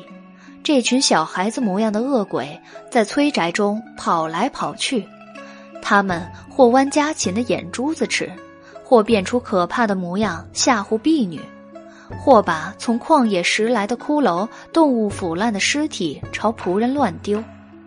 崔府的仆婢们吓得要死，甚至连崔寻身怀六甲的妻子也因为小鬼的恶作剧从楼梯上摔了下来。幸而天佑。只是脚踝崴伤了，母子都平安。至于崔洵自己，也吃尽了被小鬼捉弄吓唬的苦头。因为忧心忡忡、心神不宁的缘故，崔洵在公务上出了几次岔子，眼看着中书侍郎之位恐怕就要失之交臂了。崔洵无计可施之时，有人告诉他，缥缈阁可以解决一切烦恼。实现一切愿望，于是崔洵找来了。白姬听了，莞尔一笑，道：“缥缈阁是贩卖奇珍异宝的地方，驱鬼解验什么的，崔大人应该去佛寺和道观呀。”哎呀，那些和尚道士都不管用啊！崔寻愁眉苦脸的道。他先后请了几波和尚道士来家里做法驱鬼，但是邪教术士的法力似乎更高一些。小鬼不仅没有被收服，反而吓跑了和尚道士。白姬，缥缈阁中有没有能够驱走小鬼的宝物啊？白姬沉吟了一会儿，笑道：“倒是有一件，不过年代久远，一直压在仓库中。”崔大人稍坐片刻，容我下去取来。崔洵很高兴，激动的道：“太好了，请快去取来。”白姬带着原药去取宝物，原药本以为是去二楼的仓库中取，没想到白姬竟带他来到了后院，驻足在飞桃树边的古井旁。古井中水波悠悠，透出阵阵寒气。古井边的木桶中浸着一个圆滚滚的大西瓜，正是小书生早上买回来浸泡在冷水中，准备晚上消暑吃的。袁耀心中奇怪，崔寻还巴巴的等着白姬取宝物呢，他来到井边做什么？白姬走到飞桃树下，伸出纤纤玉手，在树干上敲了三下，不一会儿。一只蛤蟆从树底的一个洞中跳了出来，蛤蟆约有巴掌大小，鼓鼓的眼睛，大大的嘴巴，背上的花纹五彩斑斓。白姬淡淡的道：“圣君，开门。”蛤蟆呱呱叫了两下，跳到古井前，张开了大嘴，吐出绵绵不绝的白色烟雾。很快。白色烟雾就将水井笼罩在了其中，古井渐渐的看不见了。一阵风吹来，白雾散开，古井不见了。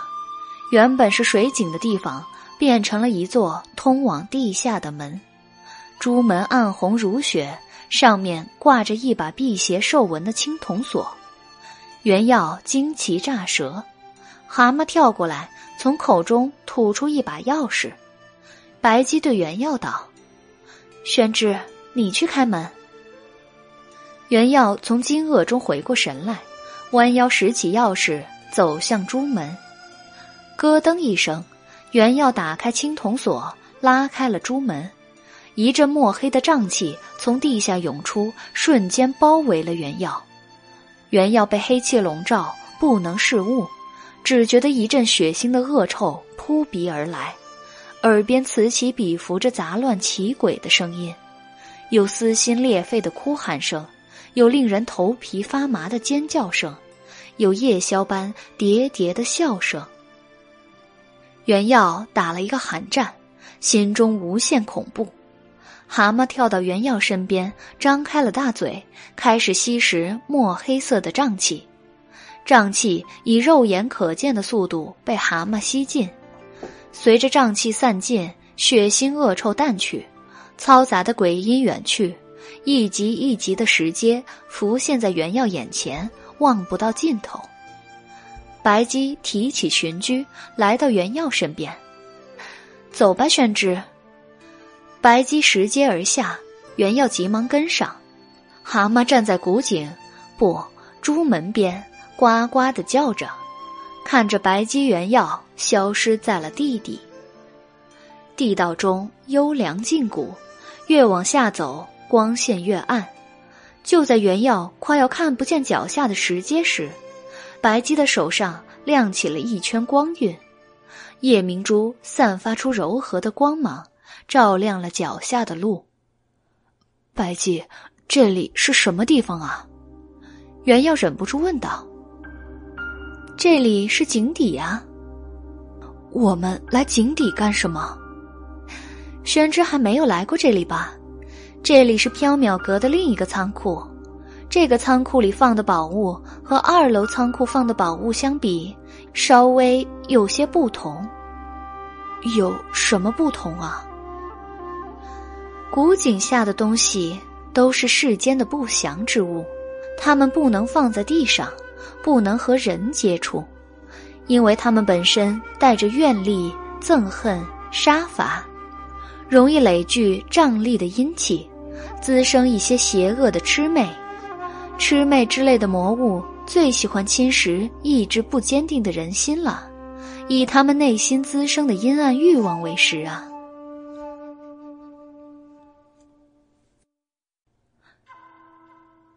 小书生问道：“呃，刚才的黑烟和那些奇怪的声音，就是从不祥之物中滋生的瘴气和魑魅吗？”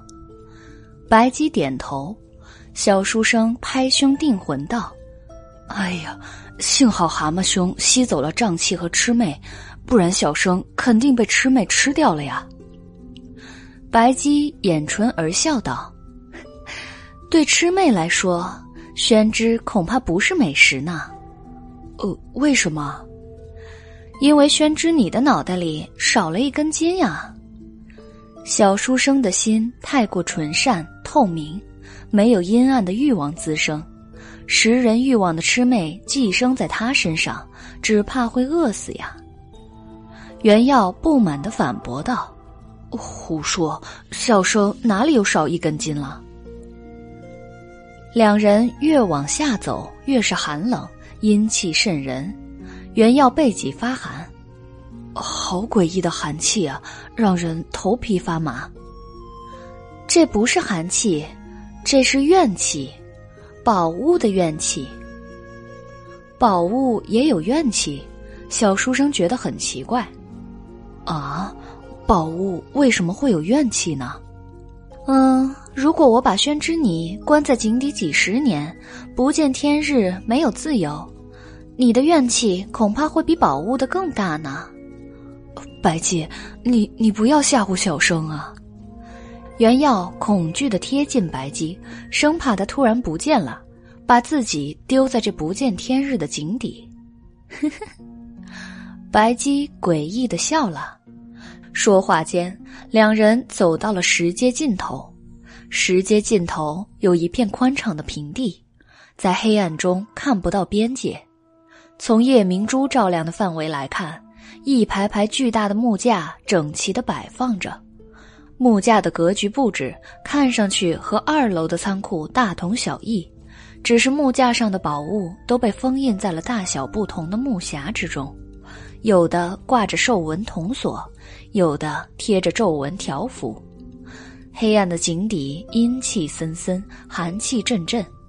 袁耀跟着白姬走在木架之间，寻找他要找的东西。白姬长裙曳地，行动无声，整个地底只有原药的脚步声空洞的回响着。一百多年没下来了，我也忘记那东西放在哪儿了呀。白姬喃喃的道：“他一路行去，在木架间游走，目光左右逡巡，始终没有看见想找的东西。”原耀不知道白姬要找什么，帮不上忙，只是默默的跟着他走。原耀浑浑噩噩的走着，突然间有什么东西扯住了他的衣裾，他低头一看，原来是一个小孩子。小孩子约摸三两岁的样子，面若银盆，眼如葡萄，浑身赤裸裸的，只系着一个红色的肚兜。他冲原耀笑了笑，伸出白如藕节的手拉住了原耀的衣裾。哦，原耀惊疑，井底哪来的小孩子？这里寒气逼人，他只穿着一件肚兜，不冷吗？还是又是那个呀？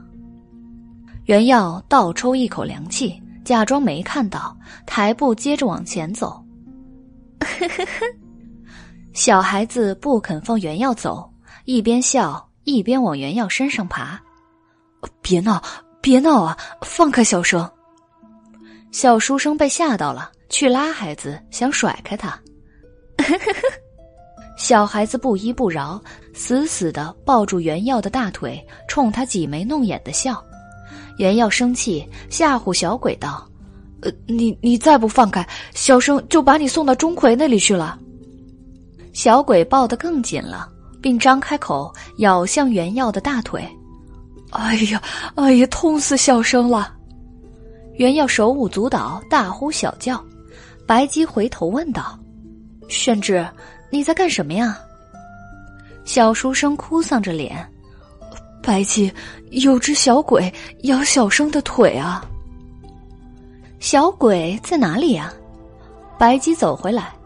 小鬼咬了原药一口之后就不见了，小书生指天指地，指不出个所以然来。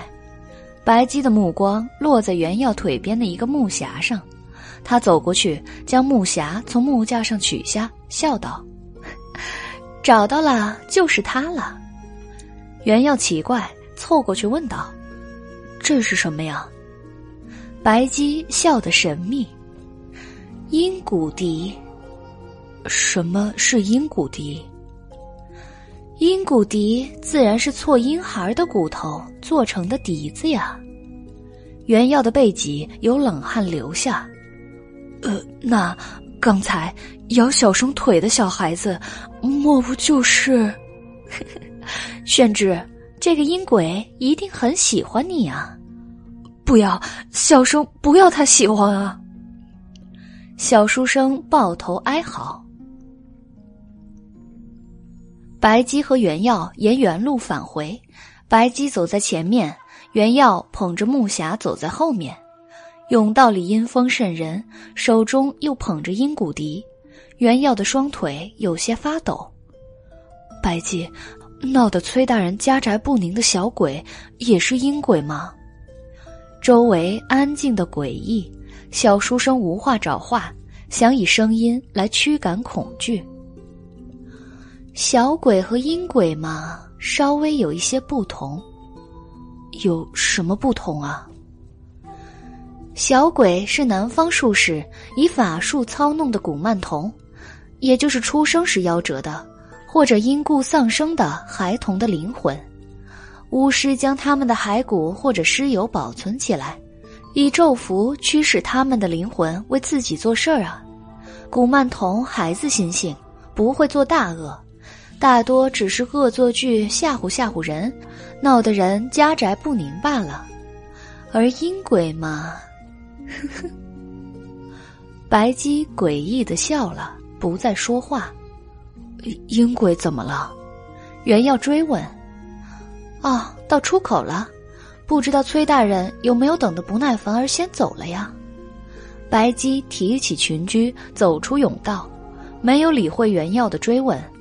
原要赶紧跟上，生怕他会把自己留在井底。白姬指示原耀关上地门，挂上辟邪铜锁。原要锁好地门之后，将钥匙还给了蛤蟆。蛤蟆一口吞入腹中，蹦蹦跳跳的回到树洞里去了。一阵风吹过，草浪起伏，木叶纷落。原要回头一看，地门消失不见了，古井仍旧是古井，井边的木桶里，碧悠悠的大西瓜正浮在沁凉的水中。今晚的西瓜一定又甜又可口。白鸡笑了笑，走向草丛中。原耀捧着木匣跟上。崔寻在里间等待，他等得有些不耐烦了，神色焦灼不安。看见白鸡回来，他一下子弹了起来。白姬，宝物找到了吗？白姬笑吟吟的道：“找到了，我先打开，让你看一看。”木匣纯黑色，一尺见方，开口处贴着一些封条，封条的纸张已经老旧泛黄了，但上面用朱砂书写的鬼画符一般的文字却鲜明刺眼。崔寻急切的望着木匣，想知道里面是什么。白姬伸出纤手，一道一道地撕开封印，每撕开一道封印，他嘴角的鬼笑。就深一点儿，袁耀忍不住向后退了几步，他看得很清楚，随着白鸡每撕开一道封印，黑匣中就会溢出大量可怕的黑气，在最后一道咒符被撕掉时，黑气如流水一般涌了出来，将白鸡和崔寻包围。黑气仿佛有生命，有知觉。他们趋安避危，绕开了白鸡，化作藤蔓缠上了崔寻的脚，爬上了他的腰。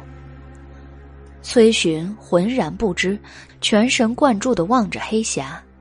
白鸡似乎不经意的抬手，将凉茶泼在了地上，黑色的瘴气迅速被吸入茶中，黑藤仿佛被一股强大的力量拉离了崔寻，进入了茶水中。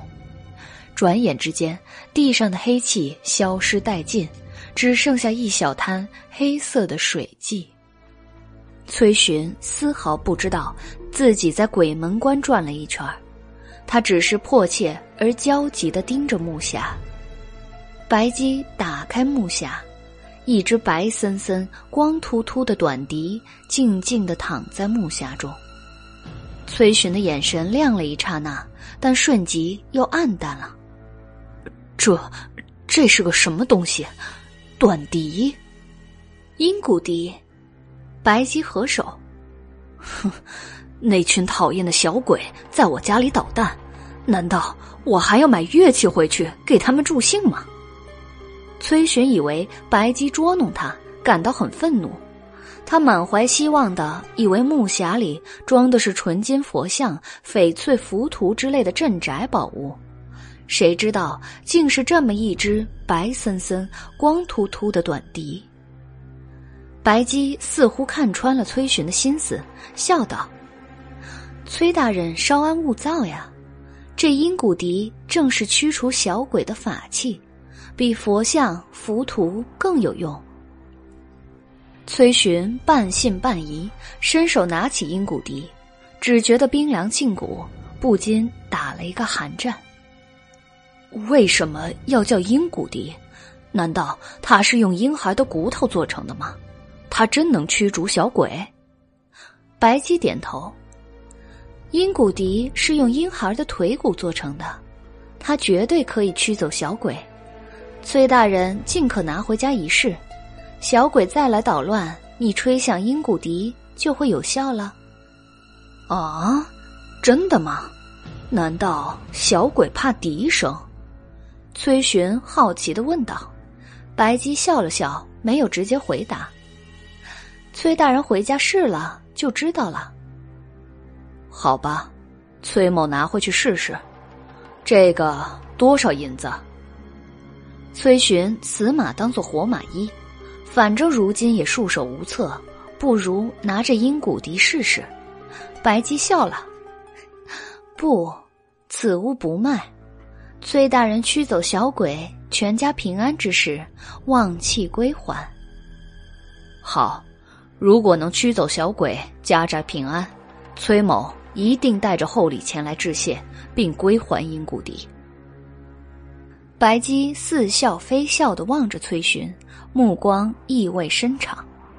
不知为何，袁耀隐隐觉得不安。究竟为什么不安？他也说不出个所以然。崔寻带着阴骨笛告辞离开，袁耀相送。他站在缥缈阁门口，望着崔寻匆匆走远。一个错眼间，他似乎看见一个穿着红色肚兜的小孩搂着崔寻的脖子，趴在他背上。小孩回过头，对袁耀诡异一笑。小孩子纯真无邪的笑声回荡在空无一人的小巷中。袁耀回到里间时，白姬还坐在青玉案旁，地上那一小滩乌黑的水渍不见了，青玉案上多了一颗黑色的珍珠。白姬拿着珍珠对着阳光欣赏。哎，宣之，韦公子怎么许久不来缥缈阁了？难道你们吵架了？这颗以丽苑瘴气凝聚而成的乌珠，倒是可以高价卖给喜欢阴森诡异玩物的韦燕啊！这是白姬此刻正在考虑的事情。袁耀答道：“哪里？丹阳去徐州公干了，要秋天才会回长安呢。”这样啊，如果等到秋天，乌珠就没有灵力了。白姬有些失望，大声唤道。黎奴，一只黑猫闻唤而来，无视小书生，跑到白姬身边蹭他的手。给你，白姬伸手抚摸猫颈，将手中的乌珠放在猫的嘴边。黑猫张口吞食了珠子，仿佛吃了极美味的东西，伸出粉舌舔了舔，意犹未尽。黑猫蹭白鸡的手，似乎还想要。白鸡笑道：“没有了，别淘气了，去看店吧。”黑猫乖乖的出去了。走过小书生身边时，黑猫狠狠的剜了他一眼，估计是觉得他又在偷懒了。袁耀仰头装作没有看见。呃，白姬，阴谷笛究竟是怎么一回事儿啊？袁耀忍不住问道。在古井中，白姬避而不答。他实在很好奇，也隐隐为崔寻担忧，因为怎么看阴谷笛也不是吉祥的东西呀。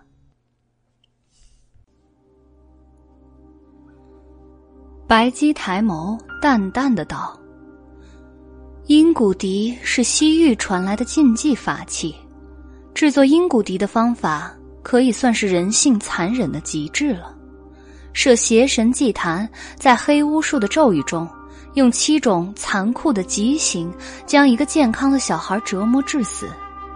这么做嘛，是为了积累婴孩心灵的怨恨和暴力。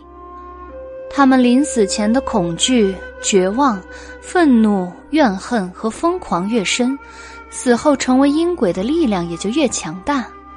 小孩的年龄通常在三岁以下，因为年龄越小。死后化作阴鬼就越凶残。据说暗界最可怕的阴鬼是一个不到半岁的婴儿，他生前被折磨到死时，只剩下一架骷髅和少许残破的内脏。婴孩死后，巫师用他的腿骨错成短笛，在笛子上刻上驱使灵魂的密教咒文。在黑巫术仪式中死去的孩子，灵魂过不了忘川。到不了彼岸，无法往生。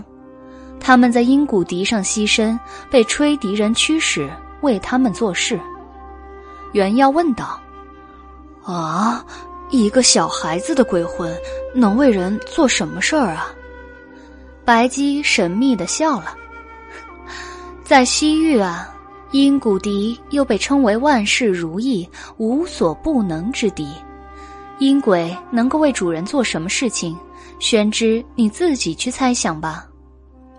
袁耀猜到：“难道阴鬼也像崔大人遭遇的小鬼一样，会跑去主人的仇家家里捣蛋、恶作剧吗？” 小鬼之于阴鬼，如同家畜之于猛兽，阴鬼不会恶作剧，只会杀人呢。原药一惊。时间过得很快，转眼过了七天。这一天下午，白姬出门了，行踪不知。黎奴又在后院的树荫下偷懒打盹儿，店中只剩下原药倚在柜台后面看书。有人走进了缥缈阁，原耀抬头一看，是崔寻。崔寻身后还跟着两名手捧礼盒的仆人。原耀急忙道：“哦，崔大人，好久不见，家宅中可平安无事了？”崔寻精神抖擞的笑道：“哦，一切都平安无事了。哦，对了，白姬在吗？”原耀道：“哦。”真不巧，他出去了。那他什么时候能够回来？呃，不知道啊。他临走时没有交代。这样啊，崔某还有公事要去中书省，不能在这里耽搁太久。哦，这些薄礼请笑纳，全作报崔某家宅平安的谢礼。崔寻让家人将两个礼盒放下。一盒金银珠玉，一盒绫罗绸缎，珠光宝气，夜夜照人。崔寻一边说着“礼物寒微，不成敬意”之类的话，一边告辞了。原耀殷勤相送。等送崔寻离开，回到缥缈阁，望着那两盒价值不菲的谢礼时，小书生才一拍脑袋，回过神来，难怪觉得少了点什么。崔寻没有把阴谷笛还回来呀，而且只字未提阴谷笛，怎么会这样呢？之前说好家宅平安之后，他就归还阴谷笛的呀，他难道忘记了吗？哦，一定是他忙着去中书省处理公务，所以忘记了。说不定他忙完公事之后想起来了，就会把阴谷笛还回来。原耀这么想着。也就不再放在心上了，继续安静的看书。过了许久，黎奴睡醒了，悠闲的摇晃出来。他看见两盒珠宝绸缎，问小书生道：“这是谁送来的？”原耀把崔寻来过的事情告诉黎奴，担忧的道：“崔大人似乎忘了还阴谷笛呀。”黎奴冷笑：“哼，呆子，他哪是忘了还？”他是根本就不想还。啊，怎么会啊？哼，怎么不会？袁耀噗的笑了，摇头晃脑的道：“哎呀，黎奴老弟，你这恐怕是以小人之心夺君子之腹了。”黑猫招招爪子道：“书呆子，你过来。”小书生巴巴的靠过去：“黎奴老弟有何赐教呀？”黑猫爪锋如刃，一爪抓向袁耀的脸，气呼呼的道：“哼，臭书呆子，以小人之心夺君子之腹，哼，你才是小人！爷活了一千五百年，从妖鬼界到人界，还从来没有谁敢说爷是小人。”小书生捂着火辣辣的脸，眼泪汪汪，不敢出声。黑猫跳上货架，在一面铜镜前照了照。世界上有爷这么正气凛然的小人吗？月色朦胧，夜露凝霜。白姬回到缥缈阁时，黎奴和小书生坐在后院纳凉，白姬也坐了下来。小书生将浸泡在井水里的西瓜捞出来，拔出西域胡刀，斩破碧玉团，千点红樱桃。原药将西瓜放在玛瑙盘里，端了上来。白姬拿起一片西瓜，问道：“今天崔寻来过了？”袁耀答道：“嗯，来过了。崔大人送来了许多谢礼，但他似乎忘了还阴谷笛。”白姬并不奇怪，嘴角勾起一抹笑道：“忘了还，那就算了吧。”袁耀不安的道。呃不如小生明天去崔府提醒下崔大人，让他归还阴谷笛。阴谷笛是不祥之物啊，只恐崔大人反被阴鬼所害。白姬笑得颇有深意。阴鬼的力量再强大，也终归只是小孩子，而且是寂寞的小孩子。他们会将驱使自己的人视作父母，他们渴望宠爱，渴望温暖，渴望关怀。阴鬼不会伤害崔大人，哪有渴望父母来爱的孩子会伤害父母呢？阴鬼求得眷爱的方式是向驱使人炫耀自己的力量，无所不能的力量，可以为人实现一切欲望的力量啊！白姬的声音带着一种勾摄人心的鬼魅，袁耀心中一惊。黑猫将头从西瓜中拔了出来，冷笑道：“哼，这就是崔寻不还阴谷地的原因了。他八成啊是尝到了甜头，想驱使阴鬼为他做更多的事情呢。人呐都是一样，贪婪无厌，得陇望蜀。笨书呆子，因谷敌不祥，可是谁在乎呢？只要欲望能够实现于朝暮间，哪怕饮鸩止渴，作茧自缚。”也有人愿意去做的。袁耀道：“小生还是想去崔府试一试，劝说崔大人。”白姬叹了一口气道：“啊，玄志，你太善良了。好吧，你明天去崔府时，顺便将崔寻带来的礼物送回去。他如果不肯归还阴谷笛，那就算了。但是礼物一定要留在崔府。”啊，为什么呀？袁耀不解，这条奸诈贪财的白龙还肯把吞下的金银珠宝吐出来。因为做人不能太贪心呀，做妖也一样，收了因果还要收钱财，未免太不厚道，太折福寿了。第二天，袁耀准备去崔府还礼。但是他一个人拿不动两个大礼盒，就叫黎奴同去。哼，臭书呆子，也是跟着你跑腿的奴才吗？黑猫挠了小书生一爪子，气呼呼的骂道。小书生哭着奔上楼去找白鸡了。白龙懒懒的盘在寒玉石上，他让袁耀去后院草地上捉两只蟋蟀上来。袁耀捉了一只蟋蟀，因为死活捉不到另一只。就捉了一只绿色的蚱蜢凑数，白龙对着蟋蟀、蚱蜢吹了一口气，两个衣着整洁的年轻家仆出现在了袁耀眼前，一个黑衣，一个绿衣，黑衣的威武高大，绿衣的眉目清秀。两个时辰啊，白龙含糊的说了一句，又盘回寒玉石上养神去了。什么两个时辰啊？袁耀怀着疑问，带着两名新家仆，顶着毒辣的日头去崔府还礼去了。崔寻的宅邸在崇义坊，因为崔寻在礼盒中留下的帖子上写明了崔府的地址，袁耀很快就找到了崔府。崔府今天似乎有喜事儿，朱门前的车马络绎不绝，衣着簇新的仆人在门口笑脸迎客。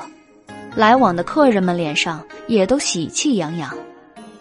袁耀还没打听明白，崔府的家仆见他领着仆人带着礼盒，不由分说将他塞进府去了。袁耀一头雾水，跟着宾客们往里走，来到了一座布置华美的大厅。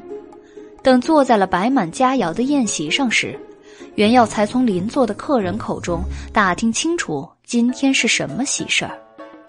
原来崔寻荣升了中书侍郎，他的夫人又在三天前喜得麟儿，可谓是双喜临门。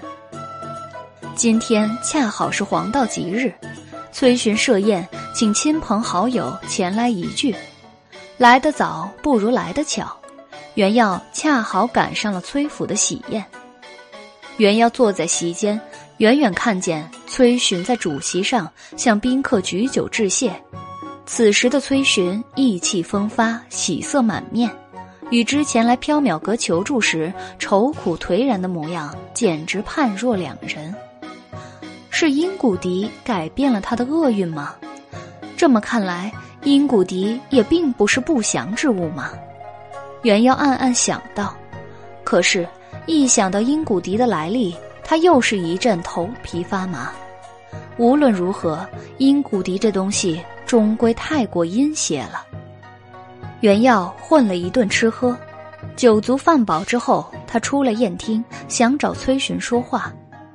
袁耀来到庭院，恰好看见崔巡在回廊下和几名儒雅的男子谈笑，其中一名年约五十的男子，袁耀认得，正是他的世伯，当朝礼部尚书韦德玄。袁耀刚来长安时，曾寄住在韦府，虽然他和韦家二小姐的婚约告吹了，但终归两家世交的情谊还在。袁耀想和崔巡搭话。于是走了过去，朝众人一揖，对崔巡道：“啊，崔大人。”崔巡看见袁耀，神色变得突然有些不自然。韦德玄抬头间看见袁耀，微微吃惊的道：“哎呀，这不是袁世侄吗？你怎么会在崔府啊？听燕儿说，你现在在西市和胡人合伙做珠宝买卖。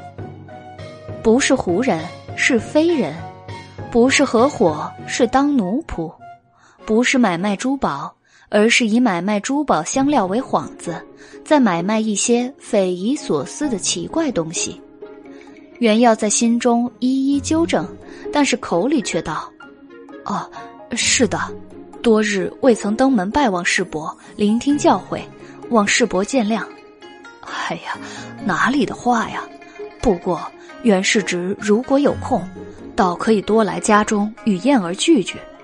燕儿性格孤僻，从小到大，他难得结交一个朋友。好，小生一定常去。袁耀诺诺的答应。哦，对了，袁世侄怎么会在崔府呢？袁耀刚要回答，崔巡抢先道：“哦。”崔某上个月在西市缥缈阁买了一只笛子，尚未付银。今日这位老弟大概是赶着吉时来催账了，哈哈哈哈！众人也都笑了起来。崔巡换了一名家仆道：“带袁公子去书房奉茶，我一会儿就过去。”袁耀猜想崔巡不想当着同僚的面谈论殷谷笛。也就向众人作了一揖，跟着仆人走了。袁耀的插曲让众官员的话题转移到了缥缈阁上。哎，缥缈阁在哪里呀？老夫总是听人说起，但找遍了西市也找不到啊。怎么会呢？就在西市啊，怎么会找不到？入夏时，晚生才从缥缈阁买了一只净水玉瓶。将荷花插入瓶中，一个月都不会凋谢呢。不可能，老夫在光德坊住了二十五年，西市附近没有老夫不熟悉的地方，哪里有什么缥缈阁呀？哎，西市附近的巷子很多，总有你漏掉的地方。缥缈阁肯定在西市的某处。虽然我没有去过缥缈阁，但是上个月卓金从缥缈阁买了几样首饰，他还夸白姬口舌婉转，为人也很厚道呢。于是，那个说缥缈阁不在西市的人，立刻被众人的口水淹没了，最后弄得他自己也糊涂了。哦，是吗？如此说来，可能是老夫记错了吧？哦。仔细想想，西市似乎是有一家缥缈阁啊。这就叫假作真时真亦假，无为有时有还无。